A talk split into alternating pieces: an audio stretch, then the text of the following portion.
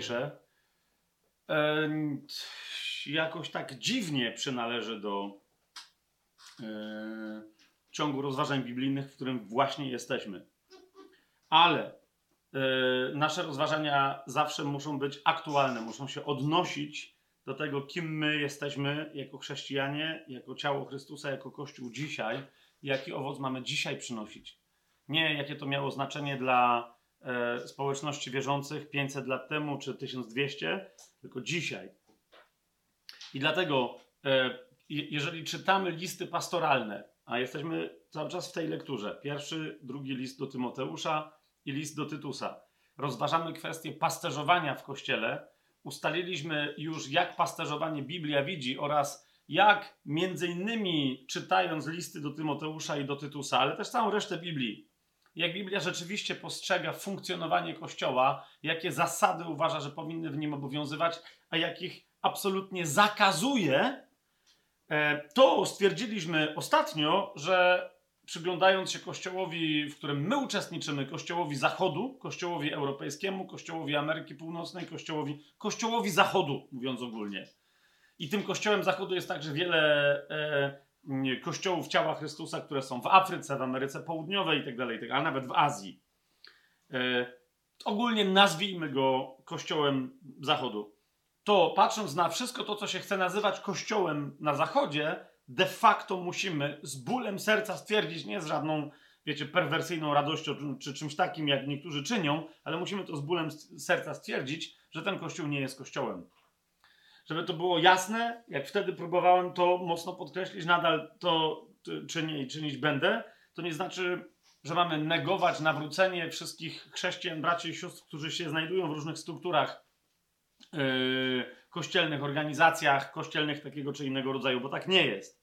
Nie negujemy tego, że wierzący są w ciele Chrystusa, ale ewidentnie musimy, patrząc na Słowo Boże i chcąc być wierni Słowu Bożemu, chcąc nie tylko się nazywać biblijnymi chrześcijanami, ale chcąc naprawdę żyć w zgodzie ze Słowem Bożym, musimy to stwierdzić, że te struktury, w których funkcjonuje Kościół, e, w większości, żeby nie rzec prawie wszystkie, żeby nie rzec wszystkie, nie są zgodne z Biblią.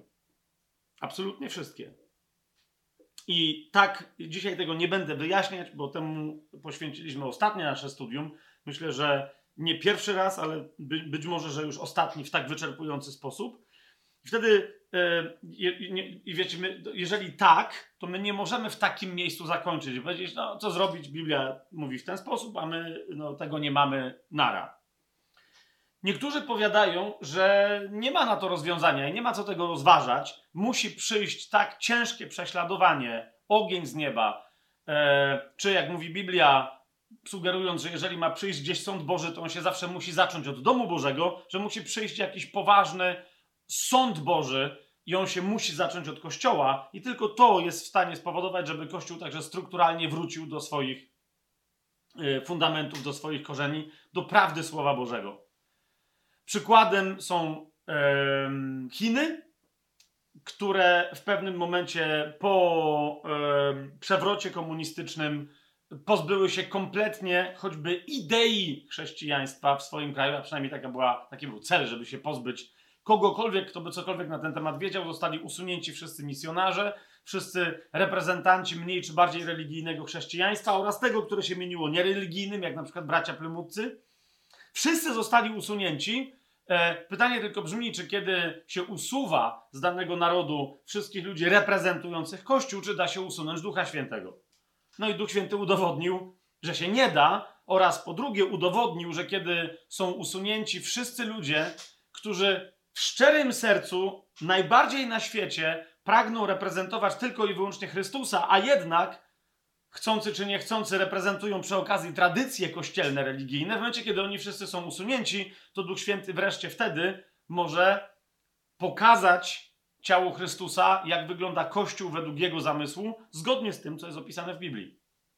A więc Kościół, który powstał w momencie usunięcia wszystkich chrześcijańskich, ewangelicznie wierzących misjonarzy z tamtego terytorium, e, tam nie zniknął, ale powiedziałbym, nie, nie odrodził się, nie zreformował się, nie o to chodzi, po prostu pojawił się na nowo pod mocą Ducha Świętego w absolutnie sensacyjny, cudowny e, sposób w, w, w, w mocach, w znakach, w działaniach Ducha Świętego, znanych nam bardzo dobrze z dziejów apostolskich, bez wołania tego kościoła, gdzie jest moc, gdzie jest Duch Święty, po prostu, bo ten kościół nie wiedział, że może być inaczej niż tylko tak, jak mówi Biblia.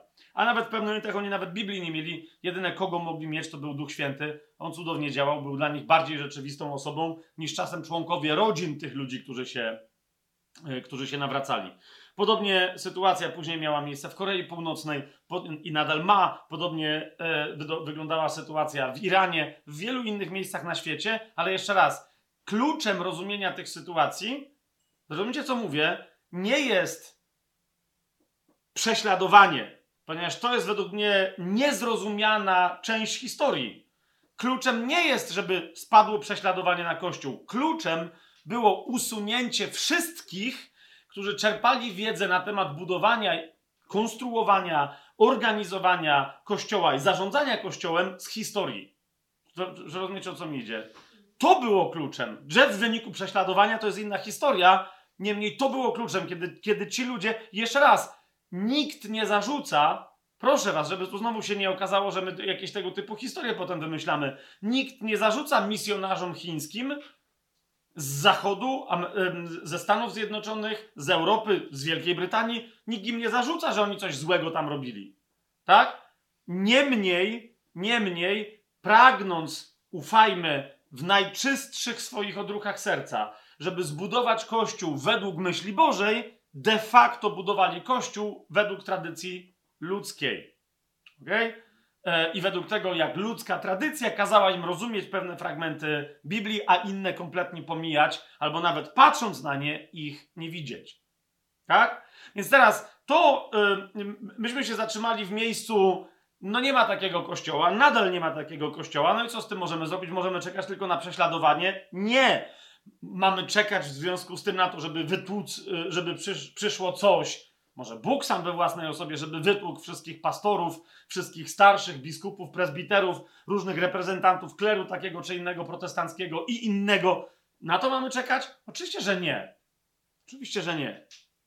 Musimy sobie zadać pytanie, czy jest rzeczą możliwą, aby wobec istnienia uciążliwego, jak kula u nogi, różnych tradycji i dyscyplin kościelnych, form dyscypliny kościelnej, struktur kościelnych, pomysłów na organizowanie życia kościoła. Czy w tym wszystkim da się nie wejść w kłótnię na zasadzie my mamy do zaproponowania jeszcze jeden z modeli? Czy da się otworzyć kościół i poprowadzić go e, w, na, na głos Ducha Świętego, na głos Jezusa, otworzyć kościół na myślenie według Ducha Świętego? I uwolnienie się od, tej, od tego balastu tradycji, który być może w przeszłości był Kościołowi potrzebny do przeżycia. Ale rozumiecie, jeżeli dziś Duch Święty słyszymy wszyscy, że coś mówi do Kościoła, to mówi, że jest czas wyjść z tych wszystkich form, które były pośrednie i tymczasowe i przestać żyć prowizorką, a zacząć żyć tym modelem, który od początku był dla Kościoła zamierzony, no ale go Kościół nie bez swojej winy przez rozmaite historie, meandry, labirynty, zawirowania rozmaitych działań przez wieki musiał przejść, bo chciał.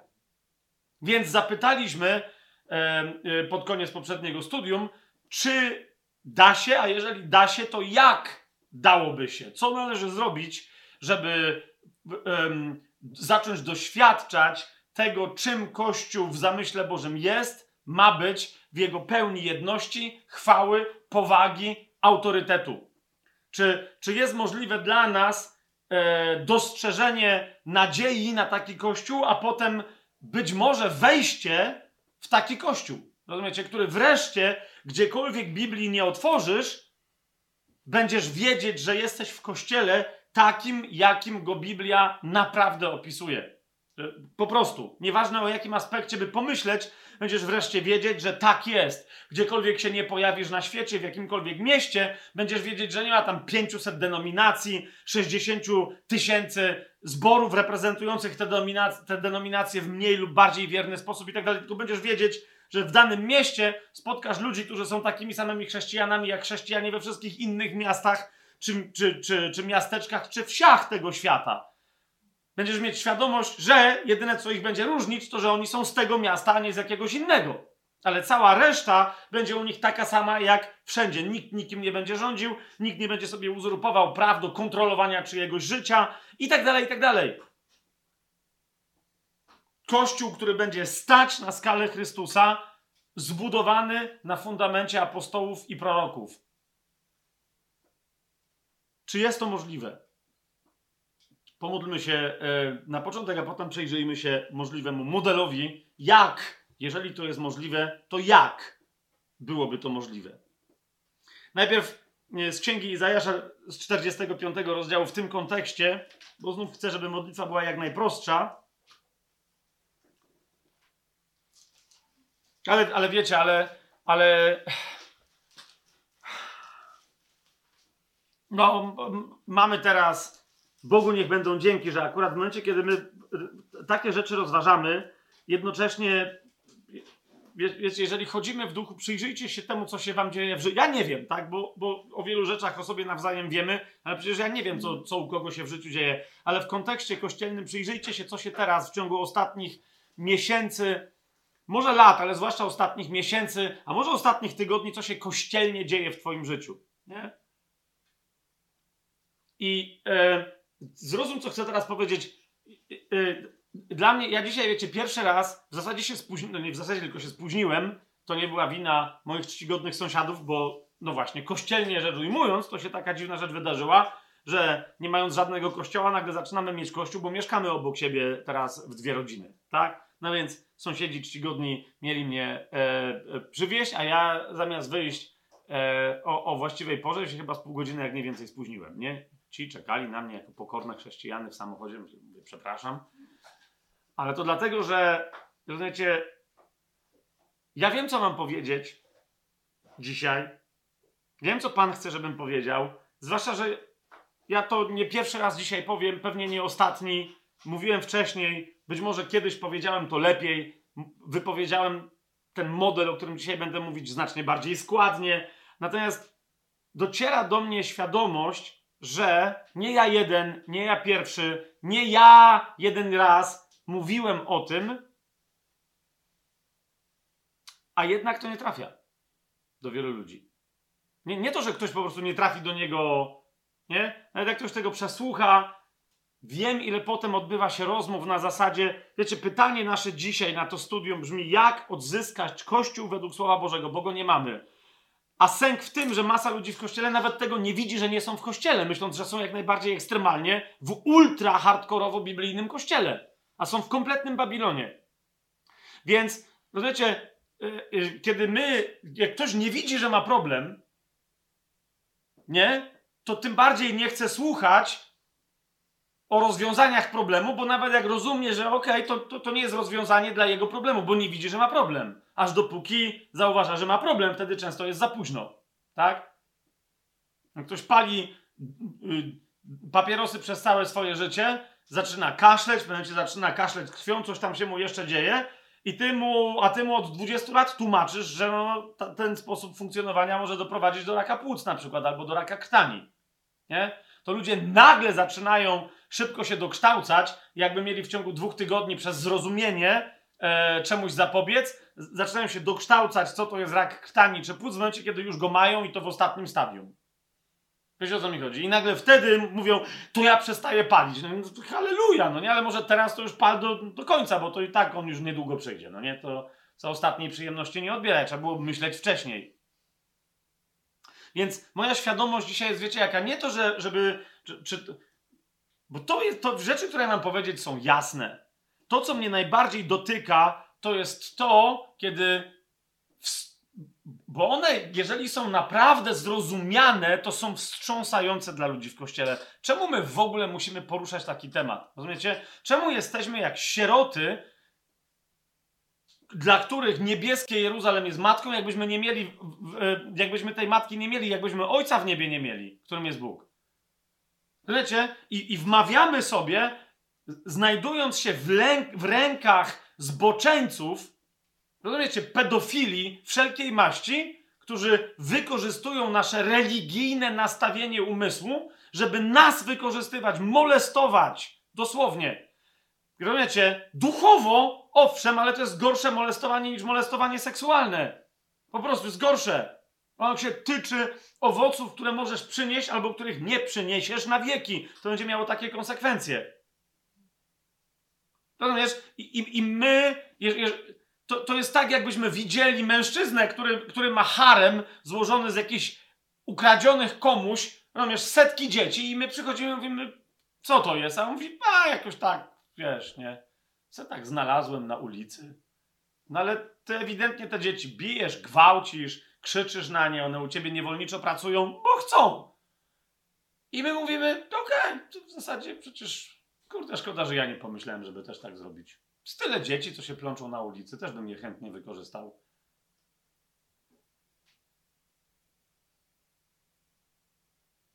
Byłoby szokujące i są tego typu historie, że okazuje się, że ludzie byli świadkami tego typu rzeczy.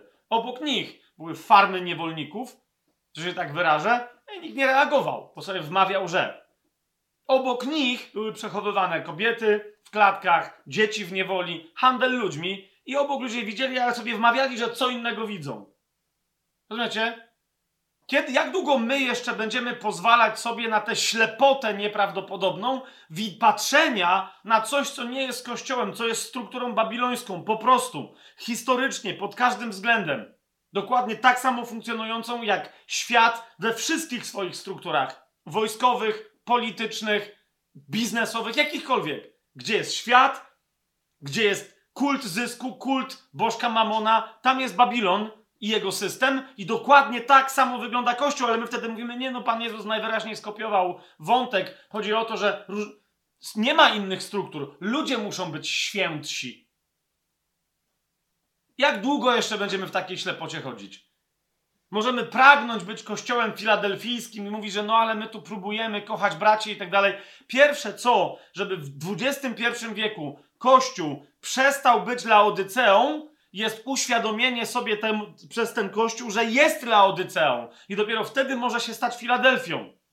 Rozumiesz? A nie uświadomimy sobie, że jesteśmy Laodyceą, jeżeli nie zrozumiemy, że jesteśmy ślepi i że potrzebujemy zacząć widzieć. To jest problem Kościoła na Zachodzie, a my jesteśmy jego częścią. W Księdze Objawienia w trzecim rozdziale, zanim się pomodlimy, chcę, żeby to, rozumiecie, żeby to się stało jasne o ile jest to możliwe, do kościoła w Laodycei, to jest trzeci rozdział Księgi Objawienia, yy, szesnasty werset, Pan Jezus mówi o jednej z najgorszych rzeczy, jakie może powiedzieć Kościołowi. Nie, że ten Kościół jest kompletnie zimny w swojej obojętności, ale że nie jest ani zimny, ani gorący. Jest żaden. Jest letni. Co powoduje, że nie jest gorący, więc nie jest taki, jak Pan Jezus chce, ale wystarczająco ciepły, żeby, żeby mu się wydawało, że przecież nie jest zimny. W szesnastym wersecie czytamy, ponieważ jesteś letni i ani zimny, ani gorący, wyrzucę, dosłownie tutaj jest, zwymiotuję cię z moich ust. Nie wypluję cię. Zwymiotuję cię.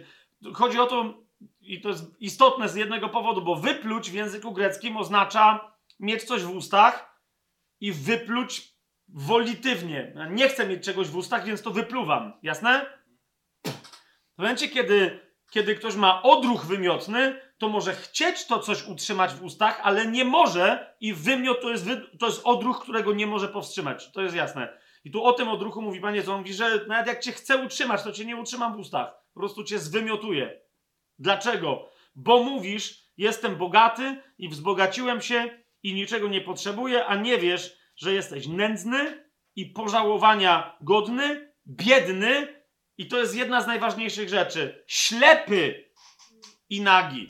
Tych wszystkich innych rzeczy nie widzisz, dlatego że jesteś ślepy. I dlatego yy, fajnie, że się wszyscy potem koncentrują na tym, że Kościół laodycejski ma sobie kupić złota, ma u Pana nabyć białe szaty, ale zwróćcie uwagę, że musi nabyć maść na oczy, żeby te oczy namaścić, żeby przejrzeć. To jest niezwykle istotne. I teraz nie, nie będę dalej teraz tego wątku rozważać, ale rozumiecie, nasze dzisiejsze studium, ono ma na celu nie tyle kolejny raz powtórzenie jakichś tam faktów, chociaż może w, w, w takim złożeniu, jak dziś o tym będę mówić, niektórzy pierwszy raz dopiero usłyszą, że aha, okej, okay, to jest taki punkt, taki, bo będę chciał to bardzo uporządkować w duchu. Jaka postawa i jakie działania są nam potrzebne. Ale celem tego dzisiejszego studium nie jest objawianie jakichś tam faktów, ale rozumiecie, otwarcie oczu naszych na, na, na, na stan rzeczy. Po co? Abyśmy wreszcie albo zaczęli działać w zgodzie ze Słowem Bożym w Duchu Świętym, albo przynajmniej przestali grzeszyć, znaczy uznali, okej, okay, dobra, to już widzę, uczestnictwo w jakich strukturach, w jakich działaniach po prostu jest grzeszne przez sam fakt bycia niezgodnym z wolą Bożą. I teraz możesz nie mieć motywacji, może ci się nie chcieć poświęcić swojego życia dla dobra ciała Chrystusa, to powiedziałbym przynajmniej nic nie rób. Bo będąc osobą nagą, możesz nie chcieć się ubrać, możesz powiedzieć, dobra, no po prostu jestem nędzna, nędzny, pożałowania godny, nagi, a przynajmniej widzę. To rozumiesz, to przynajmniej przestań udawać wtedy, że masz świetne ubranie i że wszystko gra. Leż w gnoju, goła czy goły, nagi ze świadomością jak jest. Jak Hiob.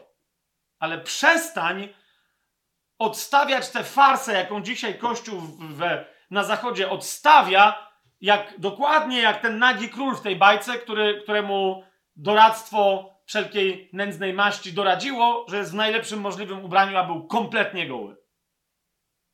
Przynajmniej w tej farsie przestańmy brać udział. Rozumiecie? Przynajmniej przejrzyjmy. I teraz, na czym to polega? Nie na tym, tak jak wiele osób, wiecie, czasem mówi Fabian, ale ty już o tym mówiłeś, to już trzeci raz, jak o tym powtarzasz i tak dalej, i tak dalej. Ja wtedy zawsze zadaję proste pytanie. Za którym razem w takim razie zacząłeś robić coś inaczej niż do tej pory? Bo widzę, że dalej jesteś w tym samym zborze, w tym samym kościele domowym, dokładnie hołubisz tego samego człowieka. No tak, no bo wiesz, rozumiesz, to może ja jeszcze 150 razy muszę pewne rzeczy powtórzyć. Problem twój nie polega na tym, że ja coś powtórzyłem trzy razy, prawie tak samo. Problem polega na tym, że gdyby ktoś raz posłuchał, a następnie uznał, tak, to jest zgodne, z, nie że się zgadza ze mną, ale że to, to Słowo Boże mówi, to bym może nie musiał powtarzać, może by Duch Święty nie musiał mnie wreszcie prowadzić do tego, żeby kolejny, kolejny, kolejny raz mówić. Więc jeszcze raz, dzisiaj celem tego studium nie tyle jest znowu informacja, że to, że tamto, to są oczywiste rzeczy, ale to jest bardziej takie wezwanie, nasze otwarcie się, takie głoszenie Słowa Bożego, żeby było wezwaniem Ducha Świętego, aby nam nie dał spokoju, żeby nam nie pozwolił osiąść na laurach, które zresztą już dawno są pognite i są po prostu kupą zgnitych wawrzynów. Są starą chwałą żeby nam nie pozwolił tam siedzieć e, w tej nędzy, tylko żeby, żeby, żeby spowodował, aby obecny stan Kościoła, żebyśmy poczuli, że jest też naszą winą, naszą odpowiedzialnością, naszym grzechem. Sam fakt, że to tolerujemy. I żebyśmy choćby przez to, jeżeli nie, nie z miłości do Pana, to z uczucia dyskomfortu, żebyśmy się wreszcie ruszyli kościelnie w inne miejsce. To jest jasne, co, co mówię? No bo właśnie o, o, to, o to dziś idzie jak odzyskać Kościół według Słowa Bożego, ale być może dla niektórych jak się naprawdę przebudzić do tego, że my nie mamy dzisiaj Kościoła. Te wszystkie gierki, które ludzie sobie uprawiają w grupkach po 50, 10, 100 osób, to jest śmiech na sali. Śmiech na sali, rozumiecie? To jest śmiech na sali. W kościołach tradycyjnych, w paru e, prominentnych denominacjach e, ewangelicznych w Polsce, Słyszałem o tym, że ludzie mieli wizję w niezależnych, niezwiązanych ze sobą grupach ruchów kościołów domowych. Słyszałem cały czas powtarzającą się wizję dla Polski, że kiedy przyjdzie przebudzenie dla Polski, rozumiecie? E, że jest, ja już pomijam, że niektórzy potem z, z tego inne wnioski wyciągnęli, ale że je, Polska jest jakby e, osadzona na ogromnych złożach gazu. Teraz niektórzy stąd potem inne wnioski wyciągnęli, że możliwe, że Polska jest na jakichś tam osadzonych złożach gazu, ale nie o to chodzi. Że duchowo. I że w pewnym momencie pojawia się z nieba ręka ze szpikulcem i zaczyna przekłuwać całą Polskę. Przekuwać, przekuwać, przekuwać, a potem odpala i nagle Polska jest, rozumiecie, jak wielki palnik. i zaczynają płonąć w Polsce konkretne ogniska, ale które są częścią całego palnik. Polska nie jest żadnym ogniskiem, nie jest zbiorowiskiem ognisk, jest palnikiem, na którym Pan może y, przygotować swoją potrawę. Wiecie? O, i, I rozpalają się konkretne środowiska, konkretne y, domy, przedziurawione, z których wydobywa się gaz i pan go odpala. Konkretne domy, konkretne całe osiedla, konkretne całe miejscowości, cała Polska zaczyna w ten sposób płonąć. Słyszałem to w wielu różnych denominacjach, w wielu różnych grupach, ruchach kościołów domowych, w naszych różnych. No, kto z Was tu nie słyszał tej wizji? Nie? Zapalające się ognie, e, zapalające się ognie. I teraz rozumiecie, ja często mówię, dlaczego ludzie w pewnym momencie którzy się nasłuchali tych, tych historii, w pewnym momencie przestają wierzyć w ogóle w przebudzenie w Polsce i tak dalej, w samą koncepcję. Powiem, no już tyle razy to słyszałem, Fabian, daj spokój. I gdzie to jest i, i co się dzieje. Widzisz, za każdym razem, kiedy, kiedy rozmawiałem z ludźmi, którzy mieli te wizje, którzy, którzy się zaangażowali w jakiś ruch, bo, bo się pojawiła taka wizja i tak dalej, za każdym razem docieraliśmy do jednego szklanego sufitu, którego jakby nie potrafili przebić. I, a, ja go zacząłem widzieć i im go pokazywałem. Tym szklanym sufitem była myśl, cały ten ruch będzie nasz. A i to nie była myśl nasz chrześcijański, no bo jaki? To była myśl, cały ten ruch będzie nasz, to znaczy mojego kościoła, mojej denominacji, mojej grupy, czy wręcz mojego kościoła domowego.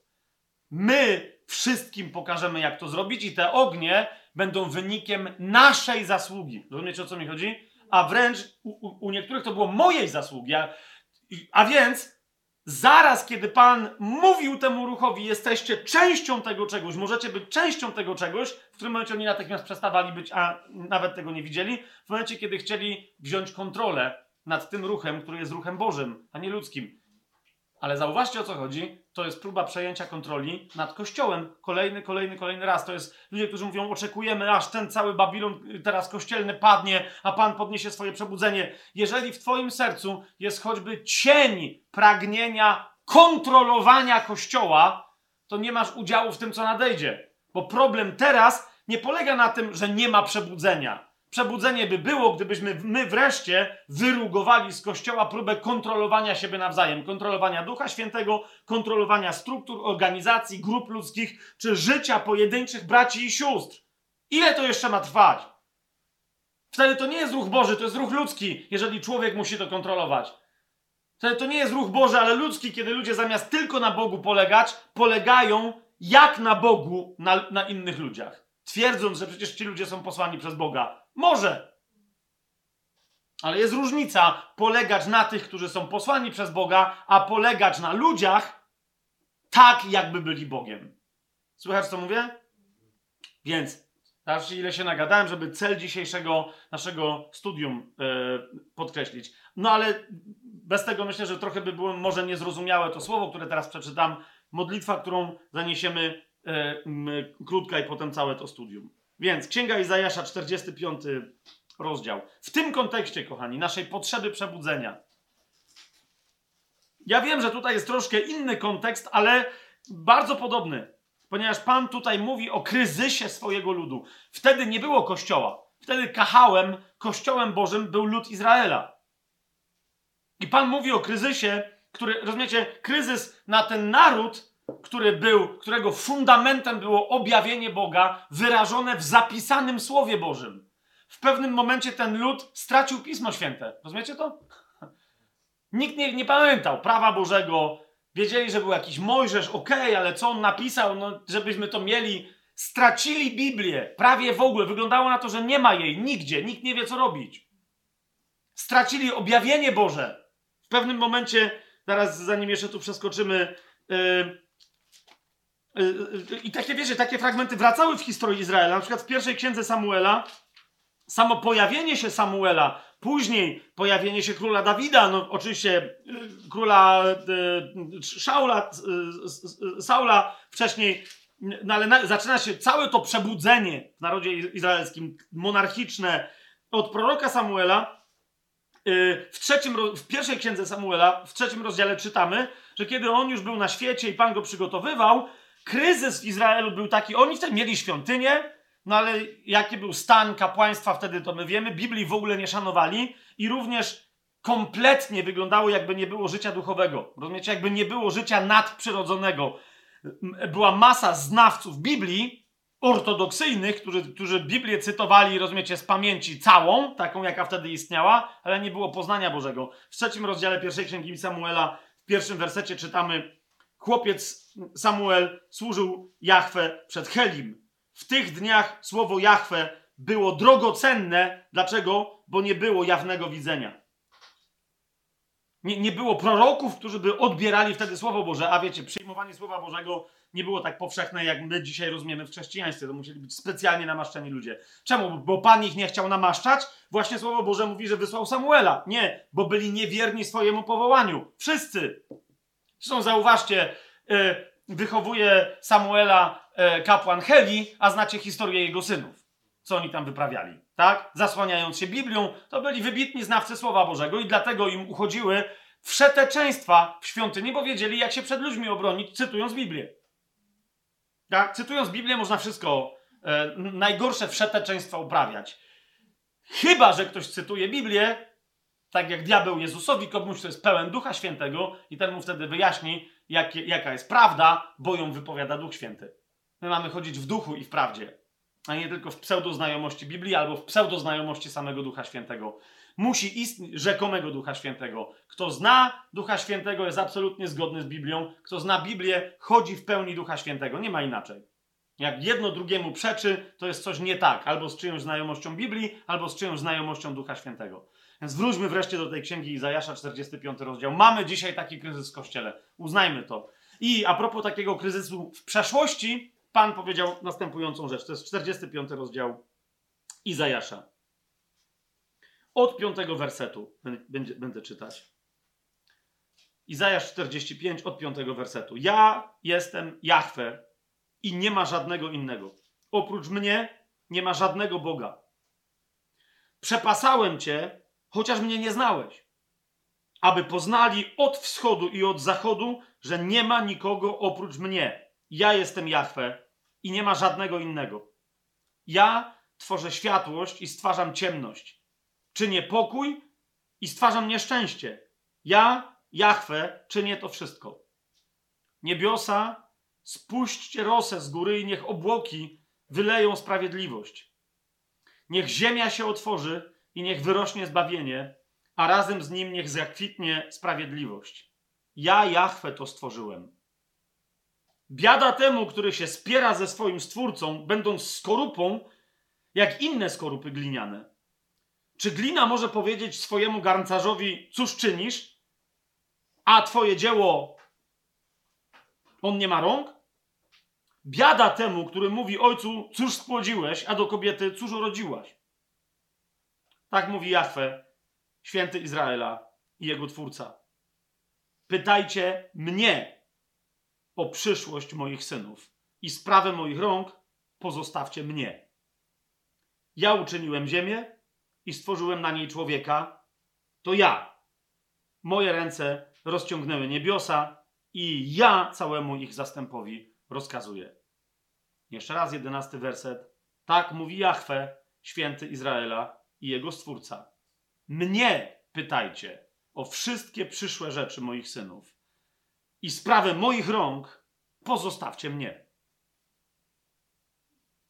Ojczymy przez imię Jezusa Chrystusa, naszego Pana, który jest naszą bramą do Ciebie, przez którego imię my Tobie i tylko Tobie chcemy, Panie, cześć oddawać, chwałę i uwielbienie całą, bo cała chwała jest Twoja. Panie, my dzisiaj tę sprawę, którą rozważamy, bolejąc krótko, bo jako chrześcijanie nie mamy podstaw, żeby na dłużej tracić spokój ducha i pokój.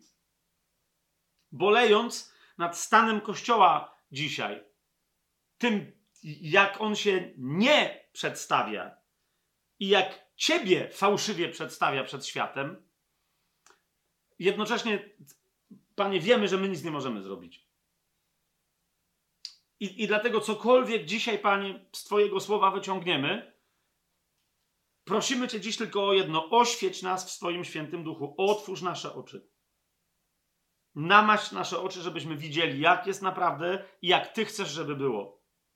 Zobacz, Panie, jeżeli jesteśmy nadzy, jak wyglądają Twoje szaty, żebyśmy tylko od Ciebie te szaty przyjęli, a nie zakładali na siebie jakieś worki po ziemniakach, brudne, stare, śmierdzące i grzeszne, udając, że to są Twoje białe, lniane szaty, że to są szaty sprawiedliwości i zbawienia, szaty sprawiedliwych uczynków świętych. Panie, przez to Twoje, twoje studium Twojego słowa dzisiaj natchnij nas, zmotywuj nas do tego, abyśmy całym sercem poświęcili się Twojej sprawie, pełnieniu Twojej woli, co zawsze oznacza współdziałanie z braćmi i siostrami, bo od czasu naszego nowo, nowego narodzenia ja zmarło wraz z naszym ciałem w chrzcie. A od tej pory nasze ja to jesteś ty. Nasze ja to jest my. My się modlimy, Ojcze nasz, który jesteś w niebie. My wyznajemy, Jezu, Ty jesteś naszym Panem, bo my jesteśmy jedną, nowonarodzoną oblubienicą Twoją Chrysta, Ty jesteś naszym mężem i Panem. Dlatego dziś przebudź nas, Panie, jako Kościół w pokornej świadomości, że nikt z nas nikim innym nie włada w Kościele, nikt nie ma innymi rządzić, nikt nie ma nikogo kontrolować, ale raczej powinniśmy innych uważać za wyższych od siebie i przychodzić do nich głównie po to, aby im służyć. Przede wszystkim po to, aby im służyć, a nie aby nam służono. Panie, daj nam znaleźć radość ty sam powiedziałeś, że więcej, zawsze, znacznie więcej szczęścia i radości jest w dawaniu, aniżeli w braniu. Daj nam, Panie, wreszcie stać się kościołem radosnym przez to, że dajemy więcej niż bierzemy. Obudź, obudź, obudź swoją oblubienicę, Panie. Obudź swoją oblubienicę. Jeżeli to studium może się przyczynić w sercach chociaż paru braci i sióstr, paru Twoich wiernych, Twoich poddanych, Twojego królestwa, do tego, aby całym sercem Twoim postrzeganiem Twojego kościoła się przejęli, aby, aby znienawidzili bycie Laodyceą, a zapragnęli bycia, być Filadelfią, Panie, uczyń to przez nas. Spraw, abyśmy także tego dzieła dzisiaj przez to studium nie popsuli, ale żebyśmy je zgodnie z Twoją miłością do Twojej ulubienicy wykonali. Amen. Amen. Um, jeszcze, zanim pójdziemy dalej, miałem bardzo jasne dzisiaj e, taką świadomość w Duchu Świętym, chcę mówić objawienie, bo nie wszystkie rzeczy, które nam Duch Święty mówi od razu są jakimiś wielkimi objawieniami. Ale miałem jedną rzecz e, jeszcze, zanim zaczniemy to, to, to studium w odpowiedzi na pytanie, jak odzyskać Kościół według Słowa Bożego w tym kryzysie, w którym się obecnie Kościół znajduje. E, miałem Jestem przekonany, że, że Duch Święty mi powiedział, że jeszcze jedną rzecz musimy na początek poruszyć. Jedną rzecz muszę powiedzieć. To jest Jego słowo do Kościoła. Mógłbym teraz powiedzieć, to mówi Pan, ale rozumiecie, że jeżeli to mówi Pan, to to mówi Pan. Tak? No Duch Święty e, taką rzecz mi dzisiaj e, powiedział, że my e, e, e bardzo mamy dzisiaj w zwyczaju, jest to zachodni zwyczaj, latać do ludzi z Biblią, latać do ludzi ze Słowem Bożym, tłumaczyć im, że Biblia, że Słowo Boże, że trzeba być zgodnym ze Słowem Bożym i tak dalej, i tak dalej. E, zamiast traktatów ewangelizacyjnych wręcz niektórzy rozdają Biblię, jakby Biblia miała nawracać. E, traktaty ewangelizacyjne, nasze ulotki ewangelizacyjne, programy ewangelizacyjne, strategie ewangelizacyjne są pełne Słowa Bożego, jakimi fragmentami Biblii się posłużyć, aby komuś ogłosić Ewangelię i tak dalej, i tak i tak. I Duch Święty powiedział mi coś takiego mówię to tobie, powiedz to innym i powtarzajcie wszystkim następnym.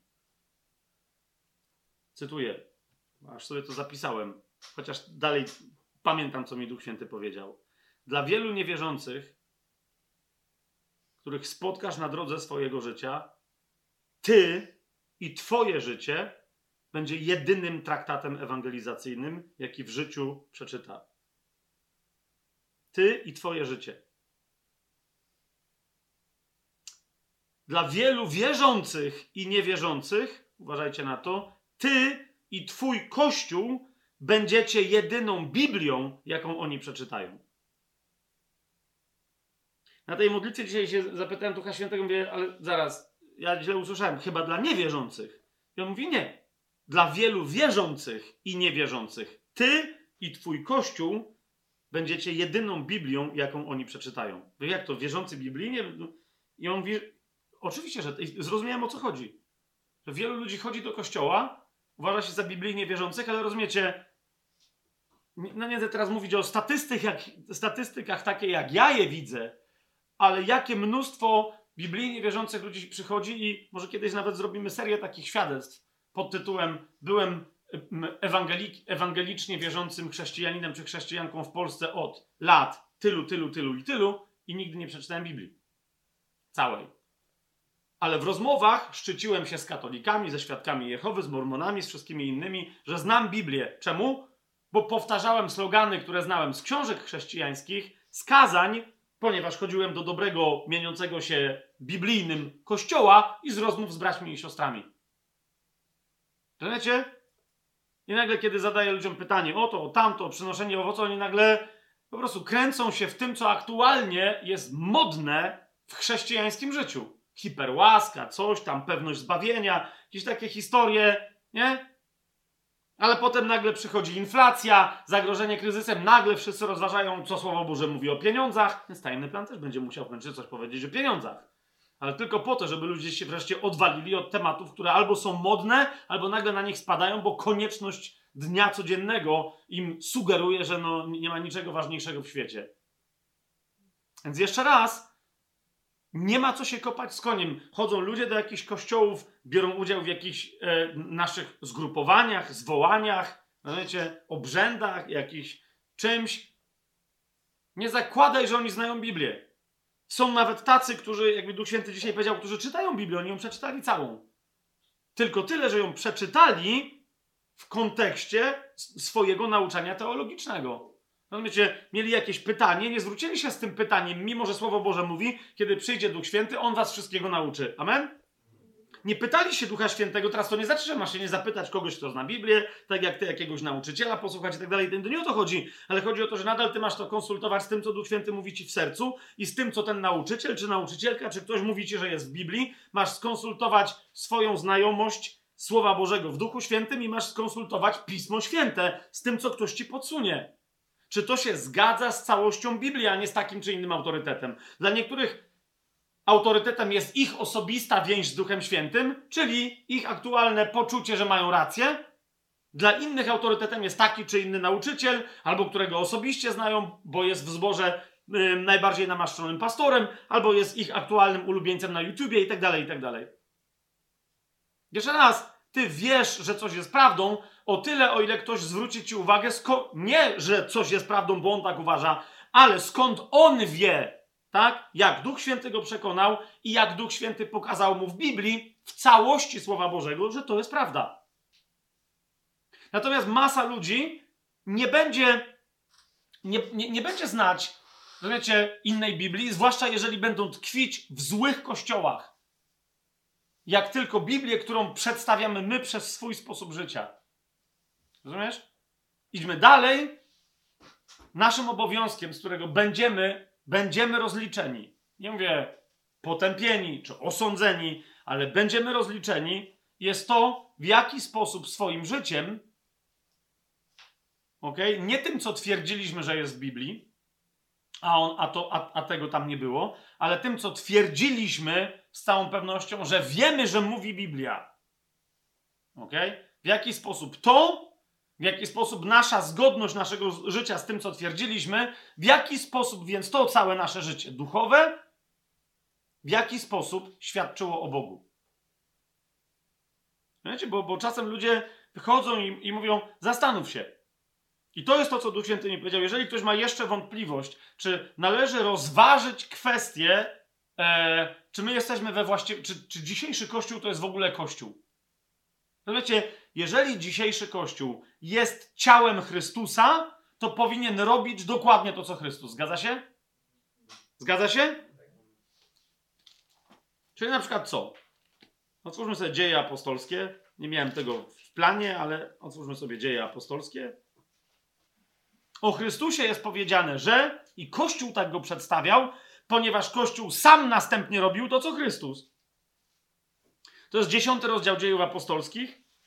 37 werset i dalej. Wy wiecie, co się działo w całej Judei, począwszy od Galilei, po chrzcie, który głosił Jan. Jak Bóg namaścił Duchem Świętym i mocą Jezusa z Nazaretu, który chodził, czyniąc dobrze i uzdrawiając wszystkich opanowanych przez diabła, bo Bóg był z nim. Oblubienica ma dziś reprezentować w całości Chrystusa, a więc sprawa oblubienicy wygląda jak? Bóg namaścił ją. Zobaczcie jeszcze raz ten 38 werset. To jest jedna z moich definicji Kościoła, ale jedna z prawdziwych definicji Kościoła.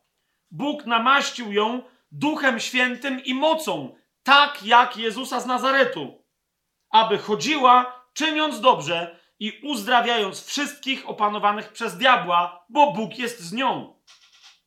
Jeżeli mój kościół tego nie robi, to, znaczy, to nie znaczy, że Bóg nas zdradził, gdzie jest moc pańska i tak dalej. Znaczy, że my nie jesteśmy kościołem według woli Bożej. Bóg się nie może do tego przyznać. Gdziekolwiek Jezus się nie pojawiał, patrzył, byli jak owce nie mające pasterza. Najpierw wszystkich chorych uzdrawiał, wszystkich opętanych uwalniał, wszystkich, których zmagała jakakolwiek słabość, podnosił na ciele i na duchu, a potem głosił dobrą nowinę i ludzie chętnie tego słuchali i chętnie do niego lgnęli. Dlaczego? Czemu by mieli nie lgnąć, tak? Jak chłop ma do zaoferowania uzdrowienie z ponoć nieuleczalnych chorób, to może jeszcze parę innych ciekawych rzeczy się wydarzy. No i masz. Siedzą głodni na pustyni, dał im tyle jedzenia, że jeszcze 12 koszy potem chleba i ryb pozbierali. Okej? Okay? Czy dzisiaj Kościół to ma? Ma! Ktoś powie, no nie, no nie ma. Jak coś nie jest kościołem, to tego nie ma. Rozumiecie o co mi chodzi? Niech Kościół, nie, nie, niech ludzie, o, nie, nie ludzie, organizacje, którzy, które wciągają nowonarodzone osoby, kobiety i mężczyzn, sióstr i braci i wmawiają im, że są Kościołem, niech przestaną krzyczeć fałszywie do Boga, gdzie jest Twoja moc. Daj nam więcej. Ponieważ moc jest cechą charakterystyczną Kościoła. Jeżeli coś się nazywa Kościołem, a nie ma mocy, znaczy, że nie jest Kościołem. To jest tyle. Jakiego Boga potem przedstawia? Dalej. Do Jezusa, zauważcie, lgnęły dzieci. Z całym szacunkiem, dzisiejsze kościoły dla dzieci muszą robić osobne kościoły. Szkółki niedzielne, nabożeństwa dziecięce. Wiecie o co mi chodzi? Czemu? Bo dzieci umierają z nudów na nabożeństwach chrześcijańskich. Z jakiegoś tajemniczego pan, y, powodu z Panem Jezusem nie umierały, ale lgnęły do Niego. Ówczesny Kościół Boży odrzucał te dzieci i Pan Jezus go musiał zrugać, mówiąc: Pozwólcie dzieciom przyjść do mnie, bo do nich należy królestwo. I jeżeli wy się nie staniecie jak dzieci, to tam nie wejdziecie. Tak? Dalej, lgnęli do Jezusa grzesznicy wszelkiej maści, prostytutki, ludzie, których dzisiaj Kościół potępia, więc oni się czują odepchnięci i czują się jak najgorzej w Kościele. Rozumiecie, jeżeli Kościół zacznie być jak Chrystus, to zaczniemy mieć na naszych spotkaniach drzwiami i oknami walących złodziei, gwałcicieli, morderców, prostytutki, ludzi, którzy, którzy chodzą z poczuciem winy, bo mają na swoim sumieniu aborcje, zdrady, wielokrotne e, zdrady małżeńskie, rozwody, rozumiecie, i, i masę innych grzechów, co tylko chcecie, rozumiecie, bo będą wiedzieć, że tam jest dla nich nadzieja, bo to jest jedyne miejsce, w którym grzesznik nie, nie znajduje akceptacji, znajduje nowe życie. Dzisiaj kościoły są miejscami przebywania bufonów. Ludzi, którzy się szczycą, że są nowonarodzeni, jakby se to sami osiągnęli, którzy pierwsze co robią, jak się pojawia u nich grzesznik, to mu mówią, że ma źle pomalowane paznokcie, że ma za bardzo kusą kieckę, że ma za czerwone włosy, że ma za czerwone oczy, że na pewno jest upity, przepalony czy jakiś. Uby był! Bo przynajmniej wiesz wtedy, że grzesznik znalazł, rozumiesz, twój kościół atrakcyjnym miejscem. No tylko, że za chwilę znajduje go takim samym, jak jego gderająca wychowawczyni w przedszkolu. Czy, czy, czy pani pedagog w podstawówce która mówi, nie wolno palić. Czemu? No nie wiem, bo jesteś za mały. Mój tata był jeszcze młodszy, jak zaczął palić. Też był głupi. No i tyle. Świat tak ze sobą rozmawia. Niby nic nie wolno, potem się okazuje, że wszystko wszystkim wolno pod warunkiem tylko, że ich na to stać, bo mają kasę, albo mają autorytet, albo mają wyrąbane na opinię publiczną. I tyle. Chrześcijanie nie mają, bo chrześcijanie muszą udawać, No więc łażą jako świętoszkowate bufony albo bufono, bufoniaste świętoszki i tyle. W hipokryzji kompletnej. Niech się tylko któremuś z chrześcijan czy chrześcijanek noga powinie, natychmiast trzeba go wyrzucić z klubu, bo przynosi nie?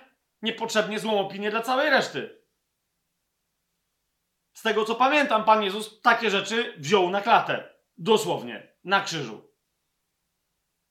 Więc jeszcze raz. Czy mój kościół, ten, w którym ja jest, czy ja, moje życie, a częścią mojego życia jest to, co nazywam moim kościołem, to, co jest moim łącznikiem z całą resztą ciała Chrystusa, no bo ja nie jestem, znaczy, połączony z całym ciałem Chrystusa, ale jestem w, w nodze, w ręce, gdzieś tam w kawałku bicepsa, tak? Gdzie jestem?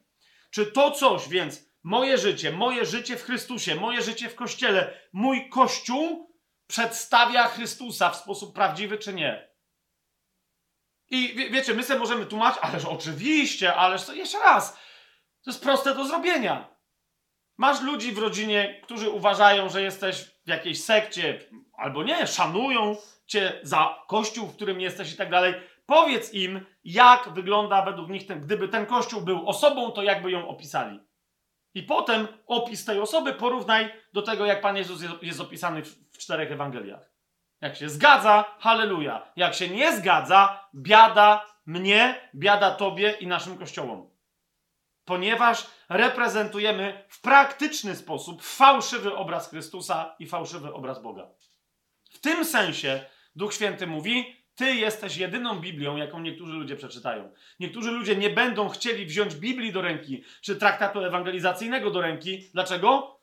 Bo będą mieli w sercu prostą myśl, jeżeli w wyniku czytania Biblii czy tego traktatu ewangelizacyjnego ja mam się stać osobą taką jak ty, to dzięki. Jeżeli to jest dobra nowina, którą widzę w Twoim kościele, to dla mnie to jest żadna dobra nowina. Dzięki, nara, ale wystarczy mi. My jesteśmy dla wielu ludzi pierwszą Biblią, świadectwo naszego życia jest pierwszą Biblią, jaką oni przeczytają. Ludzie się nawracali, wszędzie w Biblii się nawracają, głównie w wyniku tego, co widzą u chrześcijan, w wyniku świadectwa, jakie oni dają swoim życiem, lub jakie dają o, o Bogu, pozwalając mu działać z mocą, a nie blokując jego działania. I to dopiero powoduje, że ludzie słuchają dobrej nowiny. Zauważcie, od początku do końca Biblii sprawa wygląda tylko i wyłącznie tak. A nie, że ktoś przychodzi i krzyczy i mówi, że on, jego należy słuchać, bo on reprezentuje prawdę. Bo? Jeżeli to jest prawda o zmartwychwstałym, daj mi go doświadczyć. Jeżeli to jest prawda o zmartwychwstałym, którym jest ten Jezus z Nazaretu, który dokonywał znaków i cudów, to gdzie są te jego znaki i cuda? Jeżeli to jest prawda o tym, że on żyje, ten, do którego lgnęły dzieci i bezbożnicy, i wszyscy przy nim czuli się dobrzy, dzieci czuły się dojrzalsze, bezbożnicy stawali się bożnikami, grzesznicy stawali się świętymi, to czemu, to czemu w takim razie raczej twój kościół zmaga się z tym, że wszyscy w tym kościele są bigotami, dewotkami i hipokrytami? A nie mają wcale owoców świętości i nikt do nich nie lgnie, jak do słodkiego miodu, co płynie ze skały. Jak masz kościół, który reprezentuje, widzisz i mówisz, tak, to jest to, my reprezentujemy Chrystusa dokładnie tak, jak On e, chce być reprezentowany, dokładnie takim, jakim On jest. Dokładnie tak, jak Biblia chce go przedstawiać i go przedstawia.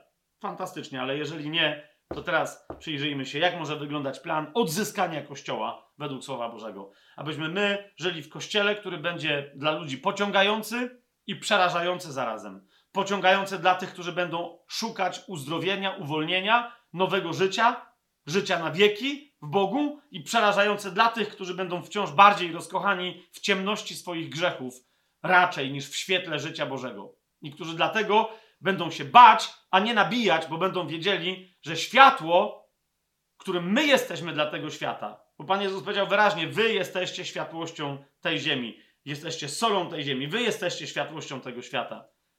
Oni będą wiedzieli, że ich mrok nie jest mocniejszy od naszego światła, bo to jest światło, które świeci w ciemności i ciemność tego światła nie ogarnia. Amen?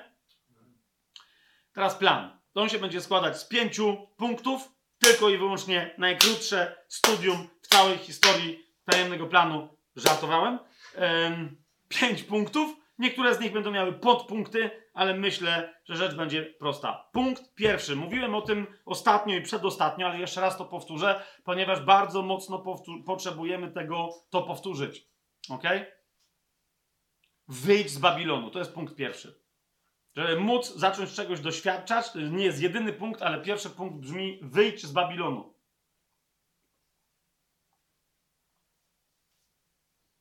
Wielu chrześcijan mówi: Ja jestem tu w tym kościele, wiem, że tu się źle dzieje, to jest w ogóle niezgodne z Biblią, ten ma funkcję niezgodną z Biblią, ten zbiera pieniądze niezgodnie z Biblią, ten to. Ja wiem, ale ja jestem święty.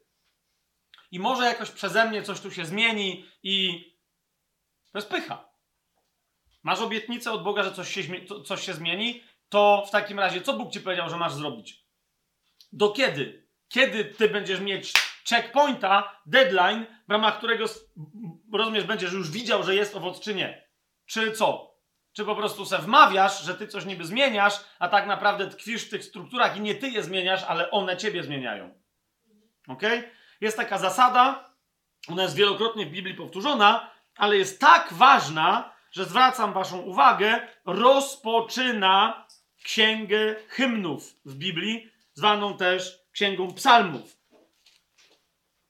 To jest psalm pierwszy, werset pierwszy. Błogosławiony człowiek. I teraz zwróćcie uwagę, co tutaj się dzieje. My jesteśmy przyzwyczajeni, wielokrotnie słyszeliśmy piosenki, głoszenie na ten temat, cytowanie tego fragmentu, ale przyjrzyjcie się, co się dzieje w tym wersecie. Błogosławiony człowiek, który nie idzie za radą niegodziwych, nie stoi na drodze grzeszników i nie zasiada w gronie szyderców. Potem jest drugi werset, ale ma upodobanie w prawie Jachwę i nad jego prawem rozmyśla we dnie i w nocy.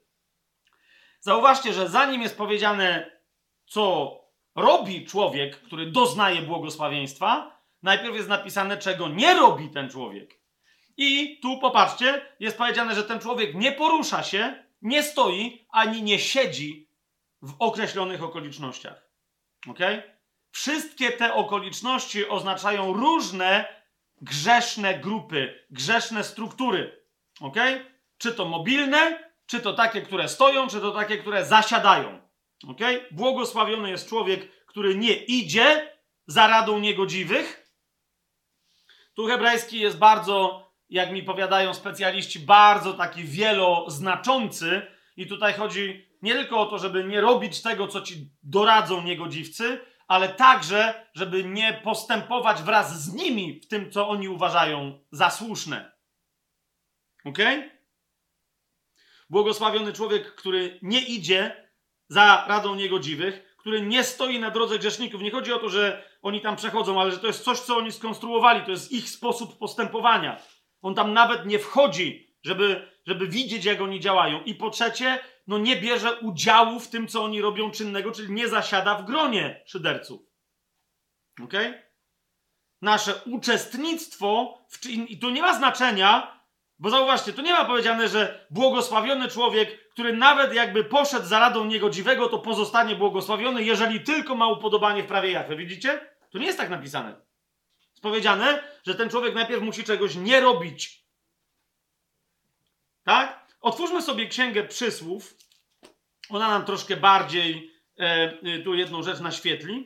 W księdze przysłów w 13 rozdziale mamy taką zasadę przedstawioną. To jest 13 rozdział Księgi Przysłów, werset 20. A propos tego, co już powiedziałem, jeszcze raz, to jest wielokrotnie w Biblii powtórzone, ale tak, żebyśmy mieli dosadnie wypowiedziane. Kto przestaje z mądrymi, będzie mądry, a towarzysz głupców będzie zniszczony. Wiecie, tu nie tylko chodzi o przebywanie w strukturach, w towarzystwie yy, yy, yy, bezbożników, grzeszników. Tu jest mowa o głupich. Widzicie to? I teraz co z tego, że ktoś jest. Zauważcie, że Biblia tutaj nie mówi, że jeżeli mądry przestaje z mądrymi, nieważne kto, mądry czy głupi, jeżeli będzie przestawać z głupimi, skończy się to dla niego zniszczeniem. Dozna zniszczenia. Krótko mówiąc, z kim kto przestaje, takim się staje. Ok? Z kim kto przestaje, takim się staje. I dlatego wyjdź z Babilonu. Jeżeli struktury wyznają Babilon, to ty ze swoją świętością tam się nie ostaniesz. Struktury cię pochłoną, a ty swoją obecnością w tych strukturach potwierdzasz jakąś ich słuszność. Więc nie rób się mocniejszy od najmocniejszych i nie kop się z koniem, bo jak cię kop kopnie, to raz trafi w głowę jest, rozumiesz, jest po robocie. Tylko wyjdź stamtąd. Wyjdź stamtąd. W Księdze Przysłów, jak już w niej jesteśmy, otwórzmy sobie pierwszy rozdział.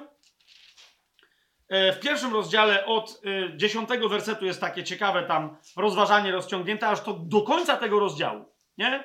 O tym jak grzesznicy, ale pamiętaj, że, że to mogą być głupcy, to mogą być wszyscy ludzie, którzy po prostu nie idą za drogą pańską. Od dziesiątego wersetu, tak e, o tego rodzaju sytuacjach mówi Księga Przysłów. Synu mój, jeżeli grzesznicy cię namawiają, nie pozwalaj. Na co? Na cokolwiek, na co cię namawiają. Nie pozwalaj sobie nawet na słuchanie tego. Jeżeli mówią, chodź z nami, czyhajmy na krew, zaczajmy się na niewinnego bez powodu, pożremy ich żywcem jak grób całych, jak wstępujących do dołu, znajdziemy wszelkie kosztowności, napełnimy swoje domy łupem, dziel z nami swój los, miejmy wszyscy jedną sakiewkę. Synu mój, nie wyruszaj z nimi w drogę. Powstrzymaj swoją nogę od ich ścieżki. To jest powtórzenie pierwszego wersetu pierwszego psalmu pierwszego, rozumiecie? Ich nogi bowiem biegną do zła i spieszą się do przelania krwi. Nawet jeżeli. I zauważ, nie, no ale ja może się do nich dołączę i w ostatniej chwili ich nawrócę. Jasne. Zgarną cię za współudział, w najlepszym przypadku, a w najgorszym przyłożysz, ręki do przy, przyłożysz rękę do zabójstwa albo do kradzieży. 17 werset. Na próżno zastawia się sieci na oczach wszelkiego ptactwa. Oni też czyhają na własną krew i tak naprawdę czają się na własne życie. Takie są ścieżki każdego, zwróćcie uwagę, co tu jest napisane. Nie tylko mordercy, złodzieja, grabieżcy, ale zobaczcie, takie są ścieżki każdego, który jest chciwy zysku.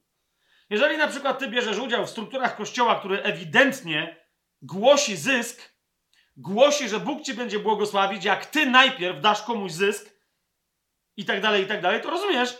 To to są dokładnie, te ścieżki się nie różnią od ścieżek zabójców i złodziei. Ja wiem, jak straszne rzeczy teraz w kontekście niektórych kościołów mówię, ale nie dlatego, żebym coś miał za złe ludziom. Niektórzy byli wychowywani w tych teologiach. To jest czas najwyższy właśnie, aby otworzyć oczy. To jest maść na oczy Słowa Bożego. Takie są ścieżki każdego, który jest chciwy zysku. Swojemu właścicielowi taki zysk odbiera życie. Zauważ, jak to jest wieloznacznie, celowo przez Słowo Boże powiedziane. Jakie życie? No dobre pytanie. Mądrość woła na dworze, podnosi swój głos na ulicach, woła w największym zgiełku, u wrót bram, w mieście wygłasza swoje słowa. Jak długo, prostacy, będziecie kochać głupotę? Szydercy, lubować się w swoim szyderstwie, a głupi nienawidzić poznania, nienawidzić wiedzy, nienawidzić mądrości Bożej.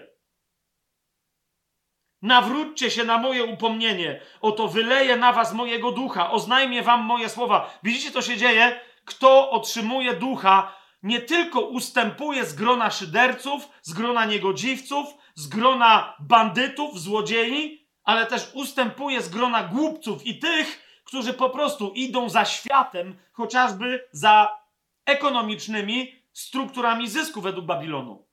Kto otrzymuje słowo w duchu i ducha dzięki słowu, ten, jest, to, ten, ten musi dać się uwolnić z tych struktur, a kto w nich przestaje, ten przestaje słuchać mądrości. Tymczasem co? 24 werset. Ponieważ wołałam, a odmawialiście, wyciągałam rękę, a nikt nie zważał, owszem, odrzuciliście całą moją radę i nie chcieliście przyjąć mojego napomnienia, dlatego będę się śmiać z waszego nieszczęścia. Będę szydzić z was, gdy przyjdzie to, czego się boicie. Hiob się kłania. Gdy nadejdzie, zwróćcie uwagę, jakie słowa się tu pojawiają, do czego się odnoszą. Zwróćcie uwagę, ucisk i spustoszenie. Nie kojarzą się nam z jednym konkretnym ostatnim okresem tego wieku, gdy nadejdzie jak spustoszenie to, czego się boicie, i gdy wasze nieszczęście nadciągnie jak wicher, gdy nadejdzie na was ucisk i cierpienie, wtedy będą mnie wzywać, ale nie wysłucham. Będą mnie szukać pilnie, lecz mnie już nie znajdą. Bo znienawidzili wiedzę i nie wybrali bojaźni Jahwe. Ani nie chcieli mojej rady, ale gardzili każdym moim napomnieniem. Dlatego spożyją owoc swoich dróg i będą nasyceni swoimi radami, bo odstępstwo takich prostaków zabije ich i szczęście głupich zgubi ich. Ale kto mnie słucha, będzie mieszkać bezpiecznie i będzie wolny od strachu przed złem. Jeżeli dzisiaj mamy kościół przepełniony strachem wobec tego, co nadciąga, a jeszcze rozumiecie, co nadciąga? Szum podniesionych wód morskich? Czy tylko inflacja nieco większa niż dotychczas nam znana w tym pokoleniu, w sensie ostatnich 20 lat? I już są stresy, już są spiny. To jest pytanie, czego słucha ten kościół? Wyjdź z Babilonu. To jest pierwsze. Nie, nie ma inne, innej możliwości. Wyjdź z Babilonu. W Księdze Objawienia w 18 rozdziale Pan mówi do nas, jako do żyjących w świecie. No, my musimy żyć w świecie, ale Pan mówi, abyśmy nie żyli z tego świata. Abyśmy nie żyli dla tego świata, abyśmy nie żyli w przyjaźni z tym światem, a cokolwiek jest Babilonem, abyśmy jako jego lud nie mieli niczego wspólnego z Babilonem. Bo ze świata będą narody, które przejdą do królestwa, do tysiącletniego królestwa i wiecznego, jak Bóg da, a jak oni wezmą, bo Bóg da. Ale z Babilonu należy wyjść, bo Babilon się z całą pewnością nie ostanie. 18 rozdział Księgi Objawienia mówi, czwarty y, werset do szóstego. I usłyszałem inny głos z nieba, który mówił: Wyjdźcie z niej mój ludu. W sensie y, z nierządnicy babilońskiej. Tutaj chodzi o, o, o wielki Babilon. Wyjdźcie z niej, mój ludu, abyście nie byli uczestnikami jej grzechów i aby was nie dotknęły jej plagi. Zwróćcie uwagę, ja wiem, że jesteście moim ludem, mówi Pan. Ale jeżeli pozostajecie w strukturach babi babilońskich wewnątrz miasta Babilon, to jak spadnie plaga, jak spadnie nieszczęście na to miasto, to spadnie także na was. Ja nie będę rozróżniać, bo to jest wasz wybór, że tam chcecie zostać. Dlatego ja swoim ludziom powiedziałem, żeby wyszli z Sodomy. Wiecie o co chodzi? Tak? Jakby tam zostali, to by na nich spadło. Jak nie będę cudownie tam ratować. Niektórych ludzi Pan będzie cudownie ratować w rozmaitych okolicznościach, ale niektórych ratunek polega na tym, że Pan im mówi, aby stamtąd wyszli. Z Babilonu mamy wyjść. Dlaczego? Grzechy bowiem jej, babilońskiej nierządnicy, tak?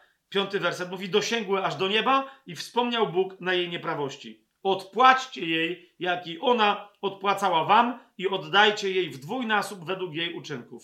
Do kielicha, który nalewała, nalejcie jej w dwójnasób. To jest zwrot nie do kościoła, e, już nie do ludu, tylko do aniołów, którzy tam mają swoje wykonać. Teraz mniejsza o to, bo nie rozważamy teraz szczegółowo Księgi Objawienia, ale jeszcze raz, rozumiecie?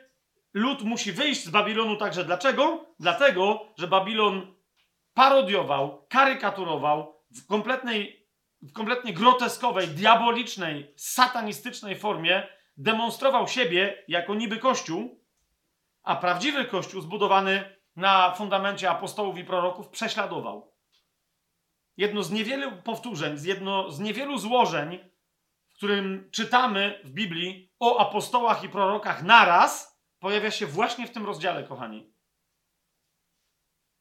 Gdzie Biblia jasno oskarża i stwierdza fakt, że Babilon dokładnie kościół zbudowany, prawdziwy kościół zbudowany na autorytecie apostołów i proroków prześladował. 20 werset mówi: Raduj się nad nim, nad czym? Nad tym wielkim miastem, co spadnie jak kamień w wodę, tak? Raduj się nad nim niebo, oraz święci apostołowie i prorocy, bo Bóg pomścił na nim waszą krzywdę. Rozumiecie? Kogo krzywdę pomścił Bóg na Babilonie? Fundamentów Kościoła. Jedynego prawdziwego Kościoła. Bo apostołowie i prorocy są fundamentem Kościoła. Amen?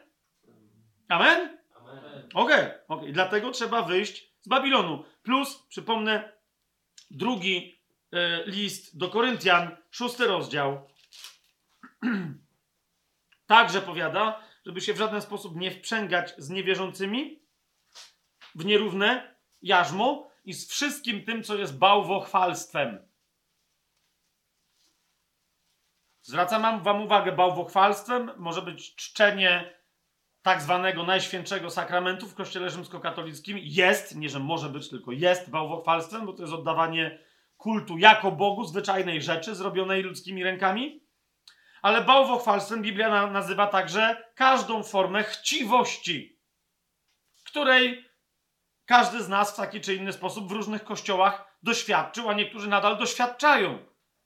I to, że tam nie ma obrazka, nie ma padania na kolana, nadal oddawanie czci, tolerowanie chciwości w zgromadzeniu chrześcijańskim jest bałwochwalstwem. W szóstym rozdziale drugiego listu do Koryntian na to Paweł powiada, co za porozumienie jest między świątynią Boga a bożkami. No w domyśle, no żadne, tak? Wy na, natomiast wy bowiem jesteście świątynią Boga żywego, tak jak mówi Bóg. Będę w nich mieszkał i będę się przechadzał w nich i będę ich Bogiem, a oni będą moim ludem. Dlatego wyjdźcie spośród nich. Spośród kogo? Spośród bałwochwalców, nie tylko spośród niewierzących, ale spośród bałwochwalców, spośród wyznawców Beliala, 15 werset. Po prostu wyjdźcie z Babilonu, wyjdźcie spośród nich i odłączcie się, mówi Pan, i nieczystego nie dotykajcie, a ja was przyjmę i będę wam ojcem, a wy będziecie mi synami i córkami, mówi Pan Wszechmogący. Nie masz doświadczenia dobroci Bożej, opieki Bożej i tak dalej, to dlatego, że Bóg cię zdradził, czy dlatego, że ty się zadajesz z Belialem, a Belial cię nienawidzi. Wyjdź z Babilonu, a zobaczysz, natychmiast na sobie doświadczysz błogosławieństwa Bożego. Jakby jeszcze komuś brakowało tu argumentu, no tak, no ale tu chrześcijanie, Kościół, tutaj chodzi raczej o niewierzących. Przypominam wam, że już w pierwszym liście do Koryntian, w piątym rozdziale, Paweł powiedział, że tak, tak, jak ja mówię o niewierzących, to mówię o niewierzących, ale jak ja wam mówię, że jeszcze gorsi są wierzący, którzy się zachowują jak niewierzący, to zrozumcie, że tak mówię.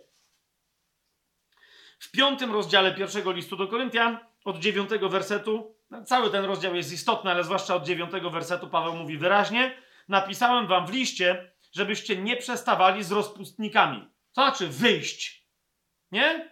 Je jeżeli ja jestem w zgromadzeniu grzeszników, to nie będę wszystkich wyrzucał, tylko ja opuszczam to zgromadzenie. Jasne to jest? Jak my mamy zgromadzenie, w którym nadal przebywa rozpustnik, to jego trzeba, twierdzący, że jest wierzącym, to jego trzeba usunąć. Jeżeli żyję w rozpustnym kościele, to muszę, który się mieni kościołem, a jest Babilonem, to stamtąd odchodzę. Po prostu to jest tyle. Bo nie mogę ja wyrzucić całego kościoła, tak? To ja stamtąd odchodzę. Ale więc nieważne, kogo jest więcej, chodzi o to, że zasada jest prosta. Napisałem wam w liście, żebyście nie przestawali z rozpustnikami. Ale nie z rozpustnikami tego świata w ogóle, lub chciwymi, zdziercami czy bałwochwalcami, bo inaczej musielibyście w ogóle opuścić ten świat. O czym ja wam napisałem, mówi Paweł. Ja wam napisałem, żebyście nie przestawali z takim, uważajcie na to, który nazywając siebie bratem, jest rozpustnikiem, chciwcem, bałwochwalcą, złorzecznikiem, pijakiem lub zdziercą. Z takim nawet nie jadajcie. Po co mi bowiem sądzić tych, którzy są na zewnątrz? Mówi Paweł. Czy wy nie sądzicie tych, którzy są wewnątrz? Tych, którzy są na zewnątrz, osądzi Bóg, a wy usuńcie złego spośród was samych. Jeżeli natomiast nie chodzi o to, że ludzie są źli, ale tworzą strukturę, która hołubi grzech, to zasada jest ta sama. Oni mogą pojedynczo nie chcieć być grzesznikami czy bałwochwalcami, ale jeżeli tolerują zasadę bałwochwalczą, która na przykład oddaje cześć chciwości takiego czy innego rodzaju w kościele, głoszona jest chciwość, głoszony jest zysk, głoszone jest ogradanie ludzi po to, żeby w ten sposób kupili sobie błogosławieństwo Boże i tak dalej, bądźmy jednoznacznie w tym, co mówimy, to z takich struktur należy się usunąć i nawet tego, co nieczyste, w ten sposób nie dotykać. W pierwszym liście Piotra, jakby ktoś miał jakieś wątpliwości, jakie to są struktury, w pierwszym liście Piotra, do ludzi odpowiedzialnych za jakość struktur kościelnych, które powinny być strukturami żyjącymi, które powinny być komórkami i międzykomórkowymi połączeniami żywego organizmu, a nie sztucznymi strukturami organizacyjnymi czy mechanicznymi. Piotr w pierwszym swoim liście, w piątym rozdziale pisze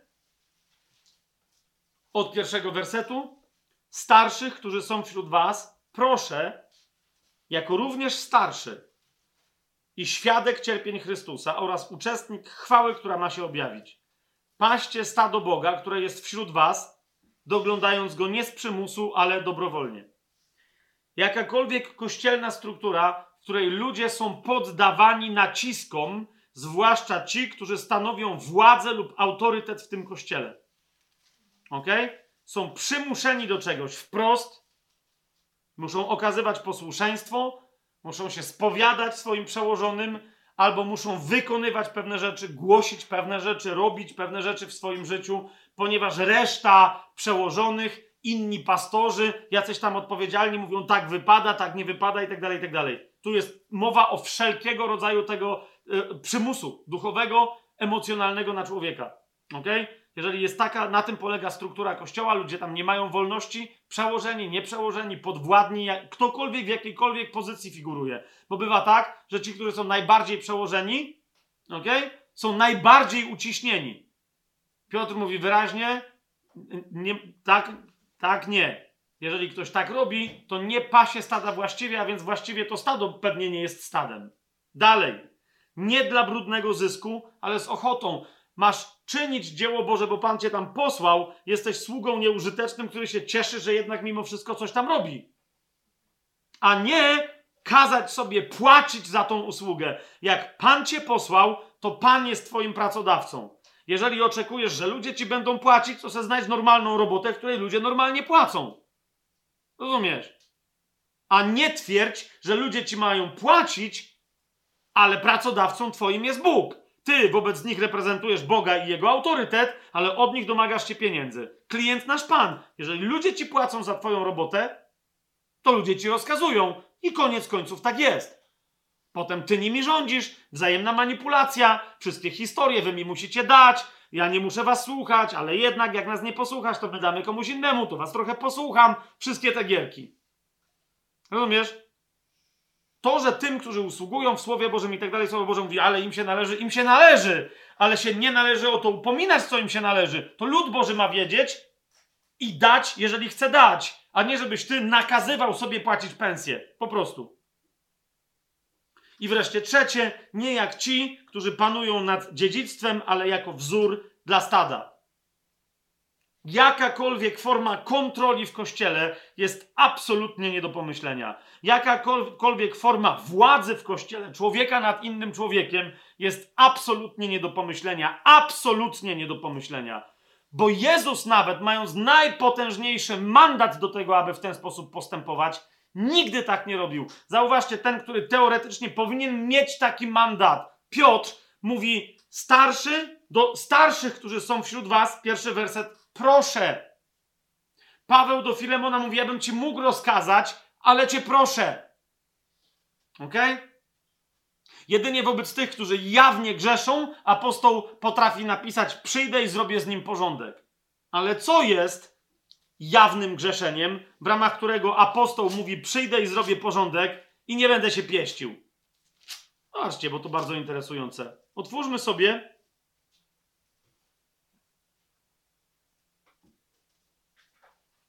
Trzeci list Jana.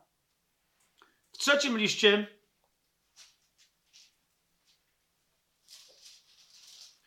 o dokładnie takim człowieku, który z kościoła lokalnego, jakiegoś, który z jakiejś miejscowości albo w jakiejś miejscowości postanowił zrobić swoją denominację, postanowił zrobić może swój zbór, swój ruch.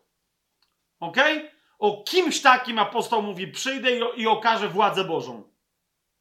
To jest trzeci list Jana, dziewiąty werset. Jan mówi: Napisałem do kościoła, lecz Diotrefes, który chce być pierwszym wśród nich, nie przyjmuje nas. Pierwsze co? Nawet taka forma wyróżniania się, wszyscy jesteśmy różni, równi, ale ja jestem pierwszy wśród równych. Mhm.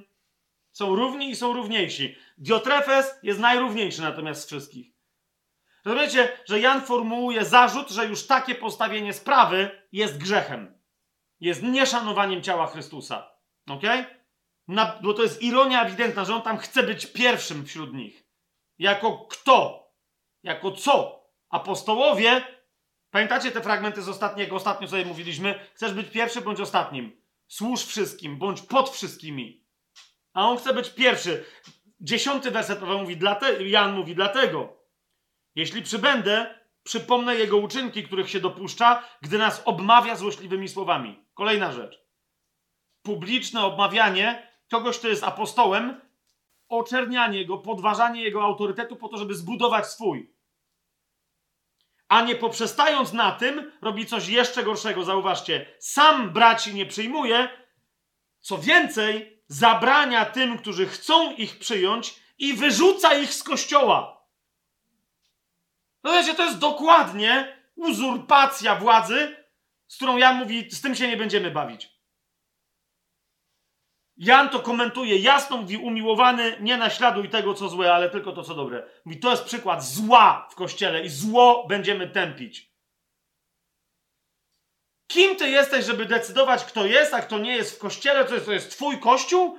Możesz kogoś wyrzucić od siebie z domu, jak się niedobrze zachowuje w twoim domu. Rozumiesz? Ale my jesteśmy domownikami Boga. Więc ty nie możesz wyrzucić od siebie z domu, jak uważasz, że do ciebie do domu mogę przychodzić tylko w czarnym krawacie, a nie w krótkich gaciach. Tak? Nie przyszedłem, nie spełniam zasad, to rozumiem. Ale kim ty, jaki ty masz nóż, jaki ty masz skalpel, żeby mnie wyciąć z ciała Chrystusa?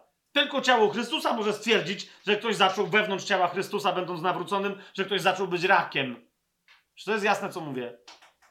Więc tego rodzaju uzurpacje, jeżeli masz do czynienia z czymś takim w kościele, albo ktoś sobie uzurpuje taką władzę, albo jakaś grupa zaczyna przypisywać komuś, kto nie chce mieć takiej władzy, taką władzę i go przymuszać emocjonalnie, żeby taką władzę nad nimi przejął. W ramach odpowiedzialności za nich. Wszędzie tego, te, te trzy aspekty, o których mówi Piotr w piątym rozdziale pierwszego swojego listu e, na temat pasterzowania, to, to ogólnie rzecz ujmując jest charakterystyka Babilonu. Kto tak robi, to jest Babilon. Kto jest wolny od tego, prawdopodobnie jest kościołem. Więc to jest pierwsze. Wyjdź z Babilonu. Czy to jest jasne? Opuść to, e, co się nazywa kościołem, a co nim nie jest, co może nawet kiedyś było kościołem, bo potrzebowało na prędce coś sklecić, żeby funkcjonować i skleciło budę babilońską, ale teraz wyjdź, bo Pan chce, żebyś mieszkał czy mieszkała w pałacu. I teraz druga rzecz. W momencie, kiedy opuścisz Babilon, nie rób swojego. Ja wiem, ja wiem, że to jest łatwo powiedzieć, po czym myślę, że większość z nas, jak tu jesteśmy, mieliśmy takie doświadczenie wyjścia z Babilonu, potem stwierdzenia, my zrobimy lepszy kościół, ponieważ nienawidzimy zabawy w kościół, nienawidzimy atrapy kościoła, chcemy zrobić lepszy kościół. I koniec końców, jak się nie upilnujemy, zaczynamy robić co? Z powrotem babilońskie struktury, ponieważ one dość łatwo regulują życie ciała. Ale nie Chrystusa, tylko życie ciała człowieka. Regulują życie cielesne i emocjonalne ludzkie, światowe. Zgodzicie się ze mną? Więc Biblia wyraźnie nas przed tym przestrzega. Zresztą, wiecie, zdrowy rozsądek powiada, e, żeby teraz znowu nie było, nie wiem, czy to jest przysłowie chińskie, czy babilońskie, czy to jest przysłowie teksańskie, czy to jest w ogóle przysłowie, tak? Ale taka dosyć oczywista mądrość powiada, e, po czym poznać wariata. Wariat to jest ktoś, kto w kółko robi dokładnie to samo, ale cały czas się spodziewa, że wyjdzie z tego coś innego. To jest wariat. Dla niektórych jest już, zdaje się, że grubo za późno, i bo w ogóle nie zareagowali na to, tylko albo mam do czynienia z większością wariatów tutaj. No i wszyscy siedzą i mówią, jak to? Naprawdę? Jak, rozumiesz, jak możesz oczekiwać, że wychodząc ze struktur określonego rodzaju, określonego, z relacji międzyludzkich określonego rodzaju, rozumiesz, i mówiąc, że to było zło, że jak ty zaczniesz robić te same struktury, to że tam się nie pojawi to samo zło. Robisz to samo, będzie to samo. Tak? Nie zmienia to jednak faktu, że Biblia w opisie tego rodzaju e, działań, e, Albert Einstein powiedział kiedyś coś w stylu, ja to teraz nie do końca e, e zacytuję, że jeżeli ktoś chce rozwiązać problem, najpierw musi sposób swój, najpierw musi zmienić swój sposób myślenia, który spowodował ten problem. Nie? Bo zazwyczaj problemy się biorą z, z, w coś, z czegoś, w co my wierzymy, w co wierzy nasze serce, co do czego jesteśmy przekonani, i musimy najpierw zakwestionować te przekonania, które doprowadziły do dramatu, żeby z tego dramatu wyjść, albo żeby znaleźć rozwiązanie. Jasne to jest? Jeżeli my wychodzimy z kościoła jakiegoś rodzaju, potem mówimy, w sumie to my nie wiemy, jak się robi kościół, to zróbmy to, co mieliśmy, ale ufajmy, że, że my nauczeni doświadczeniem na błędów tamtych ludzi, to wiecie, my wtedy, zauważcie, my wtedy de facto nie oskarżamy struktur czy sposobu myślenia, modelu działania, tylko oskarżamy ludzi. Że to była ludzi wina, to oni byli źli, oni byli grzesznikami. I dlatego my możemy zrobić te same struktury, ale my jesteśmy lepsi, to nasz kościół będzie lepszy. No nonsens. Po pierwsze, jest to fałszywe oskarżanie braci i sióstr. Ok, po drugie, niewłaściwe spojrzenie na problem. Zatem, jeżeli problemem jest, jeszcze raz powtarzam, struktura babilońska, sposób działania, modus operandi, sposób działania babiloński, to kiedy wyjdziemy z tego działania, nie rozpoczynajmy my takiego działania. Czy to jest jasne? Słowo Boże w absolutnie przepięknych słowach są jedne z moich ulubionych słów w Biblii. Tak o tym mówi. To jest znowu Cóż by innego księga przysłów?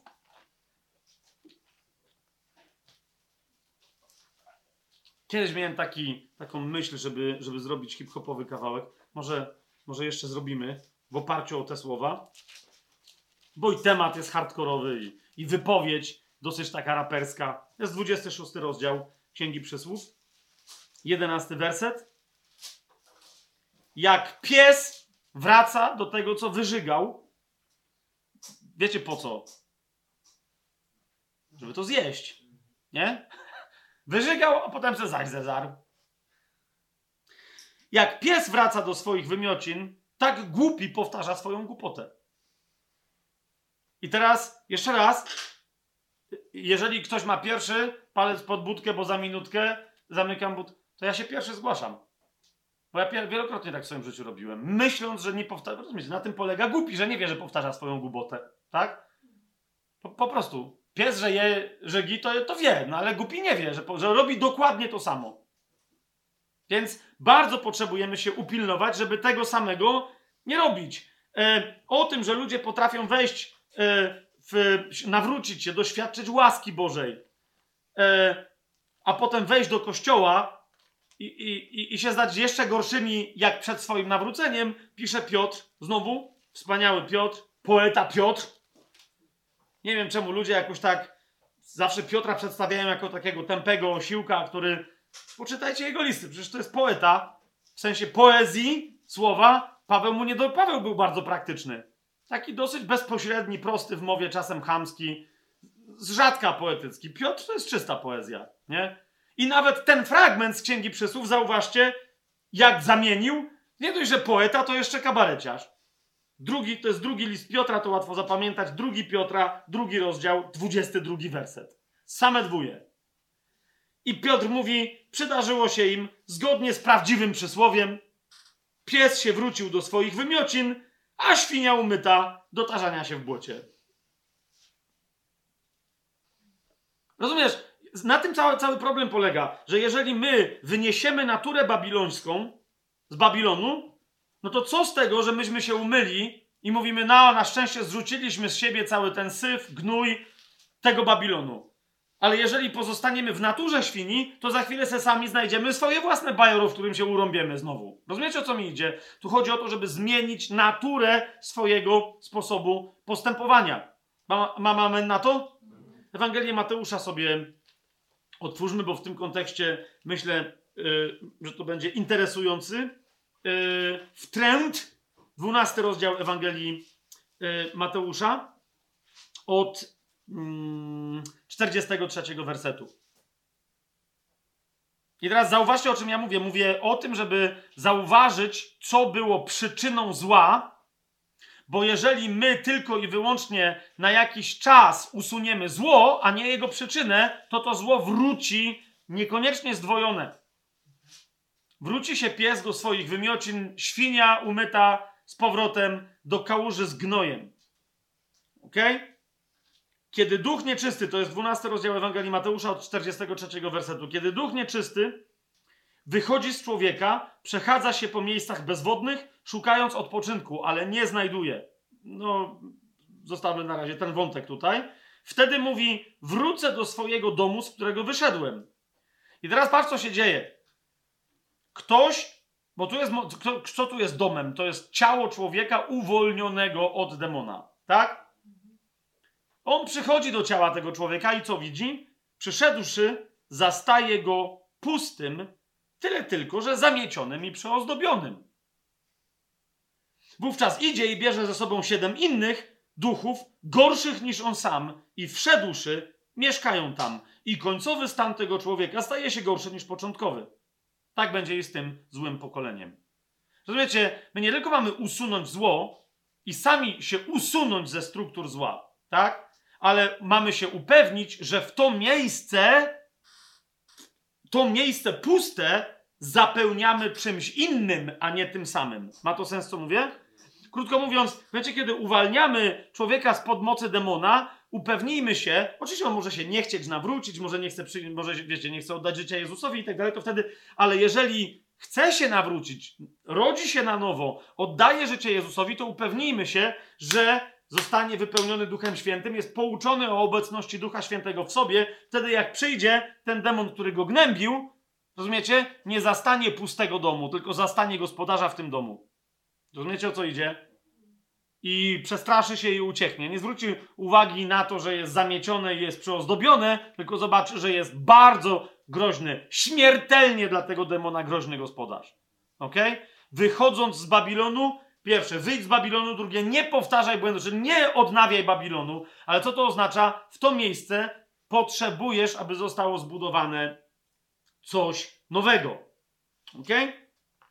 I teraz, kochani, punkt trzeci. Punkt trzeci. Uznawszy nędzę tego czegoś, co się nazywało Kościołem, z czego się usuwasz, jednocześnie to jest punkt trzeci. I to jest to, uznaj swoją kompletną niemożność. Widzisz, jeden z najważniejszych problemów struktury babilońskiej polega na czym? I jego podstępność. Problemów, dlaczego to stanowi problem dla chrześcijan? Ponieważ struktura babilońska, jej fundamentem jest co? Ludzki pomysł, ludzka możność i ludzka możliwość. W momencie, kiedy człowiek myśli sobie, że on coś zrobi dla Boga, zawsze koniec końców zbuduje Babilon. I koniec końców się okaże, że robił to dla siebie, a nie dla Boga. Bo robił to, jak się kiedyś w hucie mówiło, nowej swoją własną energią. Tak? Więc niby niby chciał dopomóc, niby na cześć, ale koniec końców dla siebie. Nie? Ci, którzy 50 e, lat temu, czy 100 lat temu, czy 1000 lat temu, ale niech będzie 50 lat temu, tak? Głosili chwałę Bożą w kościołach rzymskokatolickich, w rzymskokatolickich świątyniach religijnych w Polsce. Dzisiaj w tych kościołach, a w sensie nie oni, ale ich pamięć, ich obrazki są czczone. Tak? Wojtyła, Wyszyński, Popiełuszko i tak dalej, i tak dalej, i tak dalej. Nie? To jest, to jest zawsze dokładnie to samo. Na większą chwałę Boga i to się zawsze kończy czym? Chwałą człowieka. Po prostu. A często ci ludzie, którzy głoszą chwałę Boga, koniec końców, znaczy od samego początku mieli ideę, żeby to oni byli uczczeni. Rozumiecie o co chodzi? Zatem, co jest konieczne, bo powiedziałem, no ale zaraz, ale pamiętam, powiedziałeś przecież, że wyjdź z Babilonu, nie powtarzaj starych błędów, czyli co? Nie powtarzaj ty tego starego, ale trzeba zrobić coś nowego. Tak, a teraz mówię, ale nie ty to rób. To jest najważniejsza rzecz.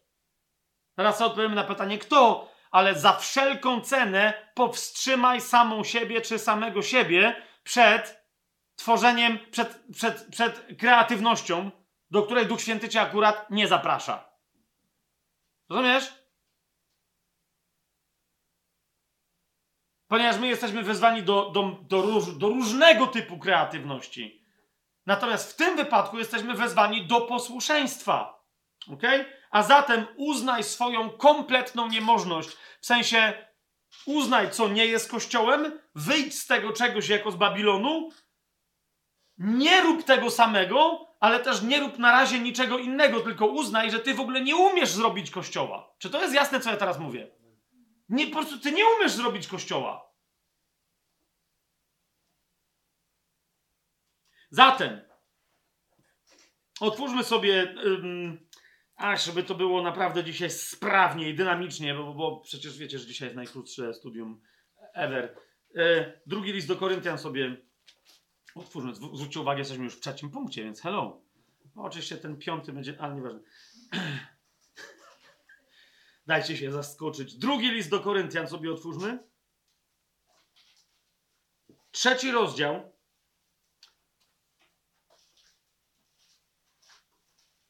Paweł tam, tam y, mówi w trzecim rozdziale, w pierwszym wersecie, mówi, co ja jako, jako ktoś, komu y, tyle osób zawdzięcza założenie tylu kościołów.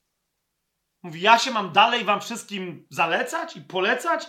Mówi, czy znowu zaczynamy polecać samych siebie? Czy potrzebujemy, jak niektórzy, listów polecających?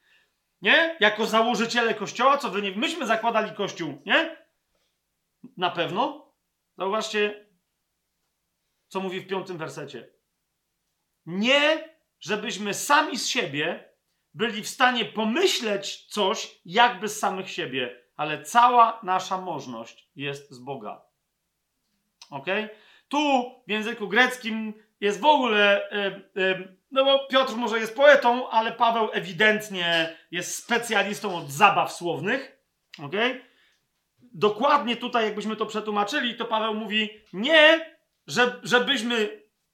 To, to, to, chyba najlepiej, żeby oddać tutaj tę konstrukcję zdaniową, trzeba byłoby to chyba tak przetłumaczyć. Nie, żebyśmy chcieli pomyśleć, że sami z siebie możemy coś pomyśleć o nas samych.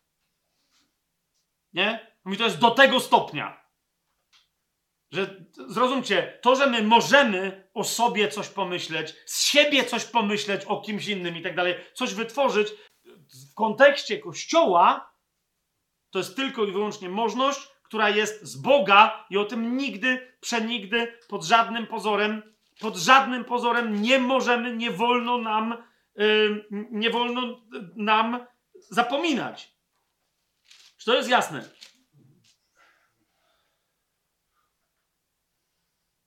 W liście do Kolosan, tak teraz jeszcze myślę, który również mocno to podkreśla w pierwszym rozdziale, w 28, w 29 wersecie.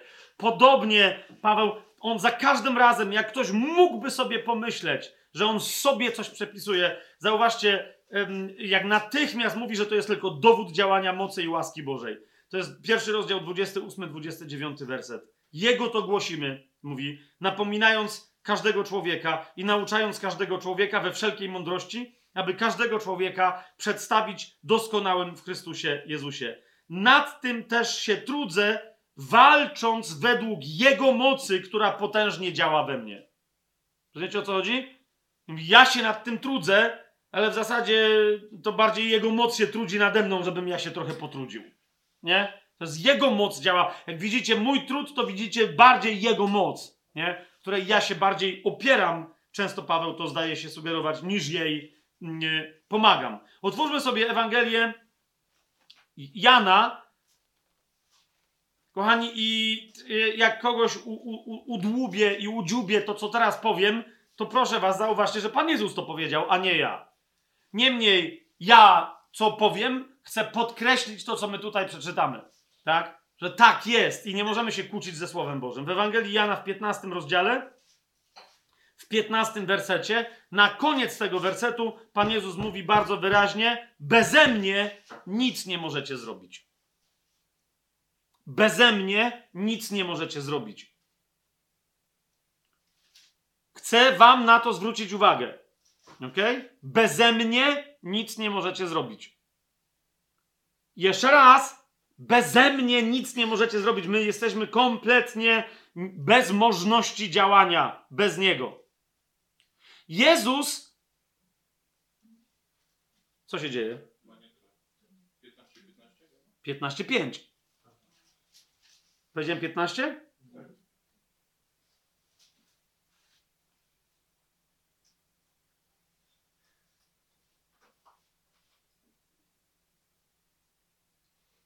Nie będę komentował, ale naprawdę, żeby ostatniej wieczerzy nie znać na pamięć, ja nie znam. 15.5. Beze mnie nic nie możecie zrobić. Kochani, dlaczego ja to mówię? Ponieważ my to czytamy, wszyscy kiwają głowami, wszyscy się zgadzają, ale potem ile ja muszę jeszcze takich rozmów... Znaczy ja mogę, ja jestem cierpliwy i mogę je odbywać, jeżeli to komuś pomoże. Tylko rozumiecie, czemu dalej my tolerujemy znowu w kościele głoszenie takiej bredni, w ramach której podstępnie bardzo Chrystusa przedstawia się jako pewien. Nie jak to nazwać? Jak cyngiel w pistolecie. Znaczy, że pistolet w środku ma załadowany pocisk, tam jest, nie wiem, to jest stary pistolet, to może mieć proch, coś tam, a Pan Jezus jest tylko cynglem, który jak się pociągnie, to jest pewien spust, ale moc jest w nas. Więc rozumiecie, moc jest w nas. Wszyscy mówią, tak, tak, no bez Niego nic nie możemy uczynić. Ale potem sobie jak to, no z Nim w sensie wzywają Jego imienia. W imieniu Jezusa ci nakazuje coś tam. Znaczy, jakby Chrystus był pewnym dodatkiem do nas. Całe nauczanie o tożsamości, jaką ja mam w Chrystusie. Ja nie istnieję i my musimy o tym wreszcie sobie przypomnieć, rozumiecie, nauczyć się tego na pamięć, aż wreszcie doświadczymy prawdy tego faktu. Ja, moje ja, twoje ja, ja w chrześcijaństwie nie istnieję. Ja nie mam żadnej tożsamości w Chrystusie. Moja tożsamość to jest Chrystus. Rozumiesz, to jest różnica. Nie ma, nie ma tak, że tożsamość Chrystusa jest czymś, co się odciska jakimś, rozumiesz, zyskiem na mojej tożsamości. Rozumiecie, o co mi chodzi? Ja nie mam jakiejś osobnej tożsamości, która się uczy od tożsamości Chrystusa. Albo mam swoją tożsamość, wtedy mam problem, bo ja jest cechą charakterystyczną cielesnego, grzesznego funkcjonowania, albo też nie ma żadnego ja, tylko jest my Chrystusowe. Tak? W nas. I na tym cała rzecz polega. Dlatego Pan Jezus mówi: Beze mnie nic nie możecie uczynić, nie macie żadnej mocy sprawczej. I nie w takim sensie, że my potrzebujemy Jezusa imienia, Jezusa mocy, Jezusa Ducha Świętego, od Jezusa Jego ręki, Jego głowy, Jego czegoś, Jego namaszczenia, żebym ja coś robił, żebym ja coś miał, żebym ja mógł się czymś ucieszyć, żebym ja w moim życiu obfitował. Rozumiecie? Zauważcie, bo to jest dokładnie to. My wszyscy, e, ja, to jest cały czas kult ja, kult tego, że człowiek jak tylko znajdzie właściwą formułę, to wszystko może. Niebo jest limitem. O, shut up!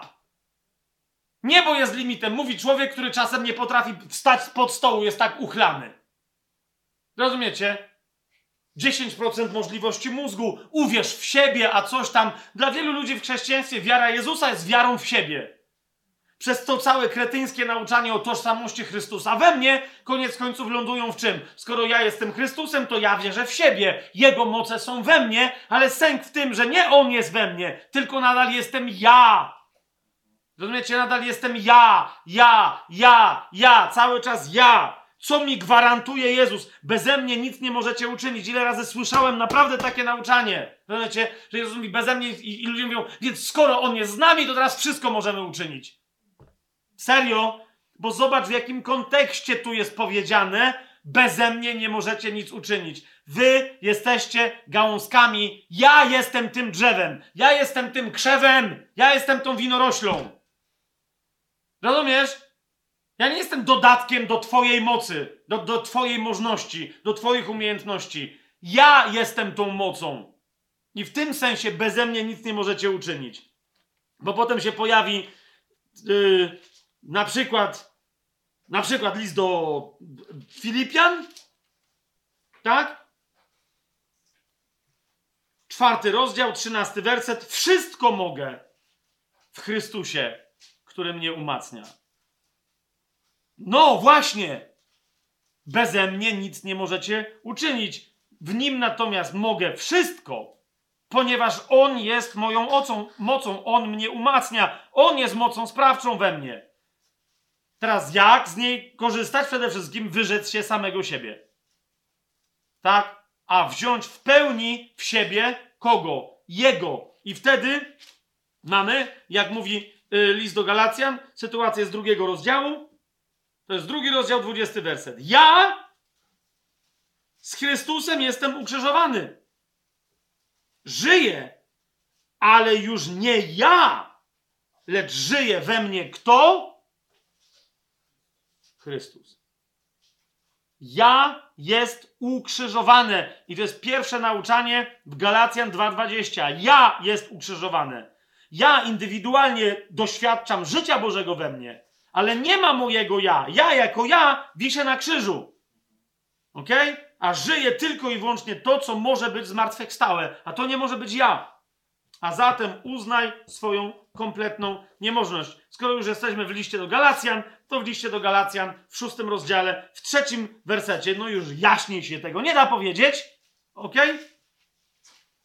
Niż yy, tym zdaniem, jeżeli ktoś uważa, że jest czymś, będąc niczym, ten zwodzi samego siebie.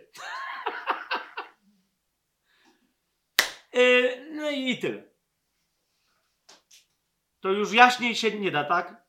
No co będziemy tu, yy, co będziemy tu rozważać? Tyle. To jest zwodzenie samego siebie. A myśmy łyknęli tą diaboliczną ideologię, filozofię przez rozmaite programy motywacyjne, szkolenia, wykłady, głoszenia, wiecie, pseudopsychologię o tym, jak to człowiek musi uwierzyć w siebie. W swoje możliwości. W swoje... To jest nic innego, jak tylko zwrócenie człowieka do jego ego, do jego chciwości i do tego, żeby potem ten człowiek szedł po trupach do celu co najwyżej. Albo żeby odkrył, że dalej, mimo że wierzy w siebie jak nie wiem co, przez ścianę nie przejdzie. A Pan Jezus przejdzie. I choćby nie wiem co, jak bardzo by w to uwierzył, martwego nie wskrzesi. A wierzący w Jezusa wskrzesi. Więc przestańmy sobie wmawiać, że my w sobie nie wiadomo co nosimy. Jeżeli my w sobie jakiś skarb nosimy, to nim jest tylko i wyłącznie Chrystus. Życie, którym On jest i zmartwychwstanie, którym On jest. Prawda i światło, którym, którą, którymi On jest. Amen? Punkt czwarty. Skoro tak, czyli pierwszy, wyjdź z Babilonu. Dwa, nie powtarzaj błędów. Nie bądź jak pies, co się zwrócił do wymiocin swoich, albo jak świnia umyta, co z powrotem wylądowała w kupie gnoju. Trzy, w tym wszystkim, rozpoznając stan kościoła, żeby tam nie wracać, żeby na... nie rób o własnych siłach niczego, ale uznaj swoją kompletną niemożność. I wtedy, po czwarte, czwarta zasada, zwróć się wyłącznie do Chrystusa ukrzyżowanego. Myślę, że to tutaj już zabrzmiało. Tylko pamiętajcie cały czas o tej pułapce, w którą można wpaść. Zwróć się do Chrystusa ukrzyżowanego nie po to, żeby on miał namaścić Twoje pomysły. Czy to jest jasne? Nie po to, żeby on miał być dodatkiem, rozumiesz, szczyptą soli do zupy, którą tu, ty upichcisz z cyganem na gwoździu. I tak dalej, i tak dalej. Ok? Zwróć się do niego po co? Po wszystko. Do ukrzyżowanego, dlaczego nie do zmartwychwstałego? Bo zmartwychwstały pozostaje ukrzyżowanym, tylko żyjącym na wieki. Ale otwórzmy sobie Księgę Izajasza. Po pierwsze, Księga Izajasza przedstawia sytuację Kościoła Bożego, który się rozproszył. W odniesieniu do samego Pana Jezusa, Słowo Boże cytuje fragment, który powiedział, prorokując, uderzę, prorok, e, uderzę pasterza, a rozproszą się owce. Zgadza się? To jest to i to jest odniesienie do Chrystusa i do Jego ludzi. W innym miejscu, w Księdze Izajasza, w 53 rozdziale, jest powiedziane w szóstym wersecie, wszyscy jak owce zbłądziliśmy, każdy z nas zboczył na swoją drogę.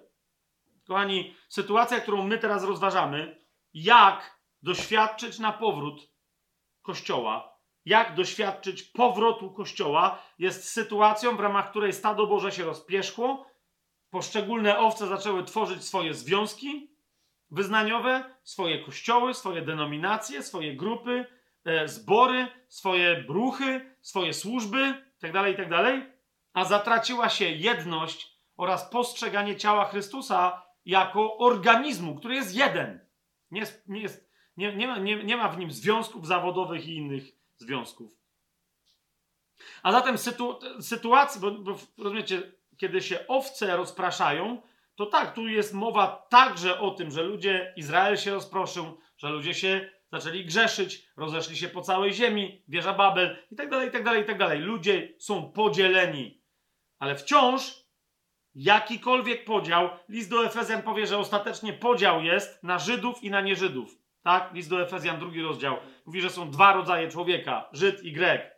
Wierzący w Boga i nieznający go, bo nieznający Słowa Bożego. Jednością i pokojem tych dwóch a więc całego świata jest tylko i wyłącznie Chrystus, który dokonał tej jedności scalenia, jedna powrót całej ludzkości w krzyżu. Ok? I teraz sęk w tym, że kiedy brakuje jedności gdziekolwiek, należy zwrócić się do tego, który jednoczy owce, a nim jest Chrystus ukrzyżowany. 53 werset. 53 rozdział, czwarty werset. I dalej. Zaprawdę On wziął na siebie nasze cierpienia i nosił naszą boleść.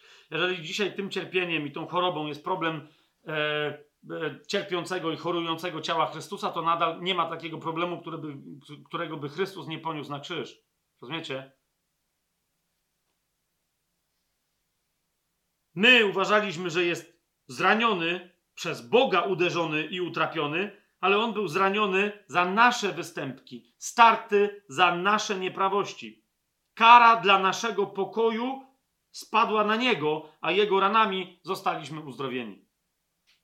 Rozumiecie, musimy się odnieść do tego, co zna... jeszcze raz, także gdy chodzi o, o Kościół, do dokonanego, w pełni skończonego dzieła krzyża, które jest dziełem nowego stworzenia.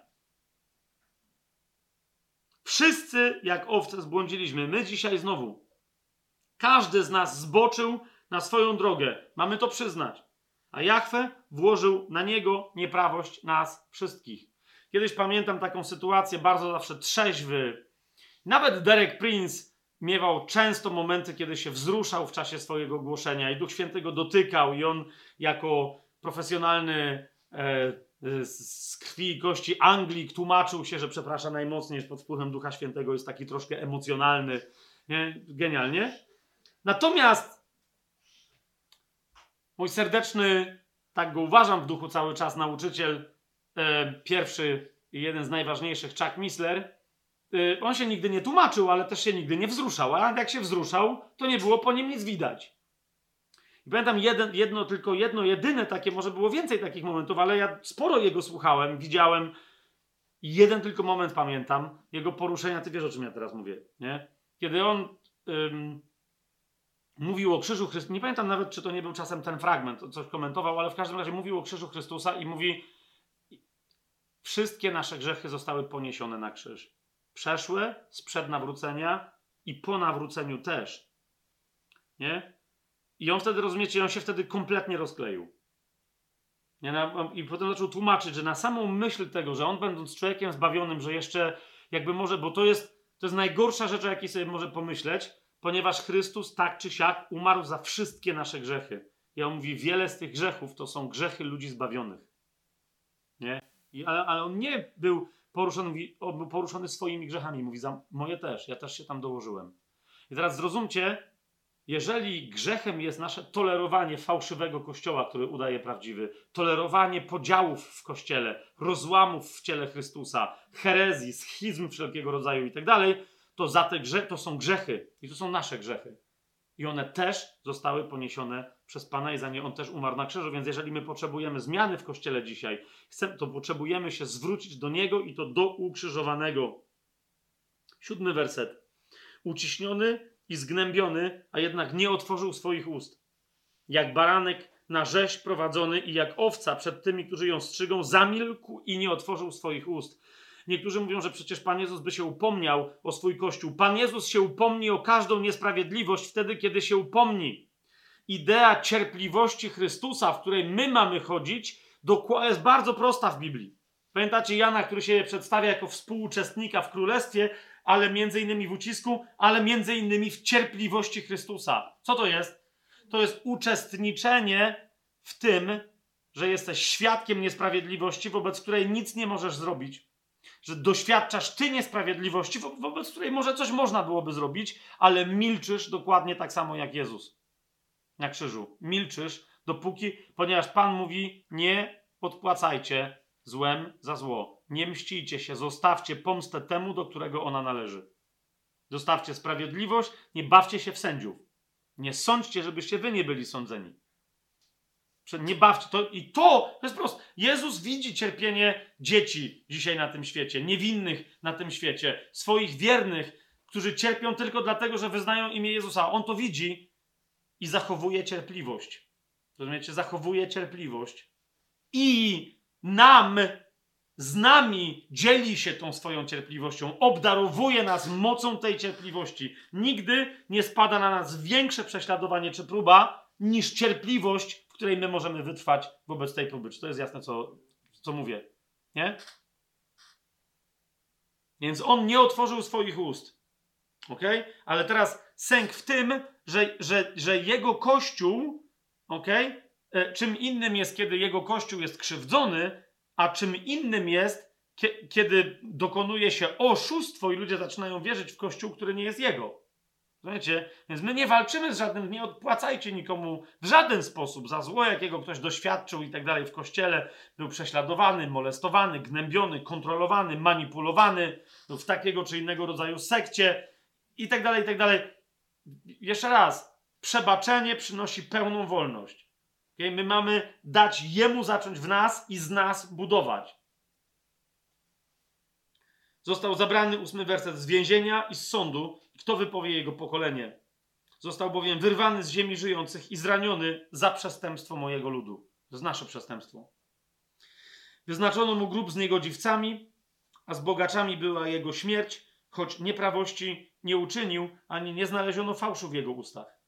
Ale spodobało się Jahwe zetrzeć go i zgnębić do końca, a po złożeniu swojej duszy na ofiarę za grzech ujrzy swoje potomstwo. Nie ma takiej możliwości, żeby Jezus nie zobaczył Kościoła. Jeżeli ten Kościół chce mu się poddać, żeby on zrobił swój Kościół tak, jak on chce go widzieć. Rozumiecie? Jezus jest cierpliwy jak my nie chcemy, on nas nie będzie zmuszać. Potem tylko nas z tego rozliczy. Ale kiedy my mu mówimy, Panie, my już, my już rezygnujemy ze swoich głupich pomysłów, ponieważ wtedy zawsze wychodzi nasz Kościół, a nie Twój. Uczyń z nas swój Kościół.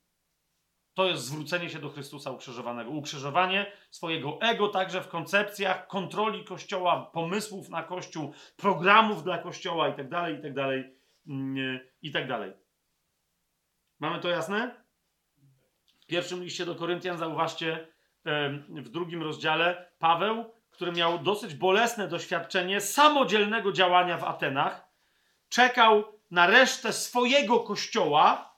Swoją drogą zwróćcie uwagę, E, no właśnie, to był kościół, który nie miał żadnego konkretnego miejsca, żadnej konkretnej struktury, to był po prostu zespół apostolski Pawła. I on w Atenach był osamotniony, czekał na nich, pospieszył się, nie doczekawszy się, zaczął głosić, no i wydarzyło się, co się wydarzyło, to go dosyć zraniło i taki poraniony szedł do Koryntu, w którym powstał potężny kościół, ale dlaczego? Ponieważ Paweł zwrócił się do ukrzyżowanego, aby on budował swój kościół, mówiąc mu, ja jestem narzędziem twoim, mój Chrystusie ukrzyżowany i zmartwychwstały. Ja nie będę dla ciebie budować kościoła. Buduj ty przeze mnie. Ja zrobię wszystko, co mi powiesz. I potem Paweł mówi wyraźnie w trzecim rozdziale,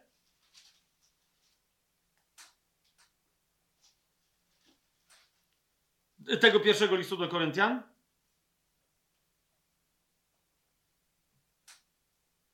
W piątym wersecie, kim jest Paweł? Kim jest Apollos? tylko sługami, przez których uwierzyliście. A to tak, jak każdemu dał Pan, a nie my. Ja siałem, Apollos podlewał, ale Bóg dał wzrost. Tak więc ani ten, który sieje, ani ten, który podlewa, nic nie znaczą, tylko Bóg, który daje wzrost. Rozumiecie, co się dzieje? Wszystko zawdzięczacie Panu i tylko Panu, nawet nas. Ten zaś, który sieje i ten, który podlewa, stanowią jedno, a każdy otrzyma swoją zapłatę stosownie do swojej pracy. I nawet jak Paweł powie, że on położył fundamenty kościoła w Koryncie, zobaczcie dziesiąty werset, według łaski Boga, która została mi dana, jak mądry budowniczy, położyłem fundament, a inny na nim buduje. I tak dalej, i tak dalej. Mówi, ale potem ka- to, to nie, my nie robimy swoich dzieł. My tylko jesteśmy zatrudnieni przez Pana. Dziewiąty werset. Jesteśmy bowiem współpracownikami Bożymi. Wy jesteście Bożą rolą i Bożą budowlą.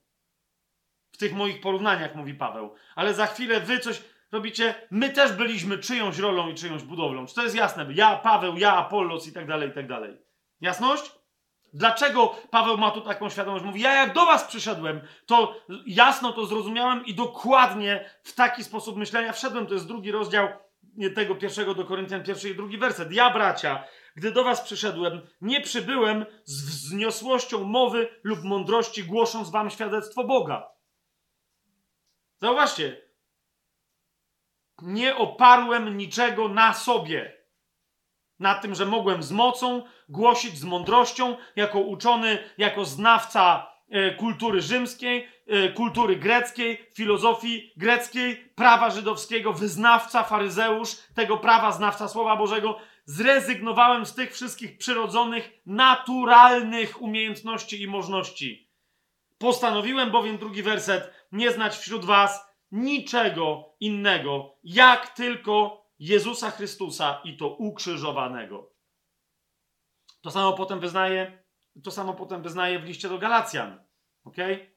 W liście do Filipian. Zauważcie, to jest jedno z najpotężniejszych wyznań na ten temat. W trzecim rozdziale. Paweł mówi dokładnie, co to znaczy polegać na Chrystusie ukrzyżowanym i znać nikogo innego, tylko Jego i to ukrzyżowanego. To znaczy wyrzec się jakiejkolwiek możności wychodzącej z, z ciała, z natury ludzkiej, z, z mojej przeszłości, z mojego naturalnego obdarowania. Zobaczcie, trzeci rozdział. Ja mógłbym pokładać ufność w ciele, mówi Paweł. Jeżeli ktoś inny uważa, że może pokładać ufność w ciele, to tym bardziej ja. Serio? Tak, on mówi, obrzezany ósmego dnia. Mówi, wychodzę z kultury, która przestrzegała prawa mojżeszowego, była posłuszna Słowu Bożemu. Byłem dzieckiem, nic nie rozumiałem, a byłem obrzezany zgodnie z prawem. Rozumiesz? Mogę oprzeć się na tradycji moich ojców. Z rodu Izraela mogę się oprzeć na mojej krwi i na obietnicach Boga dla mojego narodu z pokolenia Beniamina. Mam konkretną tożsamość, mam konkretne pochodzenie, wierności w ramach tego narodu, umiejętności znania Słowa Bożego, Hebrajczyk z Hebrajczyków. Co do prawa, faryzeusz. Należałem do najlepszego możliwego stronnictwa zachowującego tradycję ludzką, jak i pisaną, Słowo Boże. Co do gorliwości, prześladowca Kościoła. Do tego stopnia nienawidziłem wszystkiego, co przypominało judaizm co do sprawiedliwości opartej na prawie, to jest jedno z najbardziej sensacyjnych wyznań judaistycznych wszechczasów, nienaganny. Paweł mówi, że przestrzegał całego prawa. Szoker. A jednak mówi to, co to wszystko, co było dla mnie zyskiem ze względu na Chrystusa, uznałem za stratę. Owszem, wszystko uznaję za stratę wobec znakomitości poznania Chrystusa, mojego Pana, dla którego utraciłem wszystko i uznałem to za gnój, aby tylko zyskać Chrystusa. Nie to, że straciłem, ale o mój Boże, jakie poświęcenie. Dobrze, że się tego pozbyłem, bo to był syf w porównaniu z tym, kim jest Jezus. To znaczy nie znać nikogo innego, jak tylko Chrystusa i to ukrzyżowanego. Wartość, którą on reprezentuje, jest wartością, w ramach której cokolwiek skłania nas do ufania ciału, sobie, swojemu ja, ludziom, e, czy czemukolwiek, co nie jest Bogiem. To wszystko jest gnojem, to jest ukrzyżowane. To wszystko jest śmieciem. To jest znajomość Chrystusa i to ukrzyżowanego. W liście do Efezjan w trzecim rozdziale Paweł się modli o, to, o, o, o takie poznanie Chrystusa. W trzecim rozdziale mówi w 14 wersecie zginam swoje kolana przed Ojcem naszego Pana Jezusa Chrystusa i modli się, dalej. 16 werset, żeby wasz człowiek był utwierdzony mocą przez Jego Ducha, aby Chrystus przez wiarę mieszkał w waszych sercach, abyście byli zakorzenieni i ugruntowani, ugruntowani w miłości i abyście mogli poznać 19 werset miłość Chrystusa, która przewyższa wszelkie poznanie, abyście zostali napełnieni całą pełnią Boga. I teraz zauważcie, indywidualnie, indywidualnie, 21 werset, Jemu niech będzie chwała w Kościele przez Jezusa Chrystusa. Rozumiesz? Je jeżeli Twoje poznanie, moje poznanie Chrystusa jest poznaniem, które jedyne co robi, to dokarmia moje ja, to jest fałszywe poznanie. Jeżeli ja przez poznanie Chrystusa nie zaczynam doświadczać Kościoła, prawdziwe poznanie Chrystusa, prawdziwe poznanie Jego miłości powoduje, że Ojciec przez Chrystusa jest uwielbiony gdzie? W Kościele. Każde inne poznanie jest poznaniem fałszywym. Dlatego mamy znać Chrystusa, ponieważ dzięki Niemu ta, ta znajomość powoduje, że my mówimy, Panie, rób Ty wszystko, my Ci we wszystkim pomożemy, ale my już nie chcemy przykładać ręki ze swoimi głupimi pomysłami. Bo oblubienica jest Twoja i my stanowimy jej część, a nie nasza. To jest poznanie Chrystusa i to yy, ukrzyżowanego. I teraz rozbiłbym, kochani, ten czwarty punkt, bo on już jest dosyć jasny, ale jeszcze podkreśliłbym dwa aspekty. Po pierwsze, ok, co to znaczy, jaką postawę się przyjmuje, czyli na, inaczej. E, Duchu Święty. Bo ta dwojaka, ta postawa musi być dwojaka. Z jednej strony, żeby móc zacząć coś robić, ale w Duchu Świętym, żeby dać Chrystusowi naprawdę działać przez nas, potrzebujemy my najpierw przestać działać. To wiecie? I dopóki się nie upewnimy, że nie my działamy, to zawsze będziemy mówić, nie? Ja wielokrotnie, naprawdę, wiem to po sobie, bo ja jestem takim trochę aktywistą. Nie? I wiem to po sobie, jak często. Ja czasem się potrafię 10 minut modlić, i w 11 minucie moja modlitwa się tyczy tego, co ja teraz będę robić. No nie? Teraz albo za chwilę, co będę robić dla Pana, planuję coś tam i tak dalej. I potem, nie, po jakiejś pół godzinie, nagle stwierdzam, że zaraz to są jakieś moje koncepcje, ale potem z siebie przekonuję, że to Pan mi kazał zrobić, bo byłoby fajnie, gdybym ja to zrobił. Nie? Po czym kończy się godzina, którą miałem, albo półtorej godziny, które miałem dla Pana, i stwierdzam, ja cię kręcę Znowu poświęciłem trzy czwarte mojej modlitwy na moje pomysły, na końcu których Pan powiedział: Szkoda, że nie spędziłeś czasu ze mną. Widzę, że niektórzy wiedzą, o czym mówię, aż za dobrze. Nie? Więc dlatego chcę zwrócić najpierw uwagę na jedno, bo to nie jest tylko bez, ale my rozumiecie, musimy się przyzwyczaić do pewnej modlitewnej postawy, która jest punktem wyjścia do wszystkich innych modlitw, którą jest bezczynne oczekiwanie na Pana. Ale z drugiej strony, jako chrześcijanie, musimy pamiętać, że nasza bezczynność nigdy nie jest kompletnie bezczynna, bo w Nowym Przymierzu to trochę inaczej wygląda. Nie? Dlatego, że naszym życiem jest Duch Święty, a jak wiemy, Duch Święty jest małą chińską dziewczynką, która sika do kawy. Jak chciałem sprawdzić, czy, czy słuchacie, co, co mówię. Po prostu to jest mała, może nie chińska dziewczynka, która z radości tańczy w śniegu i sika do kawy i wiruje i tańczy.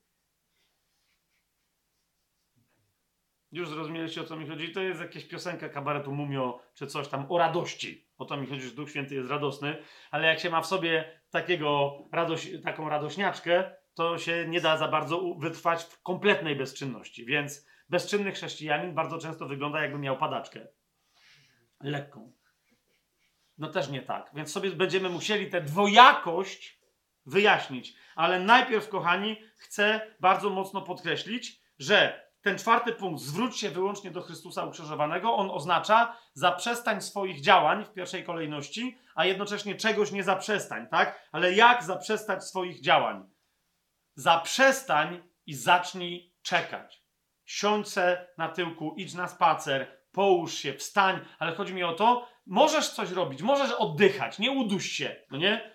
Ale nie rób niczego dla Pana, nie przekonuj siebie, że robisz, robisz teraz coś z Panem. Naucz się wreszcie, siostro i bracie, nauczmy się czekać na Pana.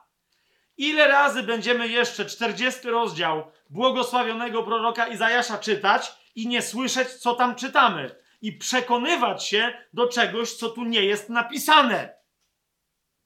40 rozdział proroka Izajasza, swoją drogą zauważcie, w pewnym momencie mówi dokładnie o kryzysie, w którym Izrael mówi: Panie, gdzie tu jest, gdzie ty jesteś, czemu nas nie wysłuchujesz? Nasze siły słabną, nasz naród się rozpada, wszyscy z zewnątrz nam zagrażają, a ty się nie odzywasz. Na co Pan odpowiada, 40 rozdział Księgi Izajasza, 27 werset i dalej. Czemu mówisz Jakubie i twierdzisz Izraelu, zakryta jest moja droga przed Jahwe, a moja sprawa nie dociera do mojego Boga? Czy nie wiesz, czy nie słyszałeś, że wieczny Bóg, Jahwe, stwórca krańców ziemi, nie ustaje ani się nie męczy i że jego mądrość jest niezgłębiona? On dodaje siły spracowanemu i przymnaża mocy temu, który nie ma żadnej siły.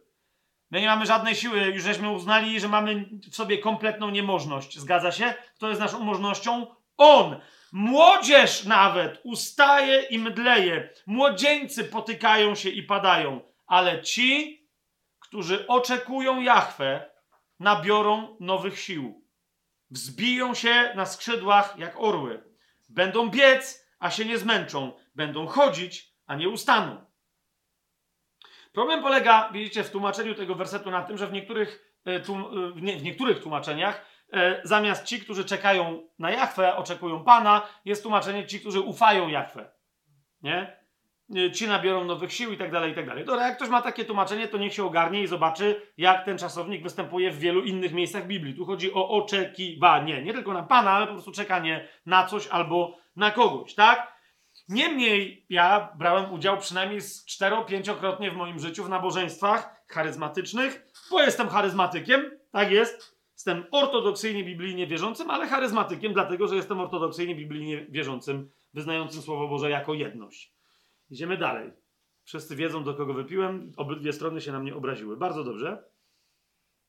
Więc brałem udział z dużą radością w tych nabożeństwach, Niemniej w pewnym momencie, tam wiecie, czasem w takich nabożeństwach y, dzieją się różne dziwne rzeczy. W sensie niedobrym, ale czasem w sensie dobrym, nie? Że tam się spontanicznie na takich nabożeństwach ktoś tam zerwie i powie, co tu wszyscy tacy ospali, zrywamy się dla Pana Jezusa oklaski, tańczymy, mężczyźni w lewo, kobiety pociąg w prawo. Jakieś takie trochę jak na dziadowskim wiejskim weselu.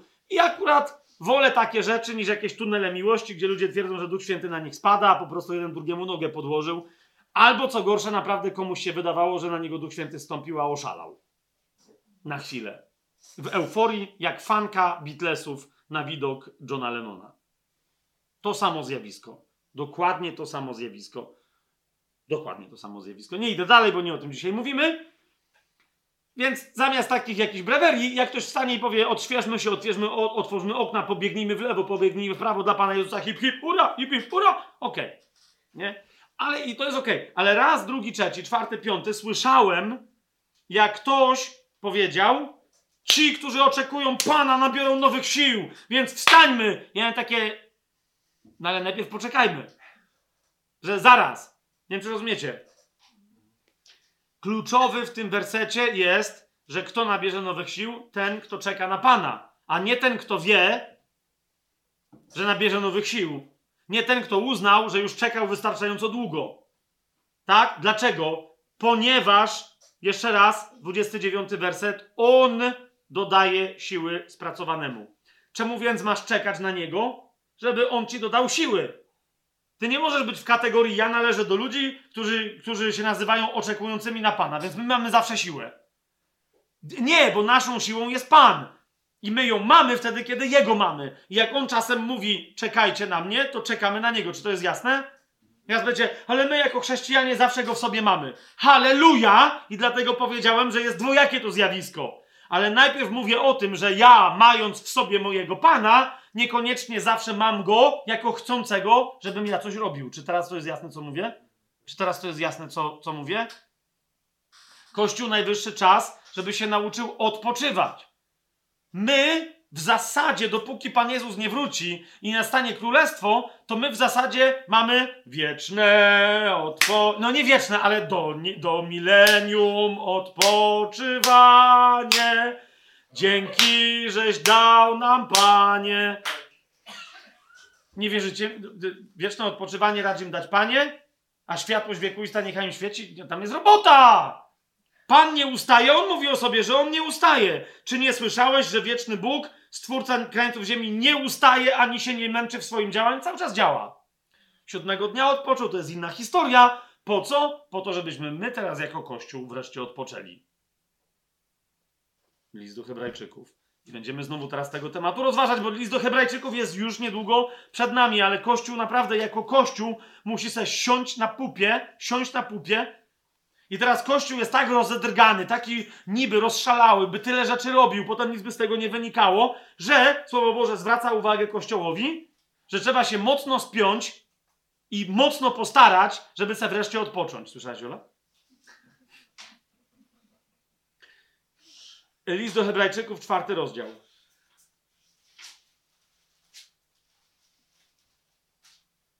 Ósmy werset i dalej. Jozue, dziewiąty rozdział. A tak, bo tam nie będę, musiałbym wcześniej cytować, zostaje jeszcze odpoczynek, szabat dla ludu Bożego. Kto bowiem wszedł do jego odpoczynku, ten także odpoczął od swoich czynów, tak jak Bóg odpoczął od swoich. Cały Kościół jest wezwany. Jeżeli Kościół nie odpocznie sobie wreszcie od swoich uczynków, to wiecie o co chodzi? To, są ma- to mogą być dobre uczynki, dalej mogą być martwe, jeżeli to są uczynki Kościoła. To, zauważcie, czwarty rozdział, ale nie tylko od trzeciego rozdziału zaczyna się temat tych, którzy upadli w niewierze. Możesz robić swoje rzeczy dla Boga i to może być kompletny wyraz twojej niewiary, braku ufności. Mamy wejść w szabat, a szabat polega dzisiaj na, wol- na uwolnieniu, odpocznieniu od uczynków. Tak jak Pan dał tego przykład w siódmy dzień, mianowicie w którym niczego nie tworzył. Jasne to jest? Niczego. Siódmego dnia odpoczął od dzieła swoich, yy, od dzieła swoich rąk. A więc zaprzestań swoich działań, swoich działań. Nie możesz przestać mieć w sobie Pana jako nowonarodzona osoba, ale On czasem, bardzo często akurat bym rzekł, chce od ciebie czego? Ciebie. A nie, żebyś coś dla Niego robiła, czy coś dla Niego robił. Rozumiesz? Od nas jako od Kościoła On również częściej chce, żebyśmy my jako społeczność, jako Kościół, jako wspólnota przebywali z Nim, a nie coś robili dla Niego. Spotykali się, żeby coś dla Niego robić, rozchodzili się, żeby coś dla Niego robić i tak dalej. Wreszcie nikt nigdy, ani indywidualnie, ani wspólnotowo się nie spotyka z Jezusem, bo w kółko jest tylko mowa o tym, co trzeba dla Niego zrobić, co już było dla Niego zrobione, albo czego dla Niego nie zrobiliśmy, a powinniśmy. No nie tak jest? Wróćmy do serdecznego naszego brata, wielkiego przyjaciela chrześcijan nowotestamentowych, proroka Izajasza. W ósmym rozdziale prorok Izajasz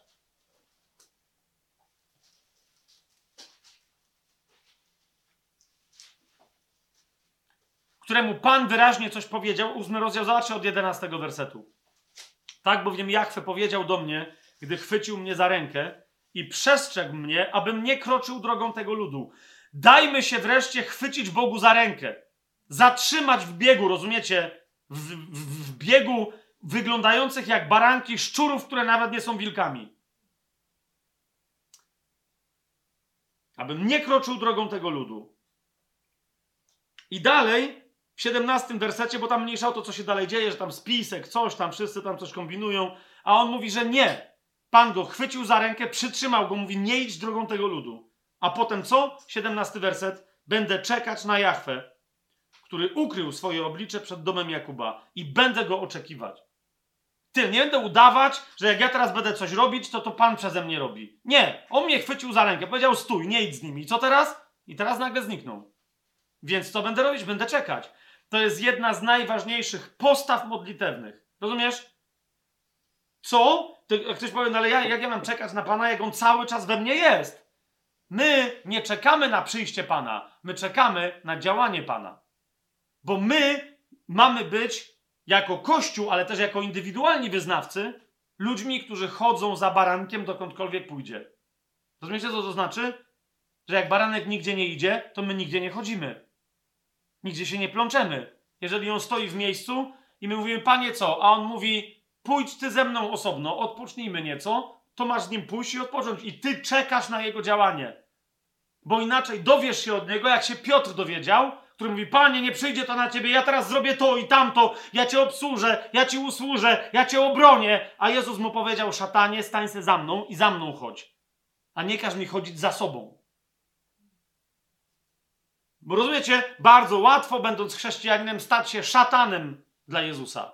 To jest ktoś, kto każe Jezusowi chodzić za sobą. Mówi, to my teraz zorganizujemy ewangelizację, teraz będzie kurs taki, teraz robimy to, teraz mamy taki program, a potem co? A potem organizujemy grupę na Facebooku, której mówimy, módlmy się o błogosławieństwo dla tego dzieła.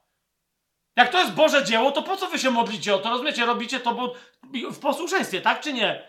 Robicie to, bo Pan wam powiedział, żebyście to robili, tak czy nie? No tak, no nie mogłoby być inaczej. To po co się jeszcze macie modlić o powodzenie tego dzieła? No przecież robicie tylko to, co wam Pan powiedział, a Pan się nie podejmuje dzieł, które nie są sukcesem, tak? No to? No to? Ile potrzeba osób na Facebooku, jak komuś choruje dziecko? Jaka liczba przekona Boga, żeby to dziecko uzdrowić? 17 tysięcy? 250 wystarczy? Żeby wymodlić pieniądze, bo ktoś chce postawić prywatną kaplicę w ramach niby dla swojego kościoła? Ile, ile ludzi potrzeba? Jaki przelicznik ma Bóg? I potem, jak się atakuje tego rodzaju formę wstawien, modlitwy wstawienniczej jako kompletnie niebiblijną i diaboliczną, to nagle ludzie się obruszają. Co mnie to interesuje, że, że bierzemy udział w takich wydarzeniach? No to jest przemyśl to, bierzesz udział, wyda... przesyła mi ktoś SMS, prześlij tego SMS-a dalej, bo gdzieś tam mordują chrześcijan. Halleluja! Nie, nie po to, tylko trzeba się modlić, żeby... I teraz co, jak my zrobimy odpowiedni łańcuszek magiczny, to on oplecie stopy Pana Jezusa w niebie i go przekona, żeby on się zlitował nad naszymi biednymi braćmi i siostrami? W jakiego my Chrystusa wierzymy? To o co biega? Czemu wprost na tych wszystkich imprezach, akurat na Facebooku to mnie nie ma od wielu lat, ale Czemu wprost tam nie mówimy, że ludzie, opamiętajcie się, nawróćcie się do prawdziwego, żyjącego Boga, do którego bram w jakichś niebiosach nie trzeba się dobijać, ponieważ brama do tych niebios jest otwarta i ma na imię Jezus. Jest otwarta. Nie dla wszystkich, ale łatwo tam wejść, wystarczy mu uwierzyć. No tak? No to co się dzieje? I wszyscy tak, amen, halleluja, ale potem przyjdzie konkretna rzecz, choroba, coś tam, bankructwo. I nagle wtedy się okazuje, może jednak ta brama się jakoś zamknęła, pozbierajmy ze 200 osób, czy moglibyście do mnie dołączyć, ponieważ spadło na mnie przekleństwo i tak dalej, no to, to, to wtedy ufasz Jezusowi, czy się opierasz na ludziach, którzy... Jasne, jak ci Kościół dowie o tym, że jest potrzeba, mamy sobie nawzajem usługiwać, ale jeszcze raz, jaka jest twoja postawa serca? Zatrzymaj się i czekaj, aż Pan zacznie działać. Kim ty jesteś, kim ja jestem, żeby, kim my jesteśmy jako Kościół, żebyśmy my mieli wydawać Bogu rozkazy. Rozumiecie? Że on ma teraz coś zrobić, że on ma coś tam. Zamiast po prostu wyznać prawdę, zwłaszcza o naszym nawróconym życiu, mianowicie, ojcze, Twoja wola niech się dzieje, a nie nasza, bo nasza jest zawsze głupia, bo my nie wiemy tego, co Ty. Bo my nie chcemy dla siebie tak dobrze jak Ty. Bo my samych siebie nie znamy tak dobrze, jak Ty nas znasz, a na pewno tak siebie nie kochamy, jak Ty nas kochasz. 30 rozdział Izajasza. Trzydziesty rozdział.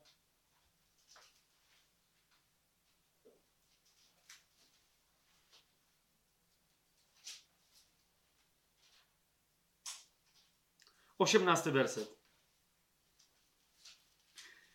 Dlatego Jachwę będzie czekać, aby okazać wam łaskę i dlatego będzie wywyższony, aby się zlitować nad wami. Jachwę bowiem jest Bogiem sądu, a błogosławieni są wszyscy, którzy na Niego czekają.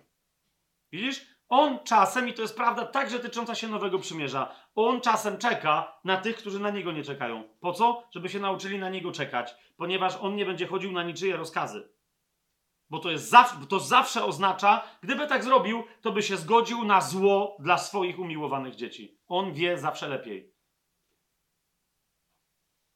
Błogosławieni wszyscy, którzy na niego czekają. I patrzcie dalej. Lud bowiem, to jest mowa o kościele, lud bowiem będzie mieszkał na Syjonie, w Jerozolimie. Nie będziesz już płakał. Czemu? Księga Objawienia już wie, bo zwyciężył lew z pokolenia Judy, piąty rozdział. Amen? na pewno zlituje się nad tobą na głos twojego wołania, a gdy tylko cię usłyszy, to się odezwie. A chociaż Pan dał wam chleb niedoli i wodę ucisku, to jednak twoi nauczyciele nie będą już usunięci, ale twoje oczy zobaczą twoich nauczycieli. Twoje uszy usłyszą słowo wołające za tobą, to jest droga, chodźcie nią, gdybyście zboczyli na prawo lub na lewo.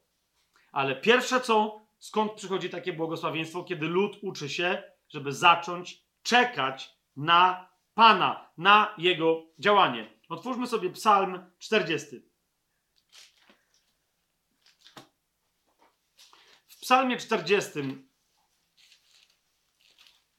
on jest cały do rozważenia. My dzisiaj nie mamy na to czasu. Ale zobaczcie, co tam się, e, co tam się dzieje. W ogóle w księdze psalmów temat czekania na Pana jako formy modlitwy. I jeszcze raz, kochani, powtórzę, to dosłownie to oznacza.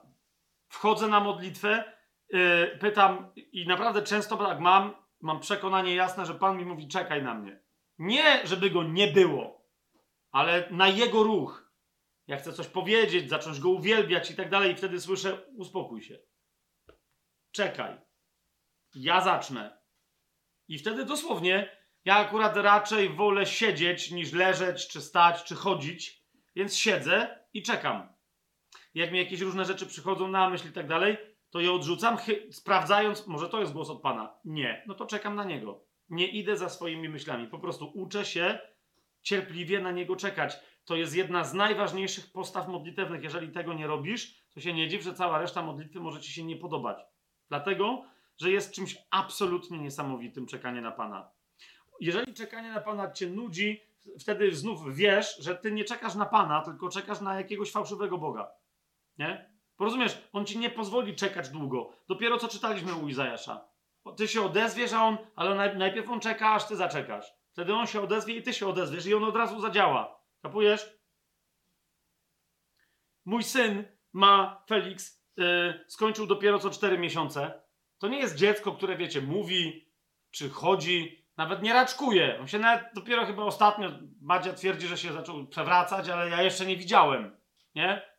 Nie zmienia to jednak faktu, że raz taka rzecz się wydarzyła, że moja żona coś robiła, a on sobie leżał tam gdzieś, gdzie spał, e, no i zaczął coś tam kwękać, jak to takie dziecko. To jest bardzo spokojne dziecko, naprawdę. Jak się czegoś nie przestraszy, to jest spokojnie. Zaczął kwękać, dawać znać, że żyje. Nie? Że halo, powoli jakby ktoś mógł się zjawić. Ale razie nie było, a ja coś tam w toalecie się zaplątałem.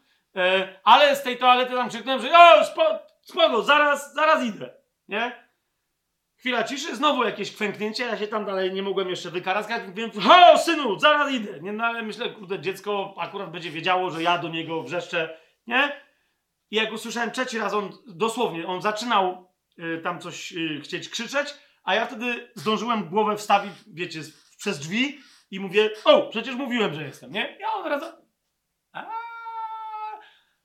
Taki uśmiechnął się, że no okej, okay, dobra, czyli dobrze myślałem, że się tata drze. Przynajmniej ja sobie tak to wytłumaczyłem.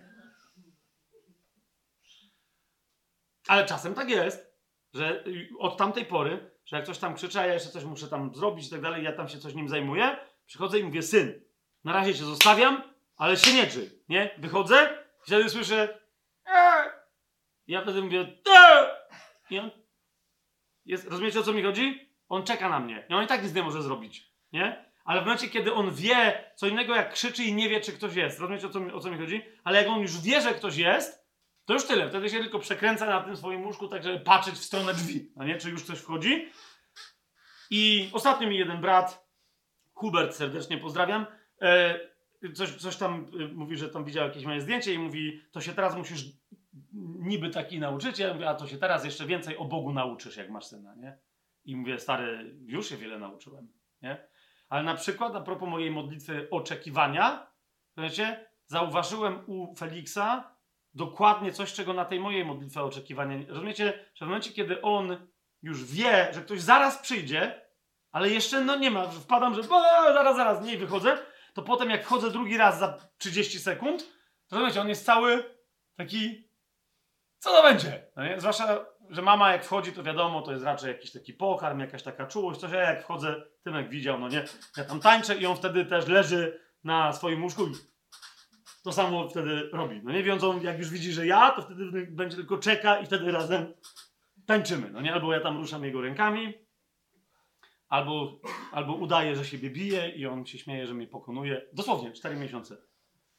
Więc jak on mnie jest oczekiwany, rozumiecie o co mi chodzi? I on jest cały napięty, ale to nie jest. To nie jest złe napięcie. Kapujecie o co mi chodzi? Bo on wie, on wie, że ja zaraz wejdę. On nie? On wie, on nie, on. Ja, zresztą ja robię wszystko, żeby go w, tej, w tym oczekiwaniu nie zawieść. Natomiast Bóg nas nie zawodzi. No tak? Halo, ludzie! Więc, rozumiesz, jeżeli ty nie czekasz na niego w takim właśnie takim, ty zaraz, zaraz przez te drzwi przejdzie Bóg, rozumiesz? I to będzie, nie wiem co to będzie, ale ja cię kręcę, to będzie lepsze niż cokolwiek do tej pory! To jest mój tata! Reaguje jak syn, ale może córki reagują albo może odwrotnie, nie chcę wyjść na seksistę za bardzo.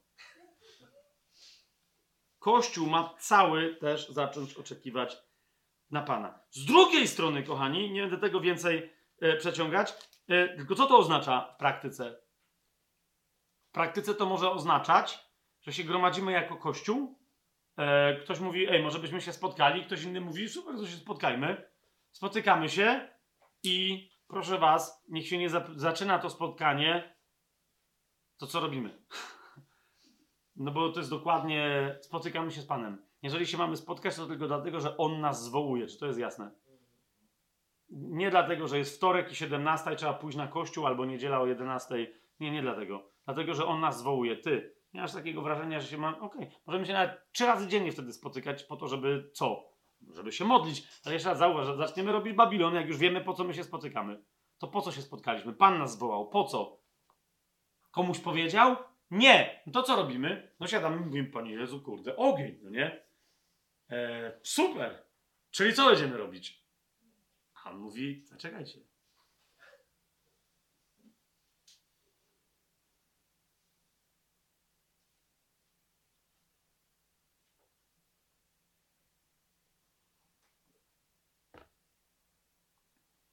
I ci już musieli zacząć gadać, widzisz? Już musieli, bo przecież nie mogą zaczekać chwili.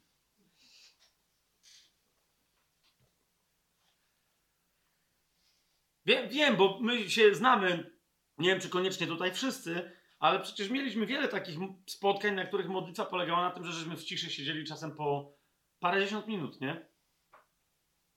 Właśnie dokładnie z tym. Czasem dlatego, że Duch Święty przyszedł tak mocno, że po prostu to była radość przebywać w Jego obecności. Tyle już bez modlenia się, bez języków, bez śpiewów, bez innych rzeczy.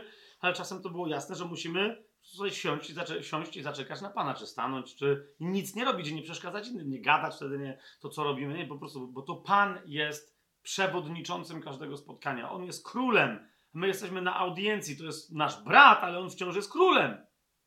Teraz królowa umarła e, brytyjska, rozumiecie, i tam jakieś prywatne z, z, rodziny, jakieś tam listy do niej piszą. Nie wiem czemu, jak umarła, no ale niech będzie. Tam niektórzy. I, ale widziałem parę takich wzruszających momentów, bo rozumiecie, każdy, kto tam pisze, siostra między innymi, jakaś tam kuzynka królowej i tak dalej, i za każdym razem to jest, wiecie, siostro, albo tam Elżbieto i tak dalej, ale za każdym razem jest dodane moja królowo. Bo co z tego, że rodzina, ale królowa. 27 psalm już sobie otworzyliśmy.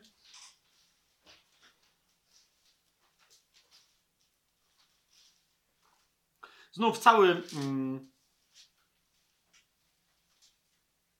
teraz, a, a, ten 40 psalm. Ja z tego 40 psalmu zdaje się wyleciałem. Przepraszam najmocniej. no bo on jest cały. Tak, ale to, to, tylko tyle. To jest cały psalm na modlitwę. Od razu wam mówię. Jest cały psalm na osobistą modlitwę. Jest cały psalm na modlitwę Kościoła. Na rozważanie, na po prostu trwanie w takim stanie. Z tęsknotą, od pierwszego wersetu, z tęsknotą czekałem na Jachwę, a skłonił się ku mnie i wysłuchał mojego wołania. Wyciągnął mnie ze strasznego dołu i z błota grząskiego i postawił moje stopy na skalę i umocnił moje kroki. Z tęsknotą czekałem na Jachwę. Jak, rozumiesz, jak się topisz, bo tu jest mowa nie o tam po prostu błocie grząskim, tylko to jest mowa o bagnie. Ktoś z was kiedyś był w sytuacji, że wpadł do bagna i ono go zaczęło wciągać, to ktoś z was był w czymś tam, widzieliście to w jakichś filmach, czy, czy wiecie o co chodzi, no nie? To jest naprawdę, ludzie myślą sobie, jak to przecież to się wystarczy chwycić za jakiś krzak, to jest siła, ona cię wciąga. Rozumiesz? I teraz nawet wobec takiego żywiołu Dawid tutaj wyznaje, że jedyne co miał w sobie to jest tęsknota za Panem. Że on za nim tęsknił i, i z tęsknotą na niego czekał. I on zadziałał. Nie rzucał się, nie to zresztą tylko by przyspieszyło topienie się, nie? Wyciągnął go i postawił jego stopy na skalę. On oczywiście posługuje się tą, tą metaforą, bo chodziło o sytuację w jego życiu, ale yy, dalej Dawid mówi yy, proroczo, posługuje się tekstem, który, ro, rozmowy, która się odbyła między ojcem a synem. Wtedy powiedziałem, siódmy werset. Oto przychodzę, na początku księgi jest napisane o mnie, pragnę czynić Twoją wolę, mój Boże, Twoje prawo jest e, w moim wnętrzu. E, więc to jest psalm człowieka, który pragnie e, pełnić wolę Bożą, ale zauważcie, zaczyna od tego, że czeka na Jachwę, a nie robi coś, a potem mówi, że to wynikało z woli, jego woli pragnienia woli Bożej, pełnienia woli Bożej. Jak ja mam wolę, żeby pełnić wolę Bożą, to czekam, aż on mi ją objawi, a nie robię coś i mówię, Boże, jakoś ty teraz dostosuj to do swoich planów. Nie? Niezależnie od tego, co się dzieje, zobaczcie 12 werset.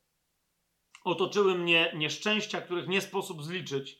Dosięgły mnie moje nieprawości, także nie mogę ich przejrzeć. Więcej ich niż włosów na mojej głowie, więc serce we mnie ustaje. Jachwę, racz mnie ocalić. Jachwę, pospiesz mi na pomoc. Niech się zawiodą i zawstydzą wszyscy, którzy czyhają, by zatracić moją duszę.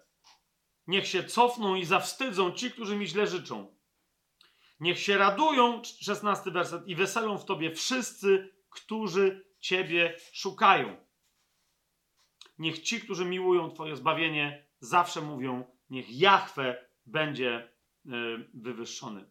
Ja wprawdzie jestem ubogi i nędzny, ale Pan o mnie myśli. 17 werset. Wiecie, cały ten psalm na różne sposoby mówi o czekaniu na Pana, o niepodejmowaniu działań, zwłaszcza wtedy, kiedy w desperacji człowiek myśli sobie, że powinien jakieś działania podjąć.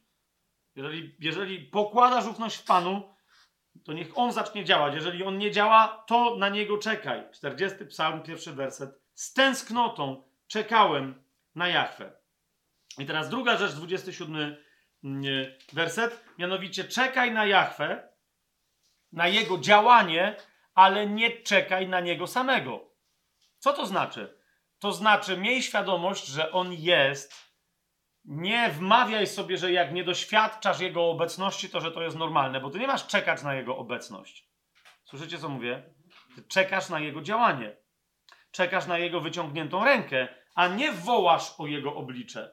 Wiecie, w Starym Przymierzu był podwójny problem. Dawid, kiedy chciał, żeby Pan wyciągnął rękę, to wołał: Panie, wyciągnij swoją rękę. Nie?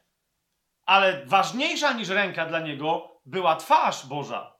Ręka oznacza, Panie, potrzebuję, żebyś zadziałał. Twarz, co oznacza, znacznie bardziej od Twojego działania, potrzebuje Twojej obecności. Tak? Zobaczcie 27 psalm. Pan jest moją światłością od pierwszego wersetu i moim zbawieniem. Kogo się będę bać? Jachwę jest mocą mojego życia. Kogo się mam lękać? Wiecie, on jest, on nie daje mocy, nie daje światłości, nie daje, on jest światłością, zbawieniem i mocą. Jasne? I teraz popatrzcie, co jest grane. Różne rzeczy się mogą dziać, wojsko wrogowie naprzeciwko mnie rozbiją i tak dalej. On mówi: O jedno tylko proszę Jachwę, i tylko o to jedno będę zabiegał, abym zamieszkał w domu Jachwę po wszystkie dni mojego życia i abym oglądał piękno Jachwę i uczył się w jego świątyni. Eee, Jachwę może się objawić człowiekowi w potężnej swojej mocy i sile, czyniąc rzeczy, dokonując znaków i cudów, ale Jachwę też może się pojawić w absolutnie intymnej, miłosnej relacji, zachwycając nawet serce mężczyzny urodą jakby kobiecą. No serce kobiety to nie musi tam urody żadnej jakiejś demonstrować, ale chodzi mi o no wiecie o co mi chodzi, no nie? To jest piękno Jachwę. Ja kiedyś jako jeszcze ksiądz jezuita przeszokowałem trochę pewne środowiska charyzmatyczne katolickie, ponieważ popełniłem byłem artykuł pod tytułem Piękna Jachwę. Opierawszy się między innymi na tym fragmencie, ale nie tylko, wyjaśniając tam niektórym chrześcijanom, że Bóg nie jest kobietą, ale nie jest też mężczyzną. Więc jak my go za bardzo traktujemy jak mężczyznę, to czasem dla równowagi trzeba go przedstawić jako kobietę, jako kobietę tylko po to, żeby sobie zdać sprawę, że Bóg jest duchem. Tak? Jak my go z niego zaczynamy robić chłopa, to jest idolatria, to jest bałwochwalstwo. Więc yy, taka była myśl, że czasem sobie jest dobrze przedstawić Boga jako kobietę, żeby sobie go nie przedstawiać w ogóle jako człowieka Boga. Tak? Więc piękna Jachwę no tutaj jest piękny, piękno Jachwę, ale jak Jachwę ma piękno, to raczej jest ona wtedy niż on. No umówmy się. Jaki on jest piękny, nieważne. Dalej. Zobaczcie, o co dalej woła. Usłysz Jachwę, siódmy werset, mój głos, gdy wołam, zmiłuj się nade mną i wysłuchaj mnie.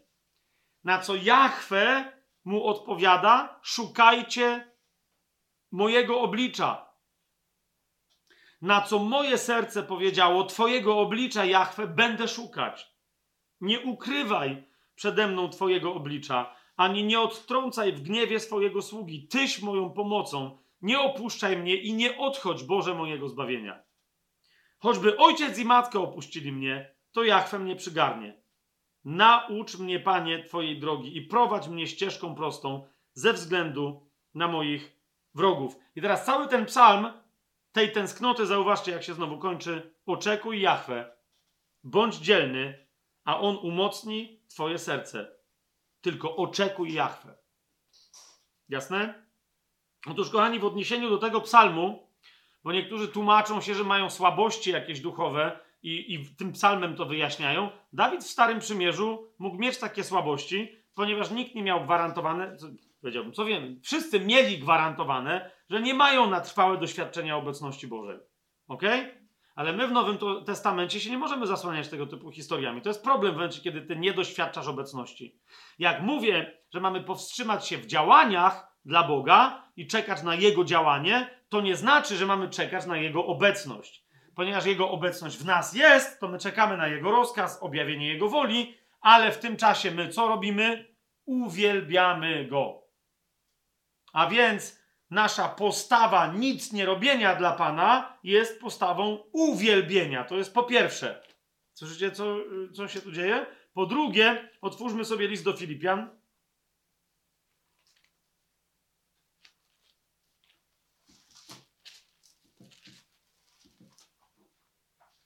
W czwartym rozdziale czytamy szósty, siódmy werset. Nie troszczcie się o nic, ale we wszystkim przez modlitwę i prośbę z dziękczynieniem niech wasze pragnienia będą znane Bogu. A pokój Boży, który przewyższa wszelkie zrozumienie, będzie strzegł waszych serc i myśli w Chrystusie Jezusie. Co to znaczy uwielbiać? Po pierwsze, upewnij się, że nie robisz tego po to, żeby popisywać się przed Bogiem. Ja w ogóle znam ludzi, którzy, bo rozmawialiśmy o tym, oni się nawrócili dopiero w momencie, kiedy na, na, na, jak to jeden z nich powiedział, na uwielbienie, jak mu uświadomiłem, że on uwielbia po to, żeby Boga, u Boga coś wyprosić. Ponieważ usłyszał, e, że jak się chce coś od Boga dostać, to człowiek w uwielbieniu podoba się Bogu. Więc on miał intencję w sercu, ale uwielbiał Boga po to, żeby na końcu przedstawić swoją intencję. Jak ty uwielbiasz? To, to, co, co ty robisz? Jeżeli nie uwielbiasz, to jest dobre pytanie, co ty robisz na modlitwie poza czekaniem na Boga. Ale jeszcze raz, czekanie na Boga nasze nie jest czekaniem na zasadzie, no okej, okay, nie? Co innego, jak już widzę Jego i On mówi, uspokój się, to wtedy czekam. Jak pies na rozkaz. Nie? Co będzie teraz? Wychodzimy, gryziemy kogoś, gonimy sarny. Tego typu, nie? Ale jak jest takie, ej, nic, spoko, po prostu pobądźmy. To naturalnie masz czas, żeby kontemplować Chrystusa. Czasem tak jest, dzisiaj nie z jakiegoś powodu, bo tu jeden mąż opuścił swoją żonę y, i, zasiadł gdzieś dalej, ale czasem tak jest, że co, co i róż, jak tu jeden mąż, co tam siedzi, jak się przynudza na naszych spotkaniach, y, albo nie, albo jest zafascynowany, ale sobie przypomina, że ma żonę i wtedy się do niej odwraca i mówi, o, znaczy nic nie mówi, bo nie przeszkadza, nie? Wie, wiecie o kim mówię? Ale tam coś urywa, jakieś tam, wiecie, jakieś ziarenko i mówi, o, może tutaj poczęstuj się, no nie? A to sobie zjedz, albo, albo po prostu się to jest dobry człowiek, to jest dobry chłopak, to jest elegancki chłopak, to jest nasz chłopak, tak? Odwraca się do żony, się uśmiecha i mówi. Nic nie mówi, w sensie, rozumiecie? Ale to jest niby coś próbuje zrobić, ale to jest jasne, że najczęściej to jest głód, no nie? Przyznaj, chłopie. Trzeba popatrzeć na ładną żonę i stwierdzić, kurde, dalej ładna. Ja ci kręcę, ty. Ja czasem tak moją żonę tak, tak rozumiecie, tak napadnę z nienacka, Patrzę, ona nie wie, a ja się jej przyglądam. No i coś tam robi i tak dalej. Myślę sobie, kurde, jaka to jest ładna baba. Ty. Naprawdę, jak ona mi się podoba. I w takim kącie, i w takim. Teraz tu robi to, tam to, tu coś. Czasem dźwiga jakieś ciężary, coś tam ćwiczymy. Tam. Myślę, kurde, super. Teraz mi się nie podoba. To wtedy jej mówię, co ty to robisz? Ma mi się podobać. Osiu, tu kobiety, o ty, bruszu. Ale chodzi mi o to, że w prawdziwych momentach uwielbienia, pozdrawiam moją żonę serdecznie, która słucha skądinąd teraz, ale na żywo. Ona wie, o czym mówię. Przypomnij sobie momenty, kiedy naprawdę coś ci się podoba. Rozumiesz, wyrażasz to, że. O, myśmy ostatnio byli, nie? In, in, inny mąż z inną żoną, której tutaj nie ma, ale ro- roz, rozpętała się cała dyskusja na temat tego, czy to jest normalne, że jak czasem ta coś ugotuje i oni to potem przywiozą do nas i ja to jem i się nad tym zachwycam, czy czasem nie robię źle temu, bo ten się nie zachwyca, jak jego żona gotuje. Teraz rozumiecie, no nie? Ale ja taki mam, że ja jestem wokalny dosyć, no nie? I naprawdę jak jem coś fajnego, jak coś widzę ładnego i tak dalej, to mówię o tym od razu. Czemu mam nie mówić, no nie? Ale my, myślę, jako chrześcijanie powinniśmy się tego nauczyć. Kiedy coś wywołuje naszą wdzięczność, to rozumiecie, kiedy dostrzegamy gdzieś piękno i tak dalej, powinniśmy... Dlaczego? Bo, bo jak ty potem chcesz widzieć Boga wszędzie? Rozumiesz? Całe piękno, cała prawda, całe dobre, które są we wszechświecie, one od Niego pochodzą. Jak, jak ty nie umiesz tam Go uwielbić, po prostu wyznać, że widzisz, wyznać, że wiesz, zachwycić się, jesteśmy strasznie smutnymi ludźmi czasem jako chrześcijanie. Strasznie, przerażająco. Kiedyś pamiętam jednego takiego kumpla, który na, na wycieczce z tak zwanymi muminkami, oni tak, te, te dzieciaki, wiecie, chodzi o ten, o syn, syndrom, to się nazywa, Downa. Em, e, on, on tam się tak przyłączył do, do całej takiej wycieczki w górach na zasadzie, no takie, te, no wiadomo, no nie takie duże dzieci, bo to nie były takie, wiecie, takie, takie małe dzieci, tylko tacy już duży, parunasto, paru dziesięć, dwudziesto, trzydziestoparoletni tam nawet ludzie, z tym tam, z tą całą swoją historią, ale on ich tak traktował na zasadzie, szukał jakiejś roboty, czegoś, mówi, okej, no to tutaj będzie fajnie, bo się zajmują upośledzonymi ludźmi i tak dalej, nie? Ale tak nie zauważył, jak bardzo z góry ich traktował, nie? A wierzący człowiek. Ale nadal, na zasadzie, e, nie. I podszedł do jednego z nich, bo mu się zdało, że tak się troszkę odłączył od grupy, bo była taka przerwa. Coś tam jedli, jajka jakieś tam rozbijali, pomidory se tam spożywali. A ten se siadł na jakimś takim płocie tyłem do wszystkich, no i, i taki był odizolowany. No i ten uznał, że a, trzeba się jakoś pokazać, chyba z dosyć dobrej strony, czy coś, nie wiem, podszedł do niego, żeby tam, troszeczkę pocieszyć, nie?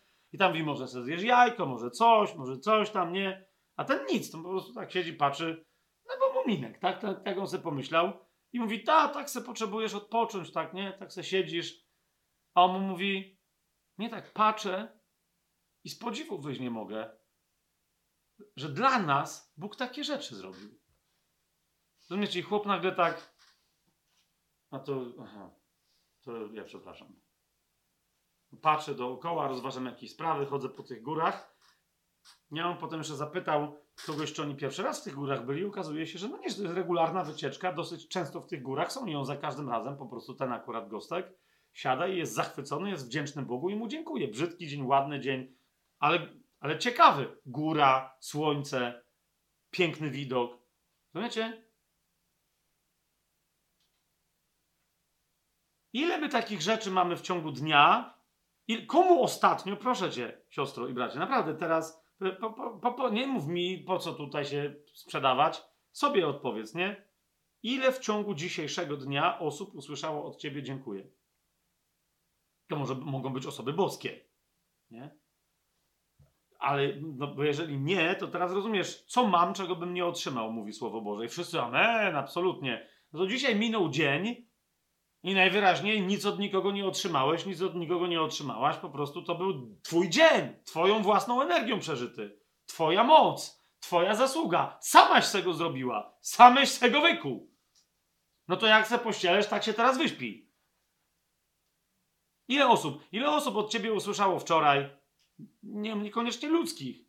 No ale jak ludzie nie słyszą, to tam już wierzę, że akurat Bogu się, się naprzykrzasz z dziękuję. Ile osób usłyszało? Nie? Ile osób, którym nagle odkrywasz, że coś zawdzięczasz e, w swoim. Ostatnio ja usłyszałem, bardzo interesująco, ja i, i, moja żona od jednego brata tutaj obecnego, który, który nam za konkretne rzeczy podziękował. Kiedy to było? Tym tygodniu, czy ja sobie teraz wymyśliłem? W poniedziałek, nie? No właśnie. Nie wiem wam o co chodzi, ale amen, to było budujące. Dla mnie. Dlaczego? Chociażby dlatego, że, że o, przypomniałem sobie, że paru osobom ja już dawno nie powiedziałem dziękuję za masę rzeczy. Za masę rzeczy. Czemu my jesteśmy tacy tępi, tacy niemi, rozumiecie, że nie umiemy dostrzegać dobra, nie umiemy podziękować, nie umiemy pochwalić, nie umiemy się zachwycić czymś, co ewidentnie jest zachwycające. Kapujesz? Teraz mamy sąsiadów z eleganckimi psami, poważniejszym panem gentlemanem Forestem i, i, i młodszym, dosyć oszalałym, ale już dość dobrze wychowanym Jamesonem, tak go ja nazywam. Rozumiecie, za każdym razem, jak ja widzę te psy, jak one się tam zmieniają, jak się są wychowane, a jak czasem są niewychowane, jak czasem taki chłop podbiegnie i tam cię zadrapie, a czasem cię powącha nie tam, gdzie trzeba przy wszystkich. I wiecie o tym, ja to psy, no nie? Ja za każdym razem jestem zachwycony tymi psami. Ja w ogóle lubię psy, o to mi chodzi, tak? Dosyć mam trudność z dziękczynieniem w okolicach kotów, ale ja jestem z tych, przepraszam, yy, pokutuję przed kościołem, ale psy, ja nigdy nie straciłem zachwytu nad po prostu dziwnością psa. Jak można być czymś tak zarąbistym? Ale znam ludzi, którzy uwielbiają koty, ale nie dopiero jak się ich przyciśnie do muru i zabije cię, kochasz psy czy koty, czy koty. Nie, tylko po prostu znam takie osoby, które absolutnie po prostu uwielbiają patrzeć na koty, robić im zdjęcia i tak dalej, i tak dalej. Rozumiecie, tego.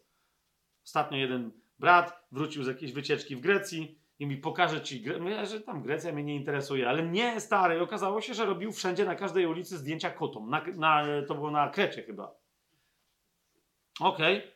I on, to go fascynowało w tamtej miejscowości. Ale sęk w tym, że my czasem się zachowujemy jak tacy, rozumiecie, jacyś tacy, tacy zgorzkniali, e, pozbyci wszelkich złudzeń, starcy, którzy nie wierzą w Boga. Tak idziemy przez ten świat na zasadzie daj spokój.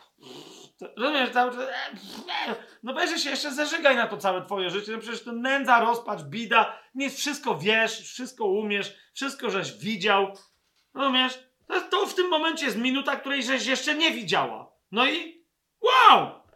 Ty! Rozumiesz? Oko ci dalej działa.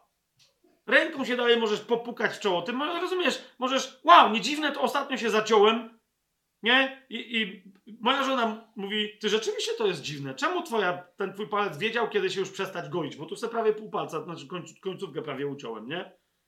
To było takie pytanie. I, i, ta, I, tam ktoś wierzącemu tam jakiemuś powtórzyłem, mówi, jak to? Przecież to normalne. No to stary, jak normalne? W sensie, no skąd ten palec wie? Przecież ja mu nie mówiłem. Nie?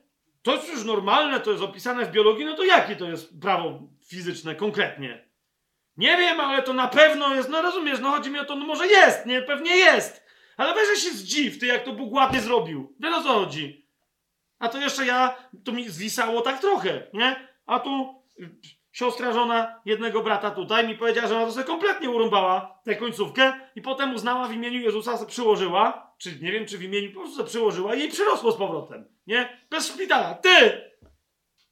No ale to musimy się od razu ciąć, żeby nie mieć w sobie tej radości, ile mamy darów każdego dnia.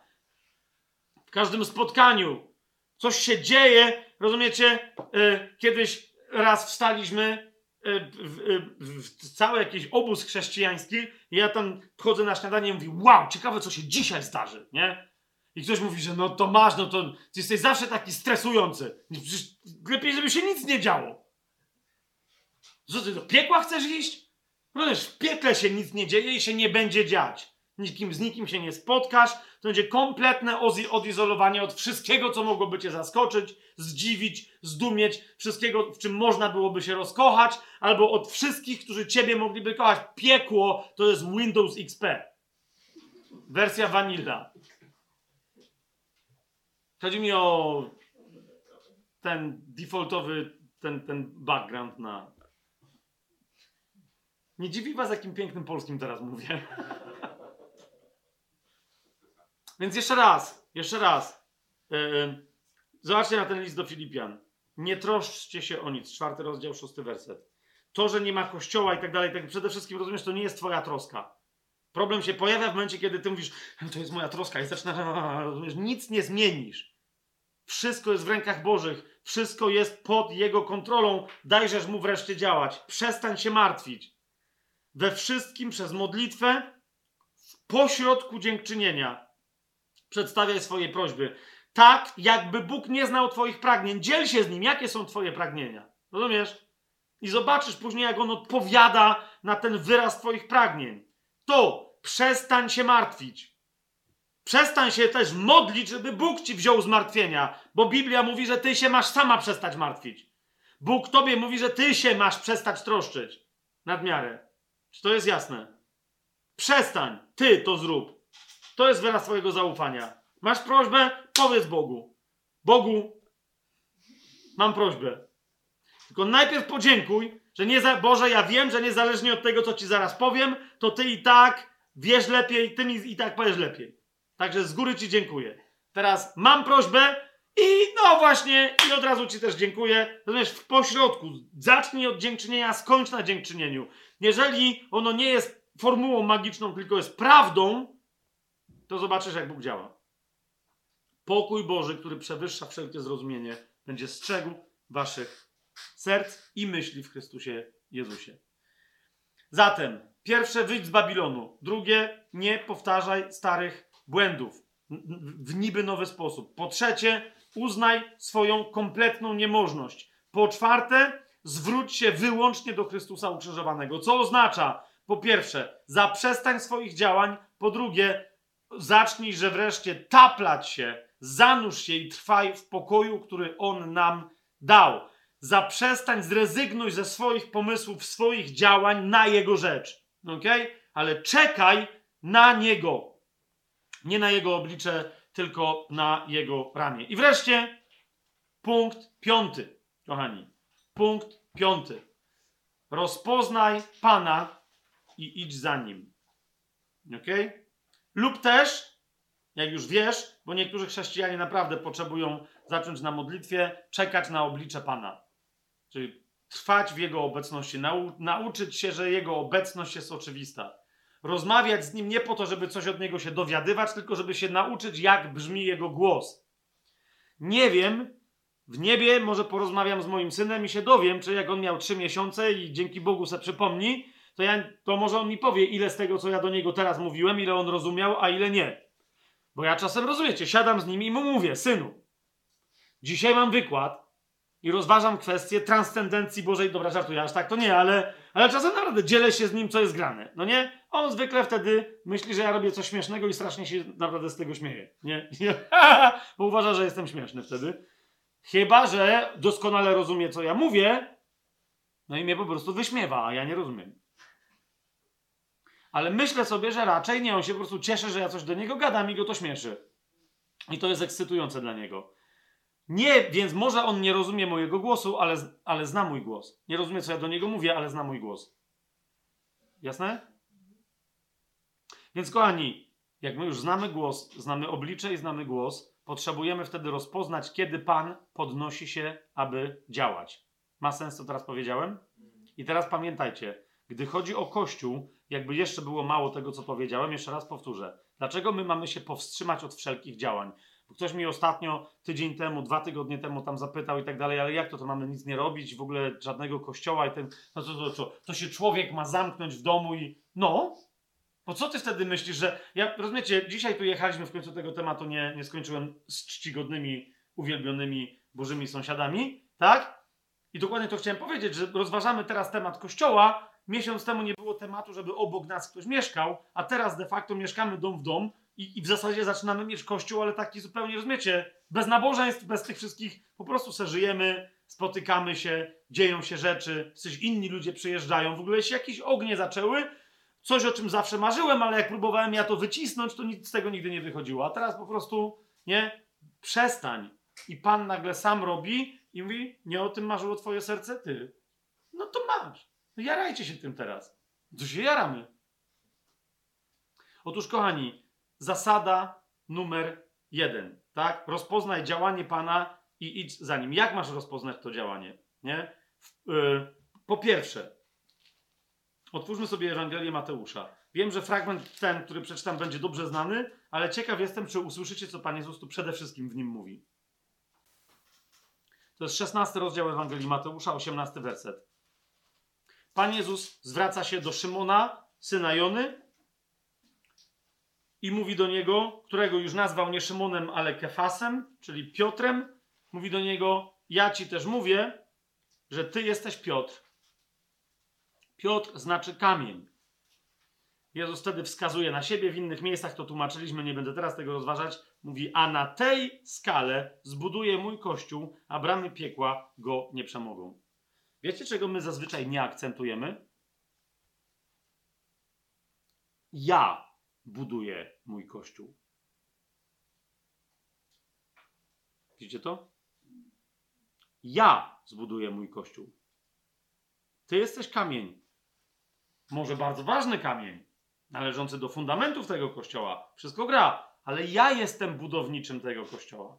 Ja jestem skałą tego kościoła i ja jestem budowniczym tego kościoła. Ja zbuduję mój kościół i takiego kościoła bramy piekielne nie przemogą. Amen? Dzieje apostolskie, 20 e, rozdział, 28 werset. E, jeszcze raz tam zajrzyjmy. Paweł żegna się ze starszymi e, z Efezu w Milecie i mówi do nich, 20 rozdział, 28 werset, uważajcie na samych siebie i na całe stado, w którym was Duch Święty ustanowił nadzorcami, ustanowił wizytatorami, ustanowił kuratorami. Abyście paśli Kościół Boga, który on nabył sobie swoją własną krwią. To jest własność Chrystusa. Okay? Cały Kościół w każdym pokoleniu jest przez niego nabyty, nie jest niczyją własnością. Ktokolwiek się zachowuje, jakby to była jego własność, i gra z ogniem. List do Tytusa sobie otwórzmy, jeden z naszych listów pasterskich. W liście do Tytusa w drugim rozdziale, w czternastym wersecie jest powiedziane, że Chrystus wydał, drugi rozdział, czternasty werset, jest tam powiedziane, że Chrystus wydał samego siebie za nas, aby nas wykupić od wszelkiej nieprawości i oczyścić lud sobie na własność, gorliwy w spełnianiu dobrych uczynków. No wiecie, dzieło krzyża odnosi się do każdego pokolenia, do wszystkich pokoleń wierzących, do całego kościoła i ma być poddane jego krwi, mocy jego krwi, aby być oczyszczonym, bo jest jego własnością do gorliwego spełniania dobrych uczynków, a więc, a więc życia w zgodzie z jego wolą. Mamy to? I teraz, kochani, więc piąte, rozpoznaj działanie Jahwe, bo to działanie Jezusa, ok? I idź za nim, postępuj za tym działaniem. Nie mów ty, co masz robić, nie wymyślaj niczego dla Jezusa, zobacz, jak on działa. Ale teraz pytanie brzmi, ale jak ja to mam zobaczyć? Na modlitwie on mi powie, że coś tam tak. Czasem Pan będzie chciał od ciebie, żebyś zainicjowała, czy zainicjował jakieś działanie. Jasne? Ale nadal, rozumiesz, kiedy on ci powie, niektórzy czasem się do mnie zgłaszają i mówią, że o, kiedy on ci powie, jakie to ma być działanie, Pan zawsze ci mówi, po co chce, żebyś podjęła czy podjął dane działanie, jaki będzie owoc tego działania, a więc jakiego owocu on się spodziewa. Czy rozumiecie, co, co ja mówię? I druga bardzo istotna rzecz, w jakiego, czy do uzyskania tego owocu masz znaleźć się w jakimś innym miejscu ciała Chrystusa niż dotychczas, czy też masz pozostać w tym miejscu ciała Chrystusa, w którym już jesteś. Lub też, czy czasem nie potrzebujesz odkryć, gdzie jest Twoje miejsce i się tam znaleźć. Co to oznacza? Znaleźć się w relacjach, które Pan dla Ciebie przeznaczył, aby w nich trwać, ponieważ w nich przyniesiesz największy owoc. Słyszycie, co ja mówię?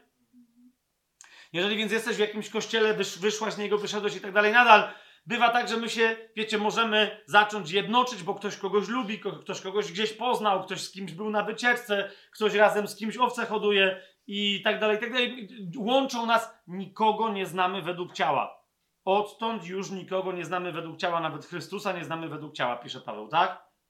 Więc pytasz Pana, Panie, pokaż mi, gdzie są moje duchowe połączenia. Kto jest, kto ma, kogo ja mam być współpracownikiem, kto jest moim współpracownikiem, albo w danym dziele, albo w ogóle na tym etapie mojego życia, z kim ja się mam trzymać, nie?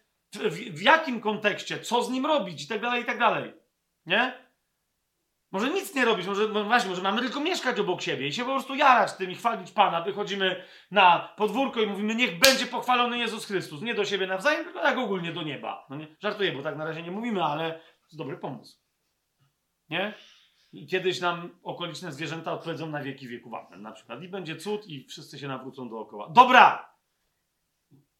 Chodzi o te połączenia. E, jeżeli tego nie ma, no to powinniśmy zacząć drżeć. Ktoś mówi, no ja się, bo ja postanowiłem chodzić tutaj do tego zboru albo do tamtego kościoła, jestem z tej denominacji, przyniosłem cię do innego miasta, to teraz będę, ale, co, ale co to jest?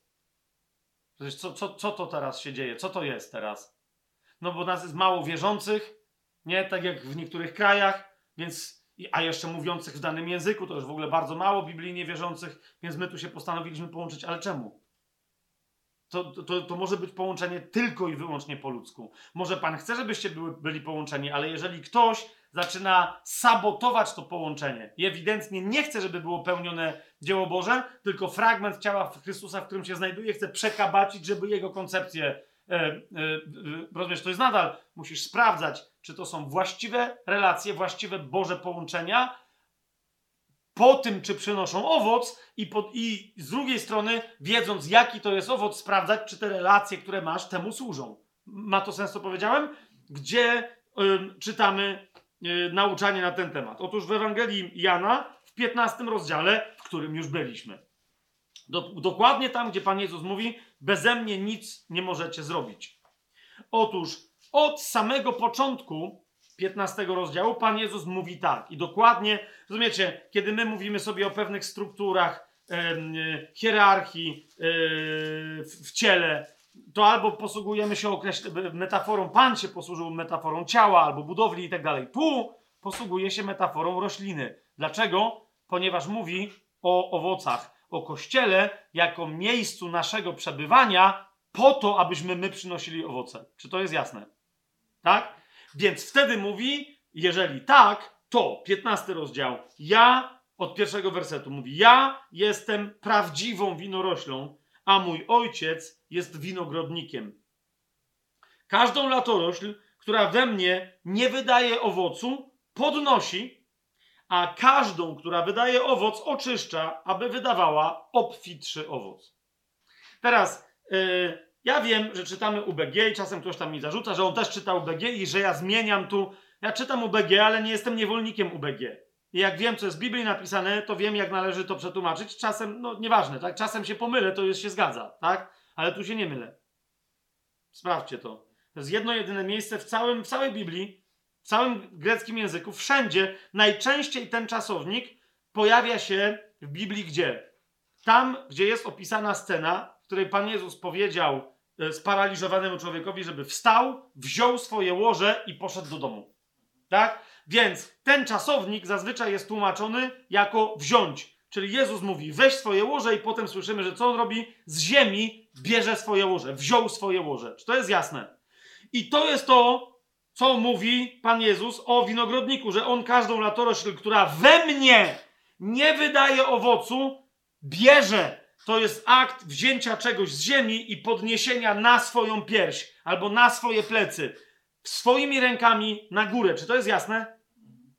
Ja wiem, że tutaj ktoś chciał powiedzieć, jak ktoś jest w Jezusie i dalej nie przynosi owocu, to traci swoje zbawienie. Fajnie, ale nie tak jest napisane w tekście. Ktoś, kto jest w Jezusie, może nie przynosić owocu, ale nie jest odcięty. Ok, to jest pierwsze. Niemniej to jest problem, w którym musi aż ojciec interweniować. Każdą latorośl, a to jest mowa o tobie i o mnie, która we mnie nie wydaje owocu, on bierze na ręce, podnosi do góry, a każdą, która wydaje owoc, myślisz, że wydawanie owocu to już jest koniec historii? Oczyszcza, aby wydawała owoc obfitszy. Problem dzisiejszego kościoła polega na tym, że ludzie nawet nie wiedzą, co to znaczy wydawać owoc. Jak już wiedzą i coś se nazwą wydawaniem owocu, to myślą, że to już wystarczy, to już ich usprawiedliwia i nagle się czują zdezorientowani, jak się pytasz, czy owoc nie może być obfitszy. I niektórzy mi mówią, że bo to ja jestem wolontarystą albo kimś tam, yy, wymyślają, że ja tu gonię, że jakieś nowe prawo. Nie no, żadne. Chodzi tylko o to, że ojciec chce, żeby nasz owoc był obfitszy. Tak? Ale to wtedy on mnie będzie oczyszczać. No, no i się zaczynają bać. Naprawdę myślisz, kapujesz, to może być oczyszczenie, a ala yy, chłostanie niewolnika, który za mało robi. Ja ci zaraz wyczyszczę łeb i go tam bierz, nie? Kunta kinte, y, y, korzenie, ród, jak się to nazywa? Pamiętacie, to straszliwy serial o niewolnikach tam w Stanach Zjednoczonych. No i to też było nazywane oczyszczaniem umysłu niewolnika. No jak chciał uciekać czy coś i wtedy, nie? Ale możesz też sobie pomyśleć o absolutnie najlepszym spa zakładzie wszechświata, w którym masz manikir, pedikir, detoks, rozumiesz? Specjalne oczyszczające sauny, masaże, diety, rozumiesz? I może to jest oczyszczenie, które Pan ci zorganizuje, żeby przynieść obfitszy owoc. Jaki jest twoje... Kiedyś ja przedstawiłem tą historię ze spa, rozumiecie, i ktoś mi powiedział, że mam diaboliczny obraz Boga.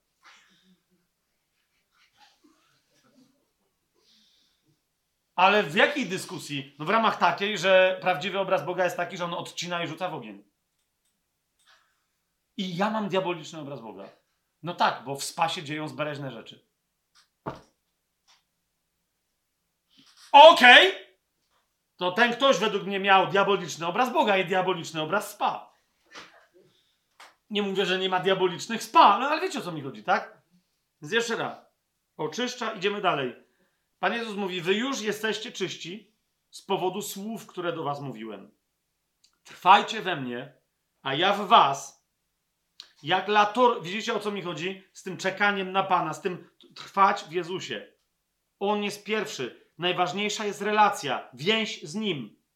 Dalej, jak latorośl nie może wydawać owocu sama z siebie, jeśli nie będzie trwała w winorośli, tak i wy, jeżeli nie będziecie trwać we mnie. Ale teraz zrozum, latorośl, tak, znajduje się na jakiejś większej gałęzi w towarzystwie innych latorośli. Rozumiecie? To jest moja gałąź, a twoja to jest inna gałąź. Albo nie, jesteśmy na tej samej gałęzi i my to musimy rozpoznać. Nie? Ja jestem winoroślą, a wy jesteście latoroślami, mówi Pan Jezus. Kto trwa we mnie, a ja w nim, ten wydaje obfity owoc, bo beze mnie nic nie możecie zrobić. Albo trwamy my w Chrystusie, dając Jemu trwać w nas. Tego nie będziemy rozwijać, bo to już, no już dzisiaj wiele o tym mówiliśmy. I wtedy przynosimy owoc, albo uważajcie, albo cokolwiek my robimy, to sobie tylko my robimy, ale tak naprawdę nic nie możemy. Kapujecie? Ale teraz zobacz, więc żeby przynieść owoc, o który chodzi, co jest istotne? Czy ty jesteś w ogóle latoroślą? Czy ty jesteś w ogóle, rozumiesz? Bo Bóg cię nigdzie nie odetnie, ale ludzie sami się odcinają. I się wrzucają w jakieś towarzystwa, nie? Przesadzają się w jakieś miejsca i tak dalej, i tak dalej. Odcinają się od latorośli. Każdy, kto zakłada swój kościół, który nie stanowi jasnej części kościoła powszechnego, uniwersalnego ciała Chrystusa, jest odciętą gałęzią, latoroślą. Po prostu. Każdy, kto sobie funkcjonuje. Dlaczego? No bo nie trwa w Chrystusie i nie daje jemu trwać w sobie. Takie koncepcje kościelne odcinają ludzi od, od co prawda nie da się kompletnie odciąć, no więc to jest to, tak? Ale to jest tak, jakby ludzie chcieli w ten sposób zrobić. Wtedy nie przynoszą owocu. Po prostu podwiązują się, soki nie płyną i schną na tym drzewie. Po prostu. I nawet jak ojciec podniesie do góry, no to nadal no to jest zupełnie ledwo żywe to to. Tam żaden owoc nie wychodzi. Jeżeli ktoś, szósty werset mówi o nieobecności czyjejś w kościele.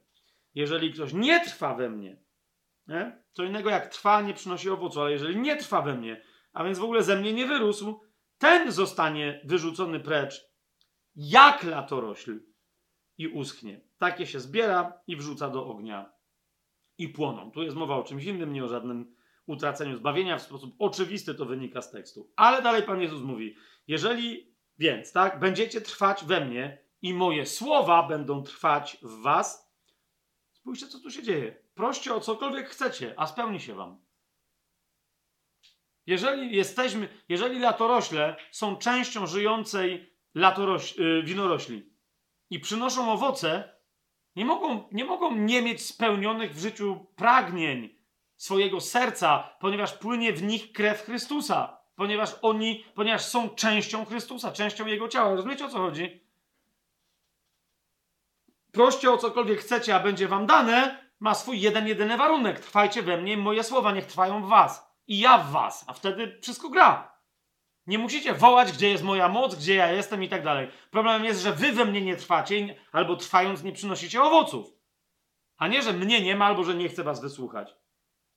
Co więcej, zobaczcie ósmy werset. W tym będzie uwielbiony mój ojciec, że wydacie obfity owoc i będziecie moimi uczniami. Bycie uczniem Jezusa to jest nagroda za wydawanie owocu, a wydawanie owocu jest właściwą formą uwielbienia. Nie mówię, że nie można se stanąć, podnieść rąk, śpiewać piosenki, czy krzyczeć na, na chwałę Pana, bo to są rzeczy, które też lubię, ale jeżeli to się dzieje, a ktoś w życiu nie przynosi owocu, to również takie darcie jest nic nie warte, ponieważ tak się drzeć może człowiek, który przynosi owoc swojemu Panu, którego tak czy siak uwielbia, więc jak z braćmi i siostrami drą się na jego chwałę, to jest tylko wynik jego życia, którym on przynosi owoce dla swojego ojca. Ma to sens, co mówię? Jak nie, to się może drzeć ile chce, że uwielbia Pana, wcale go nie uwielbia, bo ojciec będzie uwielbiony w tym, że wydacie obfity owoc i będziecie, yy, i będziecie moimi yy, uczniami. Więc jeszcze raz, rozpoznaj działanie Pana i dopiero za nim idź. Ale jak to masz rozpoznać? Masz wiedzieć, jakiego się owocu spodziewać po swoich działaniach. Nie cierpię takich rozmów, jak ktoś mi mówi, że Pan mi powiedział, że mam jechać do Afryki. Po co? Żeby być misjonarzem. Ale po co? No jak to po co? To jest owoc. To jest owoc, że ty będziesz wiedzieć, że masz tożsamość misjonarza afrykańskiego. Skąd będziesz wiedzieć, że jako misjonarz w Afryce wypełniłeś wolę Bożą? I nagle jest. Nie wiem. No to skąd wiesz, że masz być misjonarzem w Afryce? Pan ci nic nie powiedział. Pan nie mówi zagadkami w momencie, kiedy swoim przyjaciołom, zaraz w tym samym rozdziale, zobaczcie, 15 werset, już więcej nie będę nazywać was sługami, bo sługa nie wie, co robi jego pan. No a o to mi chodzi. Ale przyjaciółmi. Więc pan do ciebie przychodzi jak do przyjaciela i nagle gada ci. No wyobraź sobie, Agnieszka, przychodzę do ciebie do domu i mówię, y, wyjdź stąd natychmiast. Ty wiesz czemu? No po prostu jesteś moją przyjaciółką, czy nie? Wyłaź. Nie? Wszystko się okaże. A ty wiesz, mówisz, czekaj, ale ja zimno jest, nie? Mam się ubrać? Nie powiem ci. Zgadnij. Rozumiesz, ja... Po, ale po co? No, ja nie, nie mogę ci powiedzieć. W duchu chodzimy, mówimy sobie... Duch nie gada głupich zagadek do ludzi, tylko mówi jasno, o co mu chodzi.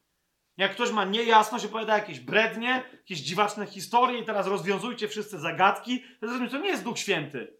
To jest duch zamieszania i tracenia czasu w kościele. Po prostu. Jak nie wiemy, co mamy robić, to lepiej, żebyśmy nic nie robili i wtedy po prostu nauczyli się słuchać Pana, aż usłyszymy. Ale wtedy usłyszenie, wiecie na czym polega? Że wszyscy w sercach nagle mają jasną pewność, pragnienie, to co Watchman nie nazywał, yy, jak on to nazywa? Brzemieniem, tak? Że narasta w tobie jakby ciąża, rozumiesz? Narasta w tobie coś, coś takiego, że ty po prostu to się w pewnym momencie urodzi. Ty wiesz, to, to nie jest tak, że ty teraz musisz się zmuszać, zmuszać, planować. Nie, to w tobie rośnie, ten głos Boży w tobie rośnie, kiedy przychodzi właściwy czas, to się staje. Przy, nagle ta rzecz przychodzi na świat. Ty chcesz wydać na świat to dzieło, o którym Pan nie tylko, e, że ci mówił, ale po prostu w, w tobie je rozwijał, żeby się pojawiło jako owoc w świecie.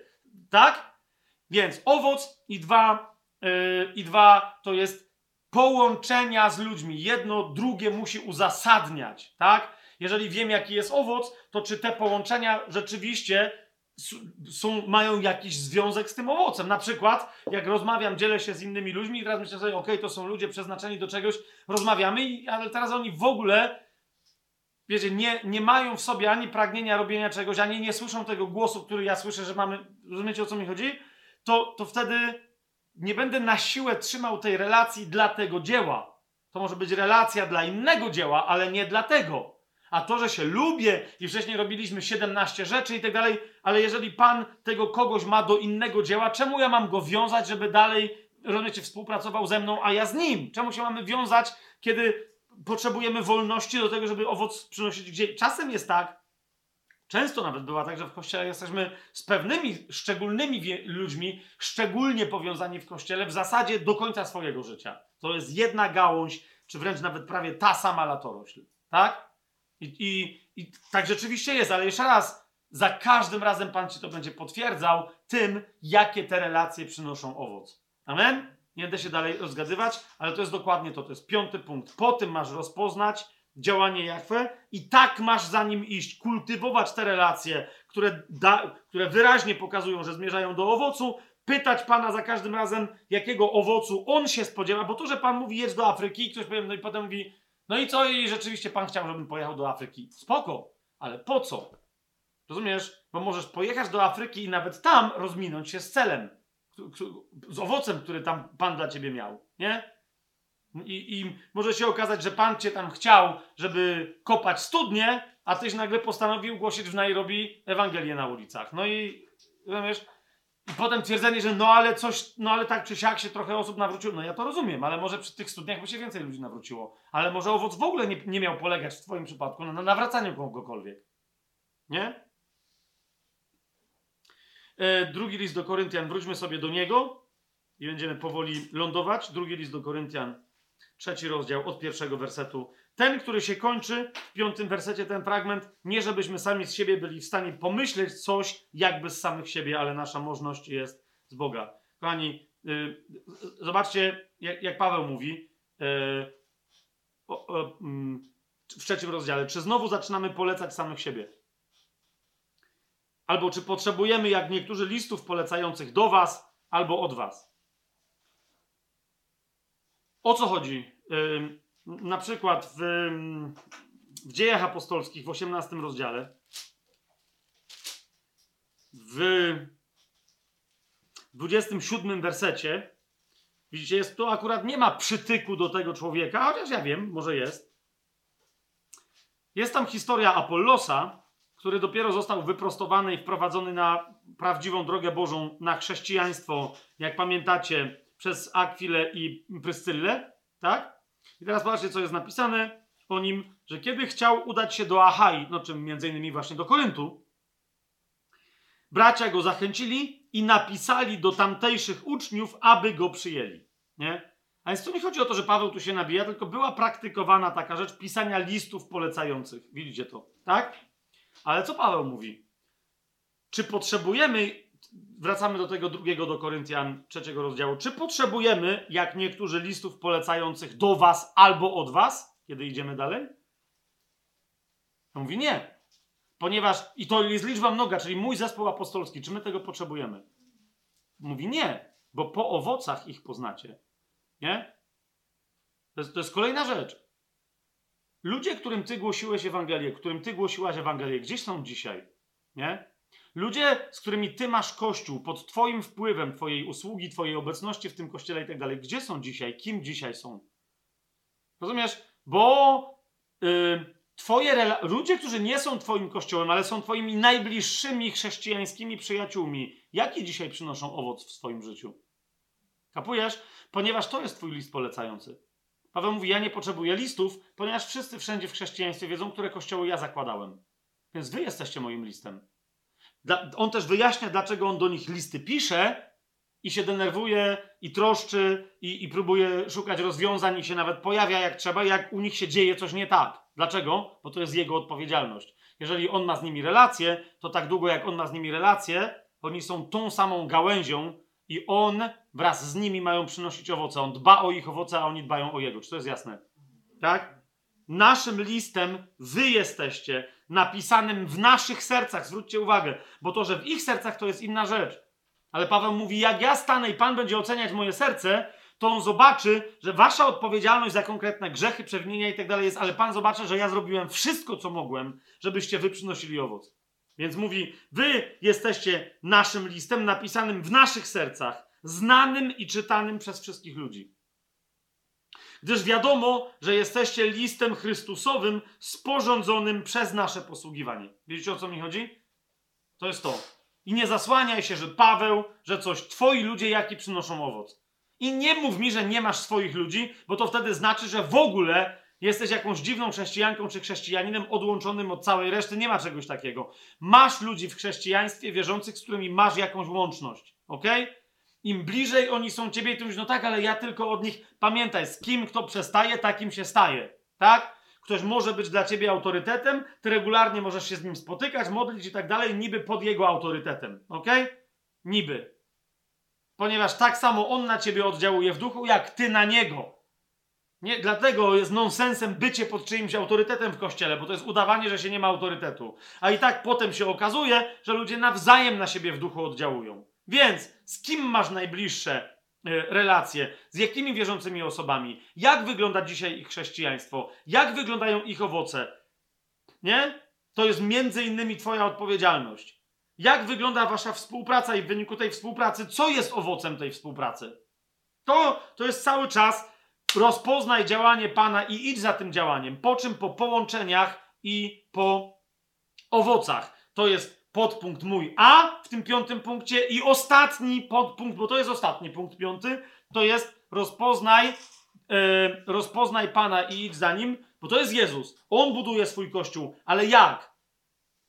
Posyłając swojego ducha do naszych serc, tak? I działając w Kościele przez swojego ducha. A zatem naucz się wreszcie rozpoznawać autorytet Ducha Świętego. Ok? Naucz się go rozpoznawać. Zauważ, w momencie, kiedy zauważcie, wychodzimy po pierwsze, wyjdź z Babilonu. Zaprzyj się, żeby nie powtarzać tamtych błędów. Lepiej nic nie robić, niż coś robić starego. Tak? Po trzecie, uznaj swoją kompletną niemożność. Po co? Po to, żeby zwrócić się po czwarte tylko i wyłącznie do Chrystusa ukrzyżowanego. Czekać na Jego działanie, jak On zaczyna działać, iść za Nim, trwać w pokoju, uwielbiać Go. Po piąte, rozpoznaj Pana i jak On się rusza, to dopiero idź za Nim, jak On się rusza. Ale jak On się rusza? Rozpoznawaj Go po połączeniach, po owocach, ale po drugie, po autorytecie w ciele Chrystusa, który się objawi czy to przez y, y, społeczność, która przynosi owoce, lub też namaszczenie, które ewidentnie reprezentują konkretni ludzie, wokół których zaczynają się pojawiać owoce. Ok? Otwórzmy sobie dzieje apostolskie, żeby było jasne, co ja mówię. Yy i na tym dziś skończymy. Dzieje apostolskie, drugi rozdział. W drugim rozdziale, 47 werset. Wcześniej czytamy o kościele pierwszym, który się zawiązał. Widzicie, przychodzi Duch Święty i on zawiązuje kościół, tak? E, ale nie chcę się teraz koncentrować e, tu na innych e, działaniach, tylko może na, tylko na 43 i 47 yy, wersecie. Mianowicie nieważne, czy byli ludzie wierzący, czy niewierzący, zauważcie, strach ogarnął każdą duszę, gdyż wiele znaków i cudów działo się przez apostołów. Widzicie? To jest obiektywne rozpoznanie yy, kogo? Apostoła.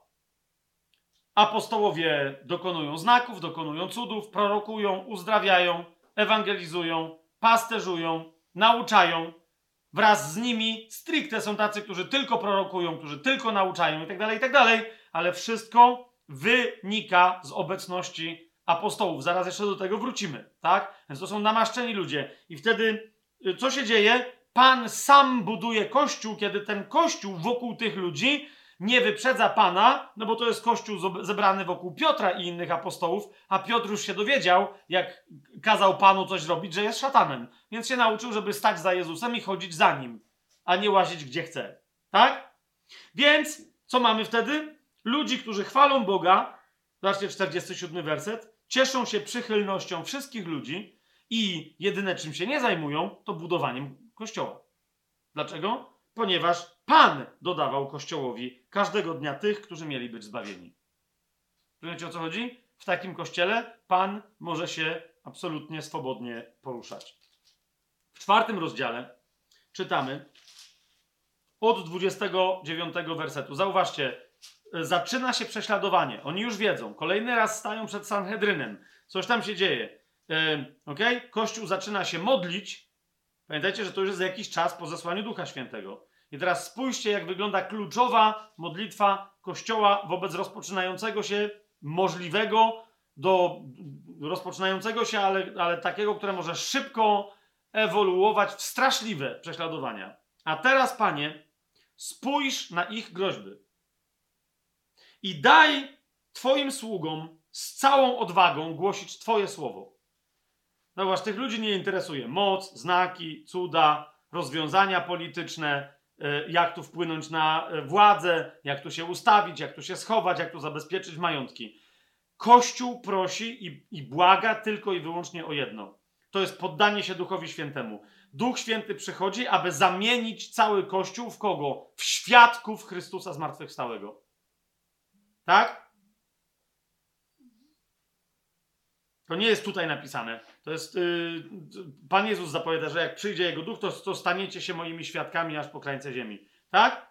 Świadek potrzebuje tylko jednego, żeby odważnie głosić świadectwo. Niczego innego. To jest posłuszeństwo słowom Jezusa, Duchowi Świętemu, a Duch Święty chce, aby było głoszone Jego słowo z całą odwagą. Więc oni mówią, Panie, spójrz na ich groźby i daj sługom Twoim z całą odwagą głosić Twoje słowo, gdy Ty wyciągniesz swoją rękę, aby uzdrawiać. Teraz widzicie, co tu się dzieje? To jest dobrze przetłumaczone. Nie wiem dlaczego później niektórzy jakoś dziwnie nie rozumieją nawet języka polskiego, gdzie tu jest dobrze przetłumaczone, i mówią, że kiedy my mamy odwagę, aby głosić Słowo Boże, to Bóg musi wyciągnąć rękę. Tu tak nie jest napisane. Tu jest tylko prośba, panie, zauważcie, ja, ja przeczytam ten, to, to zdanie yy, w takim ciągu logicznym, który nie pozostawi żadnych wątpliwości. To jest to samo, tylko inna kolejność. Jak ludzie, nie wiem, nie rozumieją zdań podrzędnie złożonych, ok? Otóż to zdanie brzmi tak. Panie, spójrz na ich groźby i daj nam, sługom Twoim, kiedy Ty wyciągniesz swoją rękę, aby uzdrawiać i dokonywać znaków i cudów przez imię Twojego świętego Syna Jezusa, głosić Twoje słowo z całą odwagą. O co jest prośba? O całą odwagę. Do czego? Do głoszenia Słowa Bożego. Kiedy? Kiedy Pan wyciągnie rękę. Widzicie to? A nie, że On, Panie, wyciągnij rękę, kiedy my będziemy głosić, bo jest odwrotnie. A więc Kościół mówi, Panie, daj nam odwagę. My nie musimy głosić. Jak jest prześladowanie, możemy się wycofać. Ale jeżeli zobaczymy, ty nam powiesz, wyciągam rękę, a więc chcesz dokonywać znaków i cudów, to panie, spraw, abyśmy wtedy mieli odwagę, żebyśmy my wtedy nie zawiedli. Jasne? My chodzimy za Panem. Prawą ręką Pana, prawicą Pana jest Duch Święty, tak? My chodzimy za duchem, chodzimy za barankiem, chodzimy za duchem, który jest tutaj teraz nowym pocieszycielem. A nie on ma chodzić za nami. I kiedy, zobaczcie, na taką prośbę następuje drugie zesłanie Ducha Świętego na cały Kościół i umocnienie tego Kościoła. Kiedy oni tak się modlili, zatrzęsło się miejsce, na którym byli zebrani i wszyscy zostali napełnieni Duchem Świętym i z odwagą głosili Słowo Boże. Proszę bardzo. Kiedy? Cały czas, bo najwyraźniej cały czas Duch Święty chciał uzdrawiać yy, i dokonywać znaków i cudów. Kapujecie? Nie nam jest o tym decydować. My tylko mówimy, Panie, my za Tobą. My tylko potrzebujemy odwagi. Potrzebujemy znać całe Słowo Boże, ale oni wiedzieli, że znają. Tak? Więc potrzeb... nie modlili się, Panie, daj nam poznać całe Słowo, bo to jest, moja, to jest mój obowiązek, żeby, żeby się zapoznać ze Słowem Bożym. Tak? Ty nam daj odwagę. I teraz patrzcie. 33 werset. Apostołowie zaś z wielką mocą dawali świadectwo o zmartwychwstaniu Pana Jezusa i wielka łaska była nad nimi wszystkimi. Piąty rozdział dziejów apostolskich, 42 werset. Tak zwany model jerozolimski, czyli że oni się zbierali w świątyni i tak dalej, i tak dalej, i tak dalej. Zobaczcie, tu jest historia apostołów i wyraźnie podmiotem, e, e, że tak powiem, lirycznym tutaj tej opowieści e, całej tej narracji są apostołowie. W, piątym rozdziale, w czterdziestym wersecie czytamy, przywoławszy apostołów, a więc chodzi o apostołów, ubiczowali ich i zabronili im mówić w imię Jezusa, a potem ich wypuścili. 41 werset mówi o apostołach, mianowicie, że oni, czyli ci apostołowie, odchodzili z przedrady, ciesząc się, że stali się godni znosić zniewagę dla imienia Jezusa. Zgadza się? I następny werset mówi o kim? O tych samych apostołach nie przestawali też codziennie w świątyni i po domach nauczać i głosić Jezusa Chrystusa. Świątynia nie była miejscem działalności apostołów, a domy działalnością pastorów kościołów domowych. Ok? Tylko każdy działał tam, gdzie miał działać. Jak apostołowie mogli głosić w świątyni, to głosili, jak potem nie mogli, tak czy siak głosili po domach. Każdy głosił tak, jak Pan chciał, żeby on głosił. Nie ma w modelu jerozolimskim żadnej koncepcji, że pięcioraka służba głosi na dużych zgromadzeniach, a po domach głoszą inni. To nie jest prawda. Ok? Duże zgromadzenie było potrzebne tylko i wyłącznie z jednego powodu, takiego mianowicie, żeby e, pewne części nauczania rozchodziły się ale nie musiały się koniecznie w ten sposób rozchodzić. Natomiast istotne było, żeby rozważyć sprawy wspólnoty majątkowej, którą wtedy Kościół miał. Mianowicie wszyscy sprzedawali wszystko, co mieli, składali to u stóp apostołów i do tego służyła głównie ta, ta, to, to zgromadzenie wspólne świątynne i tam były również rozdzielane te pieniądze. Pamiętacie, wdowy, wydzielane pieniądze, kto, yy, o, tak sobie wyobrażam, że tam były ogłoszenia, gdzie, w którym domu wdowy jedzą w poniedziałek, we wtorek, w środę. No wiecie o co mi chodzi. Tam to była taka, jak na obozach chrześcijańskich jest taka sala wspólnych spotkań, no nie? I tam są tam tablica, ogłoszenia, coś tam i to jest dokładnie to. Albo, nie wiem, na obozach harcerskich apel poranny, czy na koloniach. Tego typu rzecz, nie? Ale to nie jest miejsce nabożeństwa żadnego. Idziemy dalej. 12 rozdział Dziejów Apostolskich, 24 yy, werset. Jak jest nazwana po tym, jak tam się dzieją pewne rzeczy, yy, Heroda oszalałego uderza anioł, także on oddał ducha. Yy, historycy, na przykład Józef Flawiusz, potwierdzają tą historię prawie, że słowo w słowo. Otóż o tym, że Kościół się rozrastał, nie jest powiedziane nawet, że Bóg przymnażał tam liczby, ale zobaczcie, jak, jak, e, jak definiuje Duch Święty wzrost Kościoła. A słowo Pana rozrastało się i rozmnażało. Wiecie o co mi chodzi? A więc rosła liczba ludzi, którzy byli ze sobą połączeni, przynosząc owoc, którzy trwali w nim Jezus w nich i słowo Jezusa w nich trwało. Dlatego prosili o cokolwiek pragnęli i to dostawali. Ma to sens, co teraz mówimy? Jeżeli Kościół nie jest miejscem wzrostu Słowa Bożego w Duchu Świętym, to nie jest żadnym Kościołem. Yy, swoją drogą, w drugim liście do Koryntian, jak go sobie otworzymy, hmm w 12 rozdziale, w 12 wersecie czytamy. Więc, kochani, pierwszym znakiem apostoła jest to, że on głosi Słowo Boże z mocą i w wyniku jego głoszenia nawracają się ludzie, lub też apostołów, liczba mnoga. Ok, ci ludzie nawracając się z natury, nie mając pojęcia o żadnej organizacji kościelnej, stają się organizmem, stają się ciałem Chrystusa, które przynosi owoc. Dlaczego? Bo słuchają od nich słowa, oni głoszą z mocą, ale temu głoszeniu z mocą, to jest głoszenie z mocą czemu? Ponieważ oni dokonują znaków i cudów. Ok? Zobaczcie 12 rozdział, 12 werset. Poza tym, że powstanie Kościoła jest znakiem apostoła, w sensie takiej społeczności wierzących, jak o tym Paweł pisze do Koryntian, tak tutaj też pisze, znaki apostoła, mnie jako apostoła, okazały się wśród was we wszelkiej cierpliwości, zwróćcie uwagę, dalej, w czyli objawy tego, że jestem, dowody na to, że jestem apostołem, okazały się w znakach, w cudach i w przejawach mocy. A więc yy, istotną bardzo osobą w kościele, nawet jak nie masz apostoła, yy, przepraszam, proroka, nauczyciela i tak dalej, jest apostoł. Problem naszego dzisiejszego kościoła, lub też braku kościoła, polega na tym, że nie mamy apostołów. Tak rozumianych. To jest, ja nie będę teraz rozwijać, myśmy w innym miejscu mówili o pięciorakiej służbie. Taki, ma, mamy ludzi, którzy mogą powiedzieć, w wyniku mojego głoszenia zawiązał się tam jakiś kościół. Wielu tak mówi, potem się okazuje, że oni tylko pozbierali ludzi z innych kościołów. Okay? Teraz ktoś mówi, że w, w, wyniku jego głoszenia zebrali się ludzie. Fantastycznie. następne pytanie brzmi, czy towarzyszyły temu znaki i cuda apostolskie? Niektórym mogły towarzyszyć. Ale wtedy jeszcze raz wracamy do tematu Kościoła. Czy ten Kościół jest Kościołem Chrystusa, czy jest Jego Kościołem? Ponieważ jeżeli tak, to nawet jeżeli ma apostolskie namaszczenie, to nie jest apostołem ciała Chrystusa. Po prostu. Ponieważ oddziela ludzi, prowadząc ich do nowonarodzenia, potem oddziela ich od królestwa dla siebie. Ideą naszą jest to, to, czego my oczekujemy, czego pragną nasze serca, a przynajmniej czego powinny pragnąć nasze serca, jest, żeby się skończyła historia wielu kościołów, ale żeby wszystkie kościoły wróciły do kościoła. Ok? Do, do tego, co jest królestwem obecnie Chrystusa na tej ziemi. Ok? Powrót kościołów do królestwa. Powrót kościołów do kościoła. Jednego, jedynego. Zniknięcie różnych kościołów po to, aby się mógł objawić jeden kościół.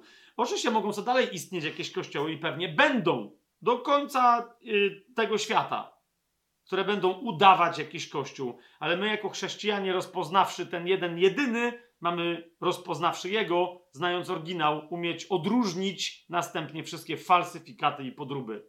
Ok? I teraz cechą charakterystyczną, nie jedyną, ale najważniejszą jest, jest apostoł. A więc, kochani, my, kiedy mamy to wszystko, tak? A więc wychodzimy z Babilonu. Nie chcemy powtarzać żadnych błędów, zakładać teraz swoich organizacji w starym stylu i tak dalej. Po drugie, po trzecie, uznając swoją kompletną niemożność, kompletną, kompletnie rezygnujemy z siebie. Po czwarte, zwracamy się wyłącznie do Chrystusa ukrzyżowanego, nadal, kiedy widzimy Jego działanie, tak, chcemy je rozpoznać, iść za Nim. To jest po piąte, tak? Po czym my ostatecznie rozpoznamy, że widzimy Jego Kościół? Po apostołach. Okay? A więc powrót kościołów do jednego, jedynego kościoła jest równoległy, żeby nie powiedzieć wręcz jednoczesny z powrotem apostołów do przestrzeni publicznej, w ramach której zostaną rozpoznani. Nie jako założyciele jednej organizacji, jednej struktury, jednego czegoś, ale jako ludzie rozpoznawani powszechnie w kościele jako apostołowie. Ma sens, co ja teraz mówię? Oni muszą mieć te znaki charakterystyczne, o których ja wam teraz powiedziałem. Zatem, kochani, powiecie, no dobra, ale jak? Co teraz? Jeszcze raz, wyjdź z Babilonu. Nie powtarzaj starych błędów. Uznaj swoją absolutną niemożność. Postanów rozpoznawać, trwać tylko i wyłącznie w relacji z Chrystusem ukrzyżowanym. Tak? Nie znać nikogo innego, jak tylko Jego ukrzyżowanego.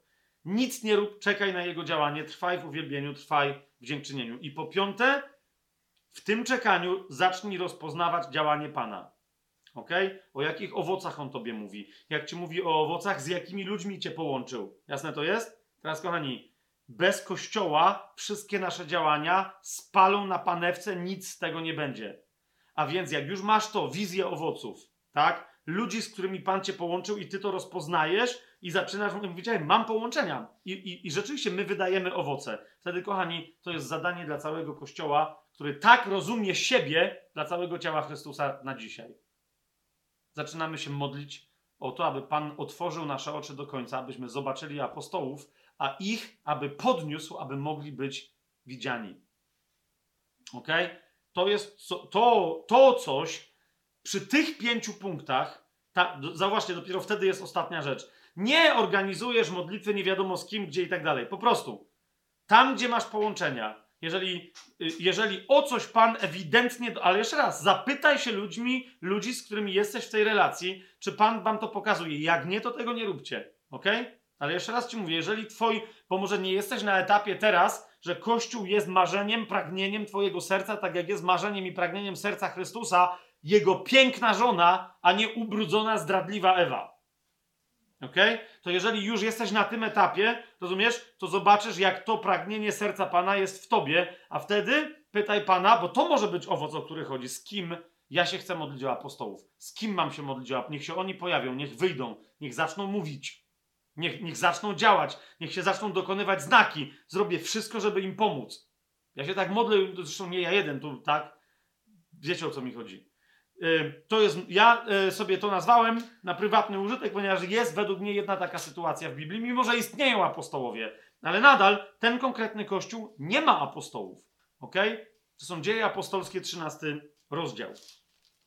Z jakiegoś powodu, to jest kościół w Antiochii, z jakiegoś powodu kościół, który pomaga, wiecie, kościołowi w Jerozolimie, tam są apostołowie, oni tam idą do apostołów i tak dalej, i tak dalej. Z jakiegoś powodu w tym kościele nie ma apostołów ale są, jak nam mówi pierwszy werset 13 rozdziału dziejów apostolskich, jacyś prorocy, konkretni, nie jacyś, pewni prorocy i nauczyciele. Barnaba, Szymon zwany Nigrem, Lucjusz Cyrenejczyk, Manaen, który wychowywał się z tetrarchą Herodem i Szaul, e, Saul, Szaweł.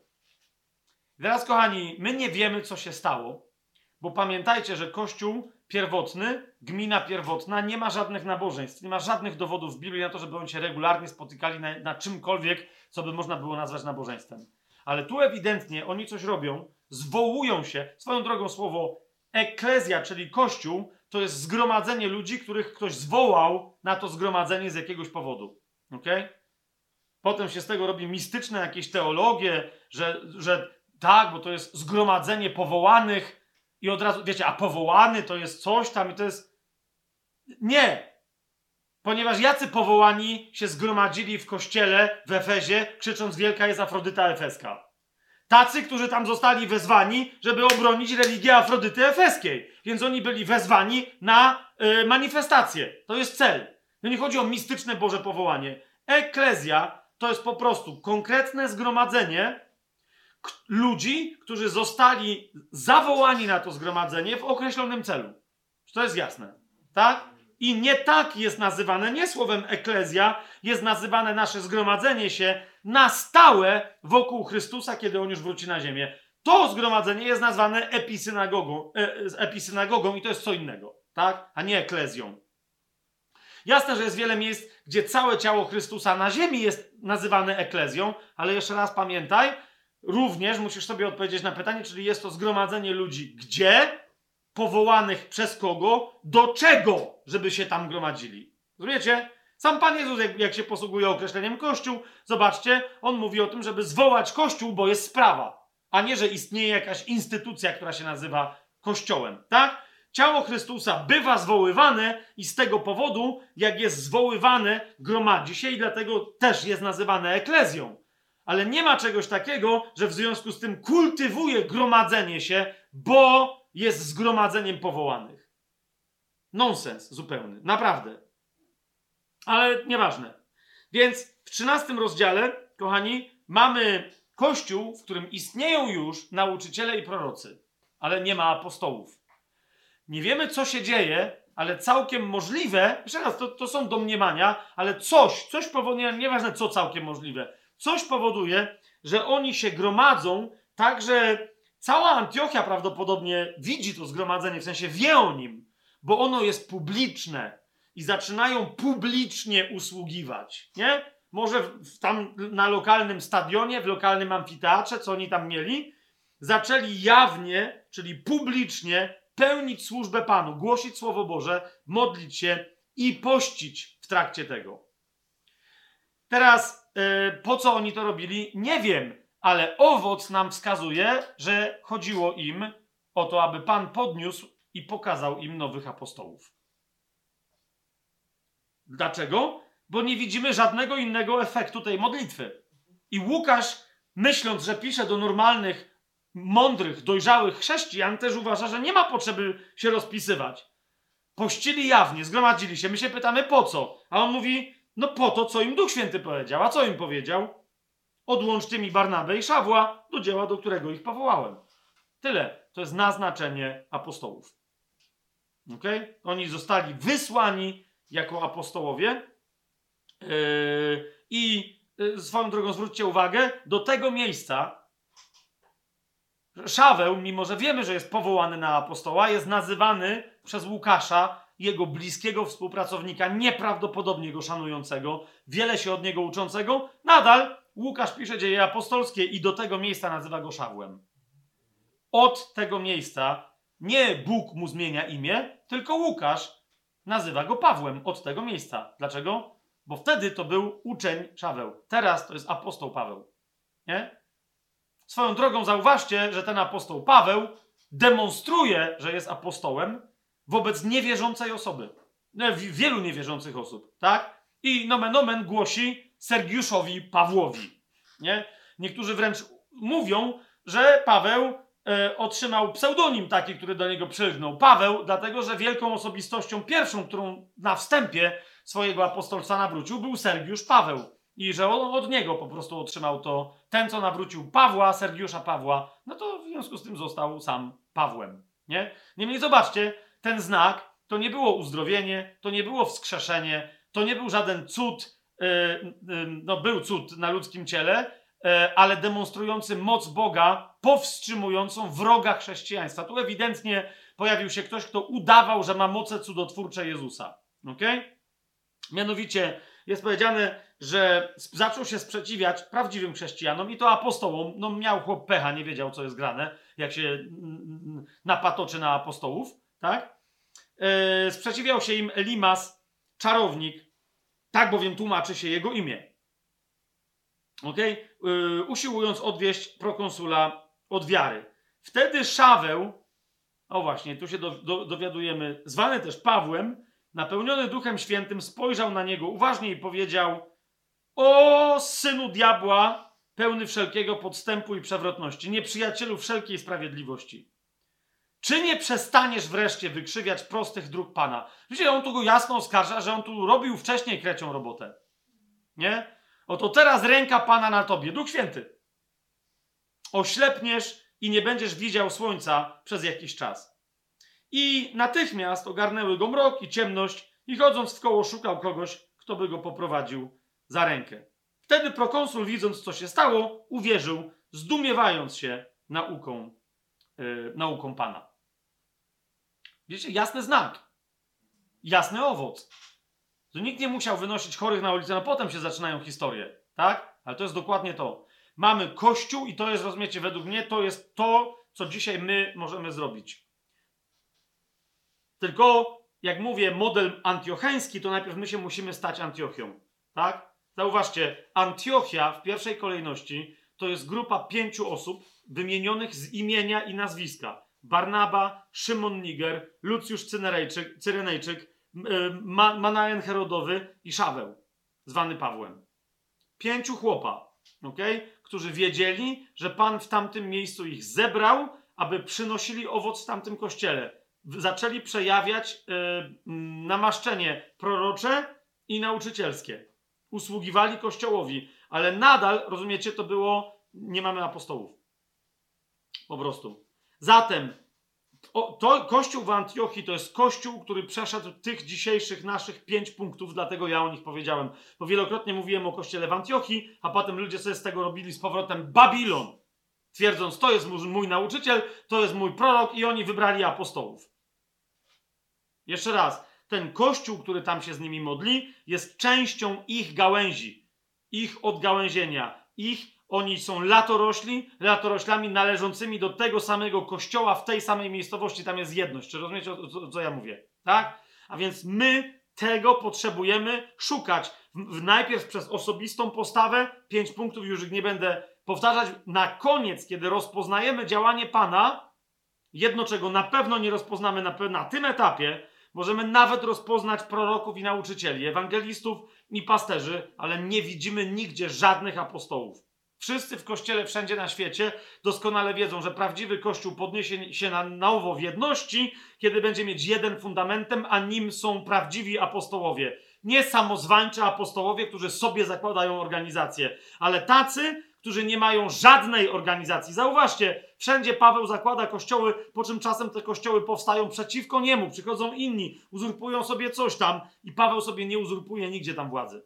On tylko odwołuje się do autorytetu, który ma i naprostowuje sytuację, ale nikim nie rządzi. Rozumiecie o co chodzi? To jest apostoł. On służy całemu kościołowi. Jak jest w Rzymie, w więzieniu, tam złośliwcy, judaizujący, a może nawet w ogóle nie chrześcijanie judaizujący, tylko po prostu Żydzi tamtejsi, zaczynają głosić chrześcijańską Ewangelię, żeby mu dopalić. I co Paweł robi, to jest apostoł. Nie? Paweł mówi, a ja się cieszę. Bo tak czy inaczej, nieważne jaką kto ma motywację, ale Ewangelię głoszą. Ja nie mogę, robią za mnie robotę. Super. Apostoł, kiedy go wszyscy opuszczą, nie upada na duchu. Apostoł Paweł mówi, wszyscy mnie opuścili. I co, miał komuś coś za złe? Powinien mnie Kościół nosić na rękach, powinien mnie otaczać, powinien mnie chronić? Nie! Ponieważ On jest obroną całego Kościoła w imieniu Jezusa. On jest postawiony jako najważniejszy strażnik ze strażników wraz z Jezusem. On jest postawiony jako fundament między skałą a całą resztą kościoła.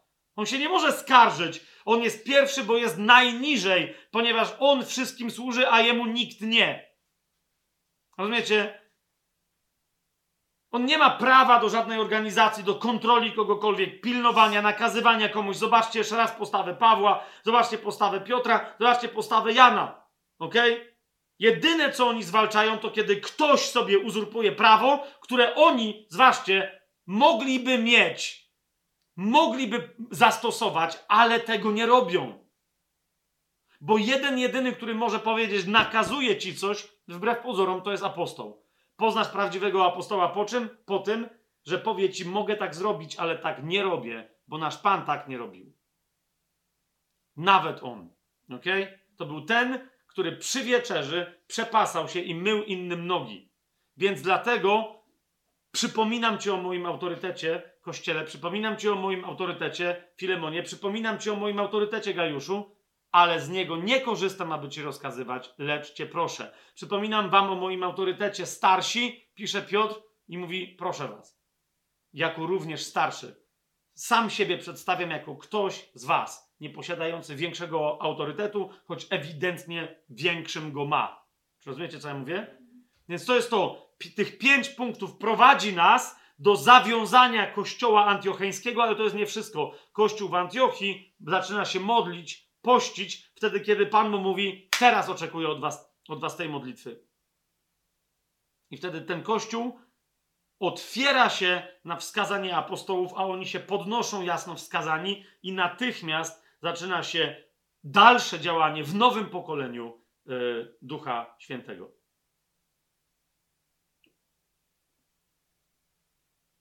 Który jest dzisiaj? 14 września 2022 roku.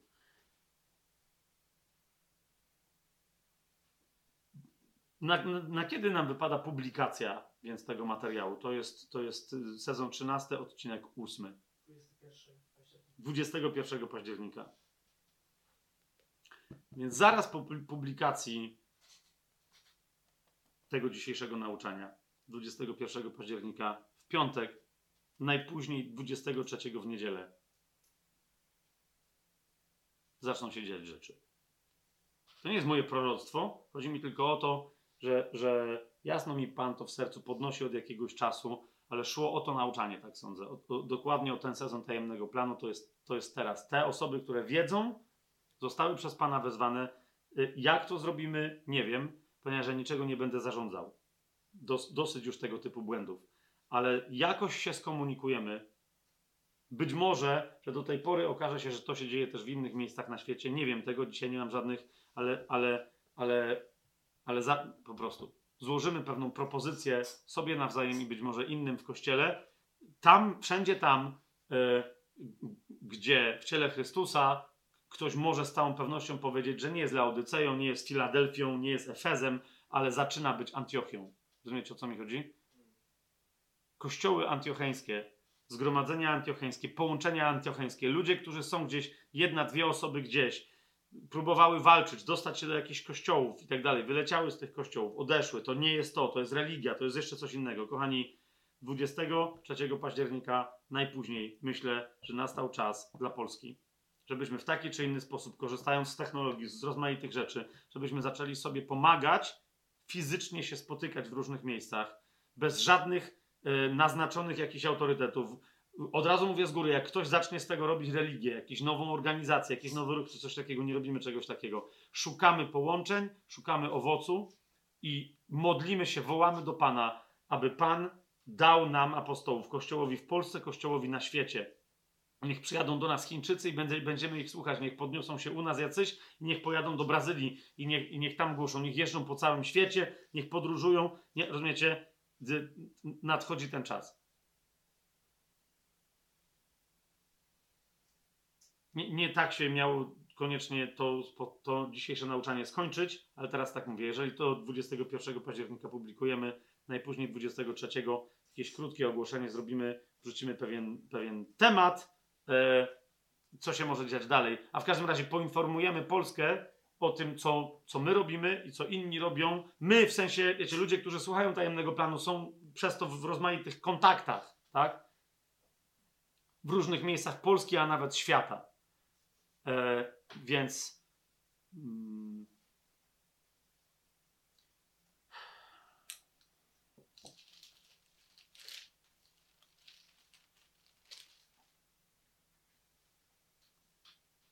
Panie,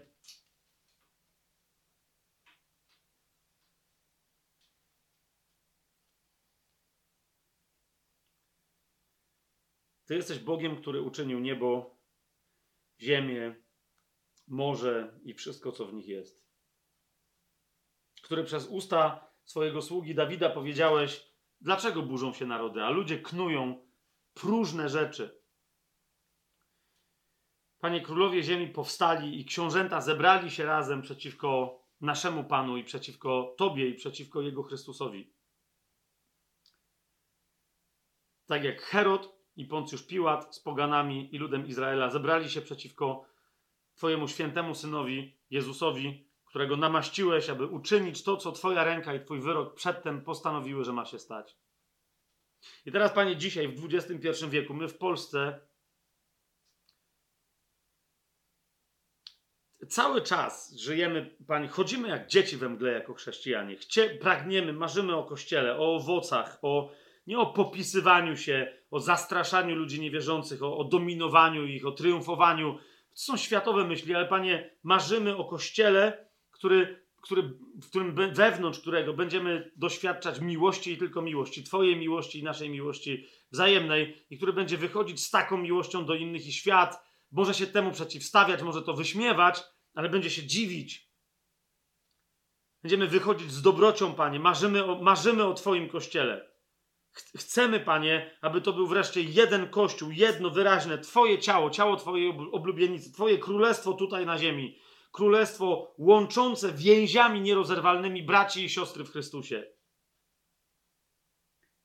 I Panie, to wszystko, co, co tak nie wygląda, a nazywa się Kościołem, jest wynikiem działania świata, który się śmieje, że nas wprowadził w ślepy zaułek. Diabła, który wie, że przegrał, ale mówi, chociaż tyle mogę im jeszcze dopiec. Panie, spójrz na to wszystko, jak to wszystko grozi Twojemu ciału Chrystusa, jak wiele, wiele, wielu z nas upada na duchu, poddaje się zwątpieniu, ulega zniechęceniu rozleniwia się, zaczyna wątpić. Panie, spójrz na groźby świata, groźby diabła. Przecież daj nam zrozumieć, jak one są puste. I kiedy to zrozumiemy, daj nam, Panie, pragnienia, pragnienie bycia prawdziwą oblubienicą, czystą, bez skazy, w niepobrudzonej sukni. Daj nam, Panie, pra- nienawiść do grzechu osobistego i kościelnego, pragnienie służenia Tobie wszelkim owocem w każdej chwili naszego życia. Żebyśmy, Panie, byli w stanie, rozpoznając Twoje oblicze, wreszcie rozpoznać Twoją wyciągniętą rękę wszędzie tam, gdzie ją wyciągasz. Nad całym światem, nad Polską, nad miastami tego, tego kraju, nad, nad ludźmi, którzy mówią po polsku, którzy może nie mieszkają teraz w tym kraju, ale należą do tego narodu i rozpieszkli się w różnych miejscach świata. Panie, daj nam rozpoznać Twoją rękę, usłyszeć Twój głos, rozpoznać Twoją wolę, zobaczyć, kiedy Ty wyciągasz swoją rękę, żeby jak zawsze dokonywać znaków i cudów przez imię Twojego świętego Syna Jezusa. Żeby ich dokonywać przez Twoich apostołów i proroków. Panie, daj nam, daj nam jedność do tego, abyśmy zaczęli wreszcie pragnąć widzieć Twoich apostołów, nie tworzących swoje małe królestewka i swoje małe dzieła, ale usługujących Tobie, abyśmy my, idąc za ich przykładem, całkowicie Tobie i tylko Tobie, jako reprezentanci Twojego Królestwa tutaj na ziemi, służyli. I w tym, Panie, daj nam odwagę, abyśmy głosili całe Twoje słowo.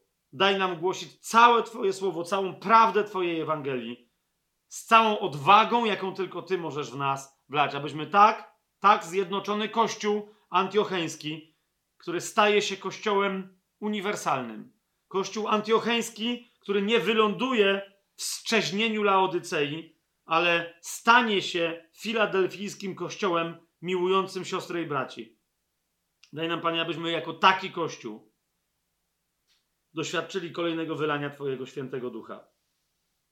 Podniesienia się Twoich apostołów, połączenia się pięciorakiej służby, rozpoznania tego autorytetu każdy z nas rozpoznania z gałęzi, w których jesteśmy latoroślami, pragnienia, abyś Ty nas oczyszczał, abyśmy przynieśli owoc soczystego wina, które, Panie, Ty z naszych uczynków złotych, srebrnych i z kamieni szlachetnych zrobisz, aby się cieszyć tym winem na wieki.